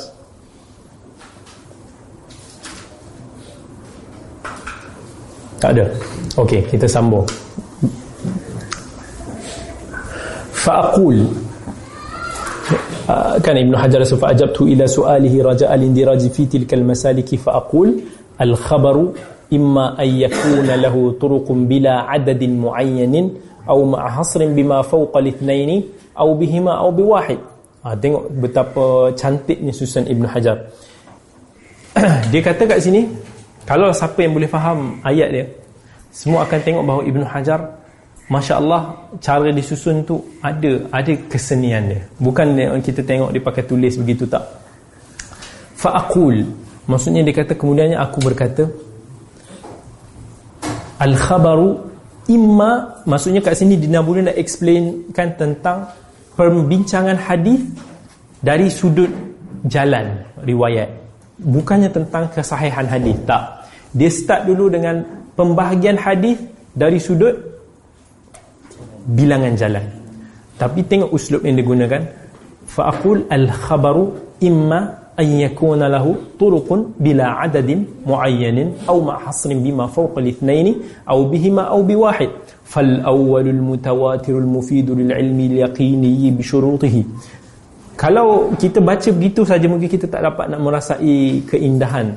Yang inilah yang mana dalam bahasa Arab disebut uslub al-laffi wan nashr Maksudnya Al-laf nashr ni maksud apa? Kita ambil, kita genggam Macam kita konyokkan dia macam tu Dan kemudian kita kita buka balik Kita lepaskan. Dia punya dia punya konsep dia macam ni. Dalam ayat Quran kita, Mungkin ada yang pernah dengar ayat Yawma tabyaddu wujuhun Wa taswaddu wujuh. Iaitu di hari yang Apa? Wajah-wajah memutih Dan ada wajah-wajah yang hitam. So orang tertanya-tanya apa itu wajah putih dan apa itu wajah hitam? Maksudnya Allah gunakan uslub al-laffi wal nashr maksudnya mula-mula disebutkan point tu dulu. Fa ammal ladzina swaddat wujuhum. Lepas tu baru Allah sebut siapa orang yang yang hitam wajah fa ammal ladzina swaddat wujuhum. Akafartum ba'da imanikum fadhuqul adaba bima kuntum takfurun. Dan kemudian siapa pula orang yang putih wajahnya? Wa ammal ladzina biyaddat wujuhum fa fi rahmatillah. Jadi seolah-olah uslub ni Ibn Hajar guna ketika mensyarahkan Nukhbatul Fikar. Iaitu mula-mula dia kata Al-khabaru imma ayyakuna lahu turuqun bila adadin muayyanin. Iaitu khabar. Apa yang dimaksud dengan khabar? Kenapa Ibn Hajar tak guna ammal hadith tapi dia guna perkataan khabar? Sebabkan Ibn Hajar kita tahu dalam perbincangan definisi apa yang dimaksud berbeza antara hadis dan khabar Hadis ni ada ulama mengatakan bahawa hadis dan khabar ni sama je maksud dia. Dan ada ulama yang mengatakan lain. Maksudnya hadis ni khas kepada Nabi sallallahu alaihi wasallam, iaitu apa yang Nabi SAW buat, apa yang Nabi SAW cakap, apa yang Nabi SAW iqrar, maksudnya dia bersetuju, dia diam dan bersetuju tentang sesuatu hal tersebut. Dan sifat-sifat Nabi rupa paras dia ataupun akhlak Nabi SAW maka itu semua termasuk dalam hadis dan bila mana nak disebutkan hadis yang bukan daripada Nabi ulama akan sebutkan secara qaid ataupun secara spesifik. Contohnya hadis mauquf daripada Abu Hurairah. Maksudnya ini adalah perkataan atau perbuatan Abu Hurairah. Kita akan berkenalan berkenalan nanti dengan apa yang dimaksudkan hadis mauquf contohnya. Tapi bila mana disebut hadis maka secara orang kata tradisinya kita akan faham orang tu menyandarkan kepada Nabi sallallahu alaihi wasallam. Bila disebut khabar, khabar ni pula lebih luas. Khabar ni boleh meliputi nabi, boleh jaga boleh juga meliputi sahabat, boleh juga meliputi tabi'in. Iaitu satu khabar berita. Jadi bila mana disebut khabar, maka dia lebih luas. Boleh jadi sah daripada nabi, boleh jadi tak sah daripada Nabi tapi daripada sahabat. Boleh jadi juga daripada kalangan selain daripada para sahabat. Sebab itulah Ibnu Hajar menggunakan perkataan khabar. Sebab dia nak ceritakan tentang perbincangan perbahasan jalan ni yang tak semestinya semuanya sahabat daripada Nabi. Dan sebahagian perbahasannya bersangkut paut dengan sahabat. Sebahagian perbahasannya lebih luas daripada itu maka Ibnu Hajar memilih perkataan yang paling sesuai. Maka dia gunakan al-khabar. Al-khabar imma ayyakuna lahu turuqun bila adadin muayyan. Ini tengok dia kata khabar ini boleh jadi dia diriwayatkan melalui jalan yang tak terhad bilangan dia. Yang banyak lah yang jalan yang sangat pelbagai. So orang tertanya-tanya apa itu? Hadis yang melalui jalan yang banyak. Seolah-olah macam ayat yang tadi kita sebut Allah sebut tadi kan yauma tabyaddu wujuhun wa taswaddu wujuh. Digunakan uslub al-laf wan nashr dia mula-mula disebutkan dulu yang something yang sikit. Sekejap lagi dia explain. Dia akan syarah. Jadi itulah Ibn Hajar. Fa, dia pun kata ada sebahagian khabar yang diriwayatkan melalui jalan yang pelbagai. Tapi dia tak explain lagi. Apa itu hadis yang dilalui oleh jalan yang pelbagai? Dan yang kedua pula ialah uh, disebut al-khabar imma an yakuna turuqun bila adadin muayyanin aw ma'a hasrin bima fawqa al-ithnaini aw bihima aw biwahid. Ataupun lebih daripada uh, aw ma'a hasrin bima fawqa iaitu lebih daripada dua jalan. Dia tak explain lagi apa hadis nama hadis yang lebih daripada dua jalan. Au ma'asrin au bihima ataupun dengan dua jalan. Au biwahid ataupun dengan satu jalan. Maksudnya kat sini Ibnu Hajar dia nak explain tentang perbahasan hadis-hadis yang diriwayatkan melalui berapa bilangan jalan dia dan apa nama-nama dia. Turuk apa yang maksud turuk dalam hadis ni? Maksudnya jalan sanad lah. Maksudnya sanad tersebut ada berapa sanad sanad ni semua tahu kan? Ada yang tahu sanad ni? Maksudnya rantaian perawi. Daripada perawi sekian daripada daripada misalnya Bukhari daripada fulan daripada fulan daripada fulan daripada fulan sampai Nabi SAW itu adalah dipanggil sanad. Ataupun bila disebut turuk iaitu jalan jalan hadis jalan riwayat yang samalah maksudnya dengan uh, dengan ni lah. Hmm, dengan sanad. Maka selepas itulah barulah Ibn Hajar nak explain apa yang dimaksud. Apakah hadis yang pertama dia nak bincangkan al-hadis dari sudut pembahagian jalan? Maka dia start dengan fal awwalu al-mutawatirul mufidu lil ilmi al-yaqini bi syurutih.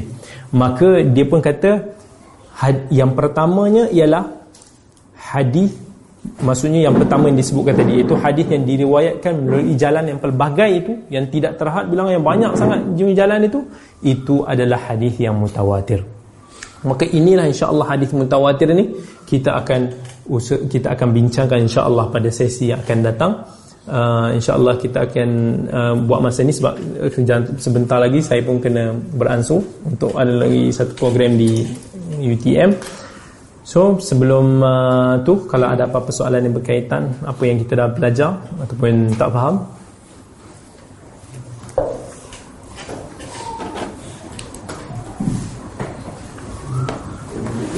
Baik, kalau tak ada saya cuba bagi satu uh, advice sebab kita masih lagi di sesi yang kedua, sesi awal.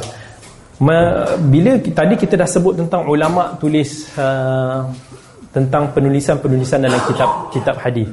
Betul tak? Jadi dalam banyak-banyak kitab tersebut kitab yang mana satu yang pertama sekali kita nak kita nak start. Sebab itu antara persoalan yang ditanya oleh ramai. Kitab hadis ada yang mudah, ada yang susah. Ada yang sebab ulama tulis pelbagai cara. Misalnya ada ulama yang tulis penulisan hadis dalam berbentuk bait. Dalam berbentuk bait ni macam alfiyah lah. Kalau orang sebut alfiyah Suyuti, alfiyah al-Iraqi, maka itu adalah uh, salah satu bentuk satu-satu formula semua mungkin boleh faham maksud baik dalam bahasa Arab kan Okey, boleh faham baik maksud syair, maksudnya berbentuk syair, maksudnya dijadikan bentuk syair supaya mudah untuk kita nak hafal. Dan uh, kemudian akan disyarahkan lah. Sebab baik ni ada satu uslub dia cantik bila mana kita hafal, mudah untuk kita nak ikut rhythm dia. Maka itu contoh-contohnya Alfiyah Al-Iraqi dan Alfiyah As-Suyuti uh, ada juga ulama yang tulis secara ringkas. Macam yang dipanggil al-mutun al-mukhtasarah maksudnya uh, macam nukhbatul fikar ni antara kitab yang di, diceritakan secara ringkas. Ok so maksudnya mudahlah untuk kita kalau kita baca kita nak faham intipati dia mudah. Ada juga uh, misalnya kitab-kitab yang di-explain secara panjang lebar. Misalnya kitab Fathul Mughith oleh Imam As-Sakhawi yang meninggal tahun 902 Hijrah dia mensyarahkan kitab Alfiyah tadi Al-Iraqi. Iraqi ni dia dah buat dalam berbentuk syair tersebut. Alfiyah apa maka Sahawi datang explain balik. Dia dia ditulis secara panjang lebar. Uh, itu disyarah maksudnya itu secara panjang berjilid-jilid kalau kita nak baca. Ada juga ulama yang tulis secara lebih sederhana tak berapa terlalu panjang macam uh, Ibn Salah punya kitab Muqaddimah Ibn Salah. Dan um, kita tengok kita-kita macam Ibn Hajar An-Nukat yang dia cuba untuk nak komen ataupun istidrak apa yang ditulis oleh uh, guru dia sebelum tu Al-Hafidh Al-Iraqi. Uh, dan begitu juga ada yang tulis dalam ini yang yang kira kita boleh nak inilah jenis-jenis penulisan. So mana yang kita nak start? Of course bagi orang yang baru belajar hadis start dengan yang paling mudah paling ringkas. Contohnya kalau dia ada asas bahasa Arab kalau dia tak ada asas bahasa Arab mungkin start dulu dengan baca yang terjemahan apa yang ada. Sekarang ni dah mula ada terjemahan. Dan ada juga yang uh, yang kalau faham bahasa Arab boleh mula dengan Nukhbatul Fikr misalnya antara yang mudah. Dia boleh juga mulakan dengan uh, Al-Muqidhah oleh Al-Zahabi.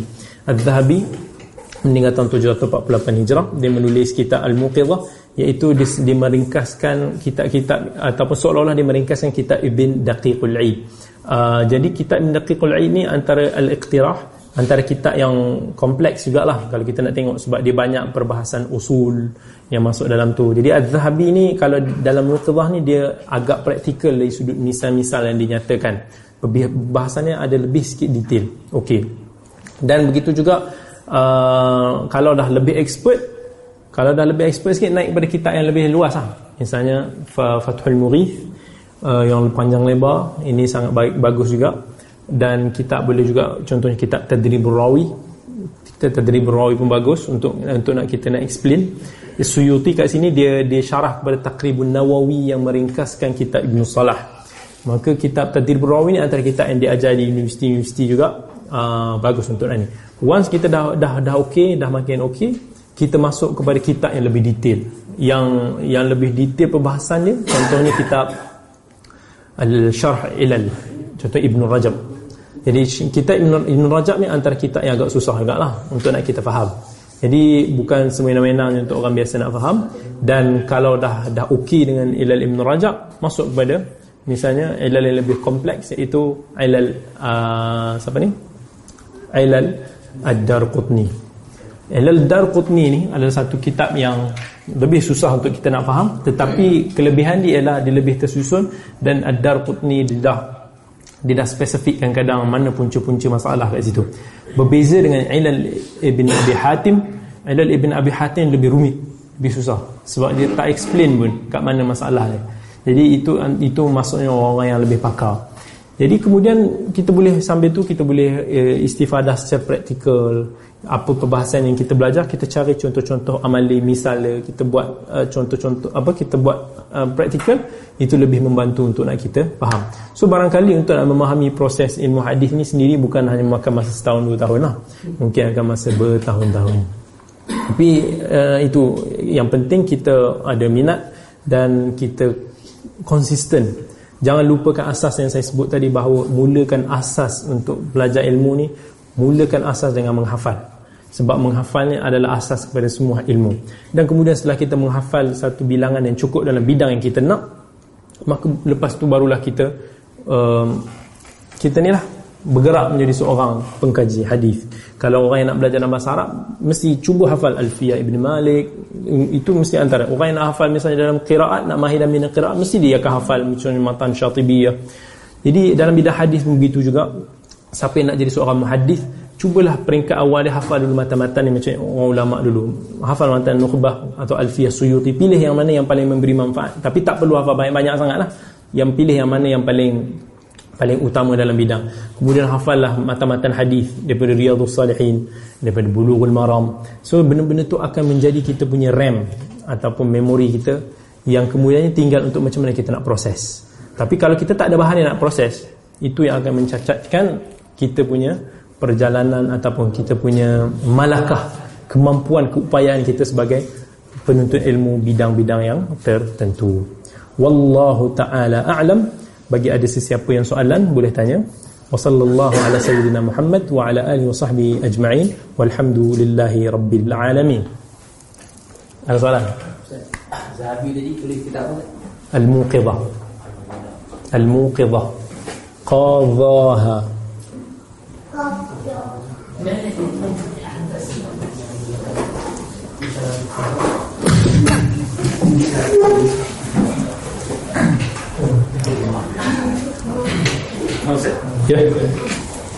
saya pendirian Imam An-Nawi tentang hadis Ta'if dalam Fadal Ibn Al-Amal Sebab rasa macam ada macam kontradik sikit beberapa fatwa. Contoh uh, hadis, contoh talqin kan hadis tu dia aku Naif tapi kata boleh guna untuk Fadailul Amal. Tapi hadis Naif lain contoh dalam bab menyapu tengkuk waktu wuduk hadis tu Naif dia kata. Dan dia terus dalam majmuk dia terus bawakan hadis kita benda ni bid'ah dia bawa hadis syarat umur mudasatuha wa kullu bid'atin dalalah jadi seolah ada dua Maksudnya so tapi boleh beza kata yang daif yang lemah ataupun daif yang tak lemah. dia tak mesti dia sebut dhaif tu Sebab ulama bila dia sebut daif dia dia kadang-kadang dia tak sebut detail dia tak kata macam zaman sekarang daif jiddan daif daif. Tapi kadang-kadang hadis yang sangat daif pun dia sebut daif je secara mutlak. Tapi macam mana kita nak tahu dia daif jiddan? Bil qara'inah daripada qarinah-qarinah yang ada. So masa tu baru kita boleh tahu. So kalau kita nak faham tentang sani'nya kita kena spesifikkan apa yang dia maksudkan dengan daif dalam ni kadang-kadang banyak ulama dia hanya sebut daif je. Sebab dia dia kategorikan daif jiddan hadis matruk tu semua dalam perbahasan daif jadi diringkaskan sebagai daif. Sebab tu kalau, kita nak tengok macam contoh Al-Hafidh uh, misalnya kadang-kadang bila Al-Hafidh Al-Iraqi yang mentakhrijkan kitab hadis Ihya bila mana dia dia dia kata daif ka- orang ni kata tengok Iraqi kata daif. Tapi bila mana kita kalau secara zahir mustalah kita akan faham oh daif. Oh daif ingat daif biasa. Tapi bila mana kita kaji ulama keseluruhannya kata kebanyakannya majoritinya kata hadis tersebut mungkar matruk. Bukhari kata fihi nazar. Yang ni kata mungkar jadi kita boleh faham bahawa Iraqi kat situ tak bermaksud daif yang biasa. Tapi dimasukkan daif yang berat sebab memang jelas benda tu. Melainkan isu tu khilaf yang kita nampak khilaf yang agak besar yang muktabar maka ketika itulah baru kita kita kena cari lebih kuat qara'in. Sebab some ulama dulu dia tak berapa uh, titik beratkan istilah-istilah ni. Macam zaman sekarang ni zaman Ibn Hajar dan selepas daripada dia mungkin dia akan kata lafaz contohnya lafaz sodok ni adalah lafaz yang baik. Tapi ulama dulu tak semestinya maksud lafaz ta'dil. Kadang-kadang dia boleh bercampur juga dengan maksud yang lain. Jadi kat situ kena spesifikkan. Dan satu lagi Imam An-Nawawi juga sometimes dia ada tasahul dalam dan ihtijaj bil hadis dhaif yang tu kita boleh tengok. Dan kadang-kadang dia tak memberi sebarang komentar. Dan itu kita boleh kita boleh tengok misalnya dalam kitab uh, Al-Adhkar sendiri dia pun bagi tahu kadang-kadang askutu anha lidhuhulin an dhalika aw ghairi.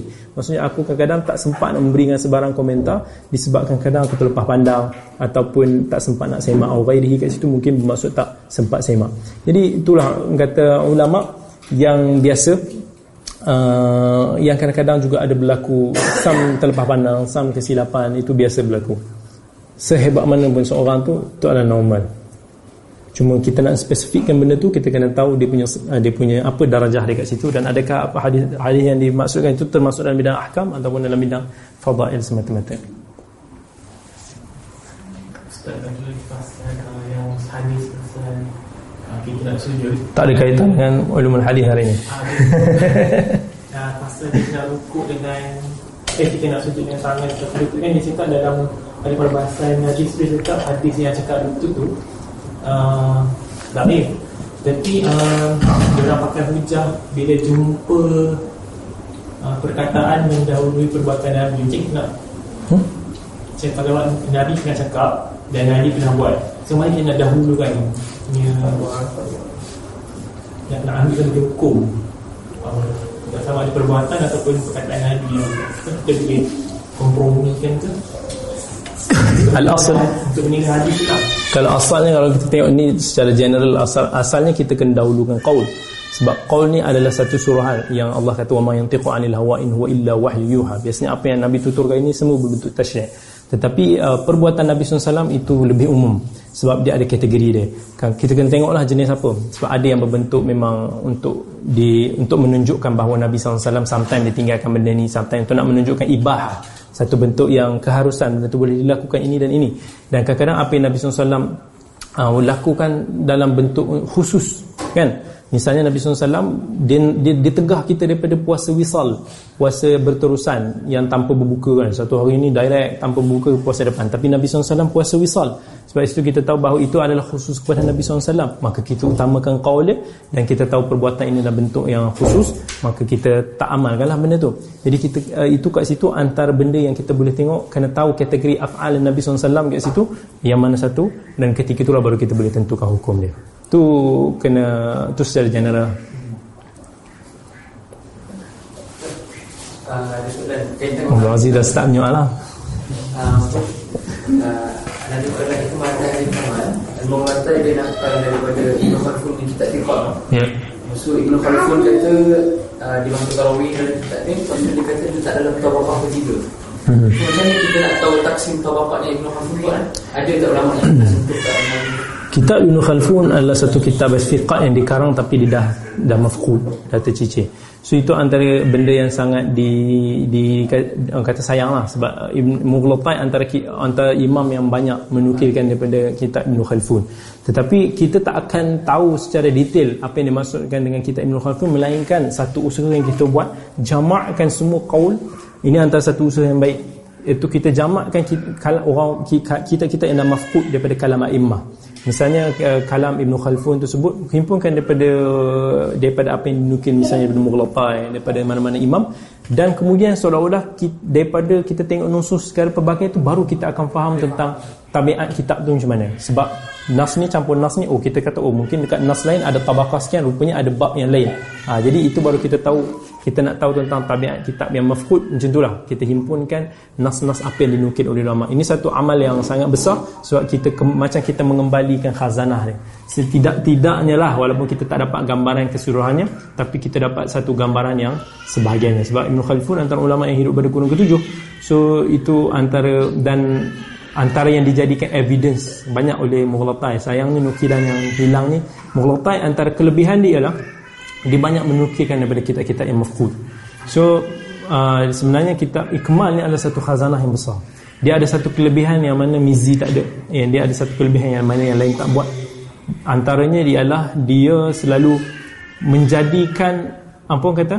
Dia selalu bila mana nak nak bicarakan tentang uh, status perawi tu dia akan sertakan misalnya perawi ni ada dalam Ibn Hibban ada dalam Ibn Khuzaimah ada dalam sahih contohnya ada dikeluarkan Ibn Sakan dan pelbagai lagi yang menunjukkan karinah bahawa dia ni diperhujahkan oleh ulama dalam dalam kitab sihah dia.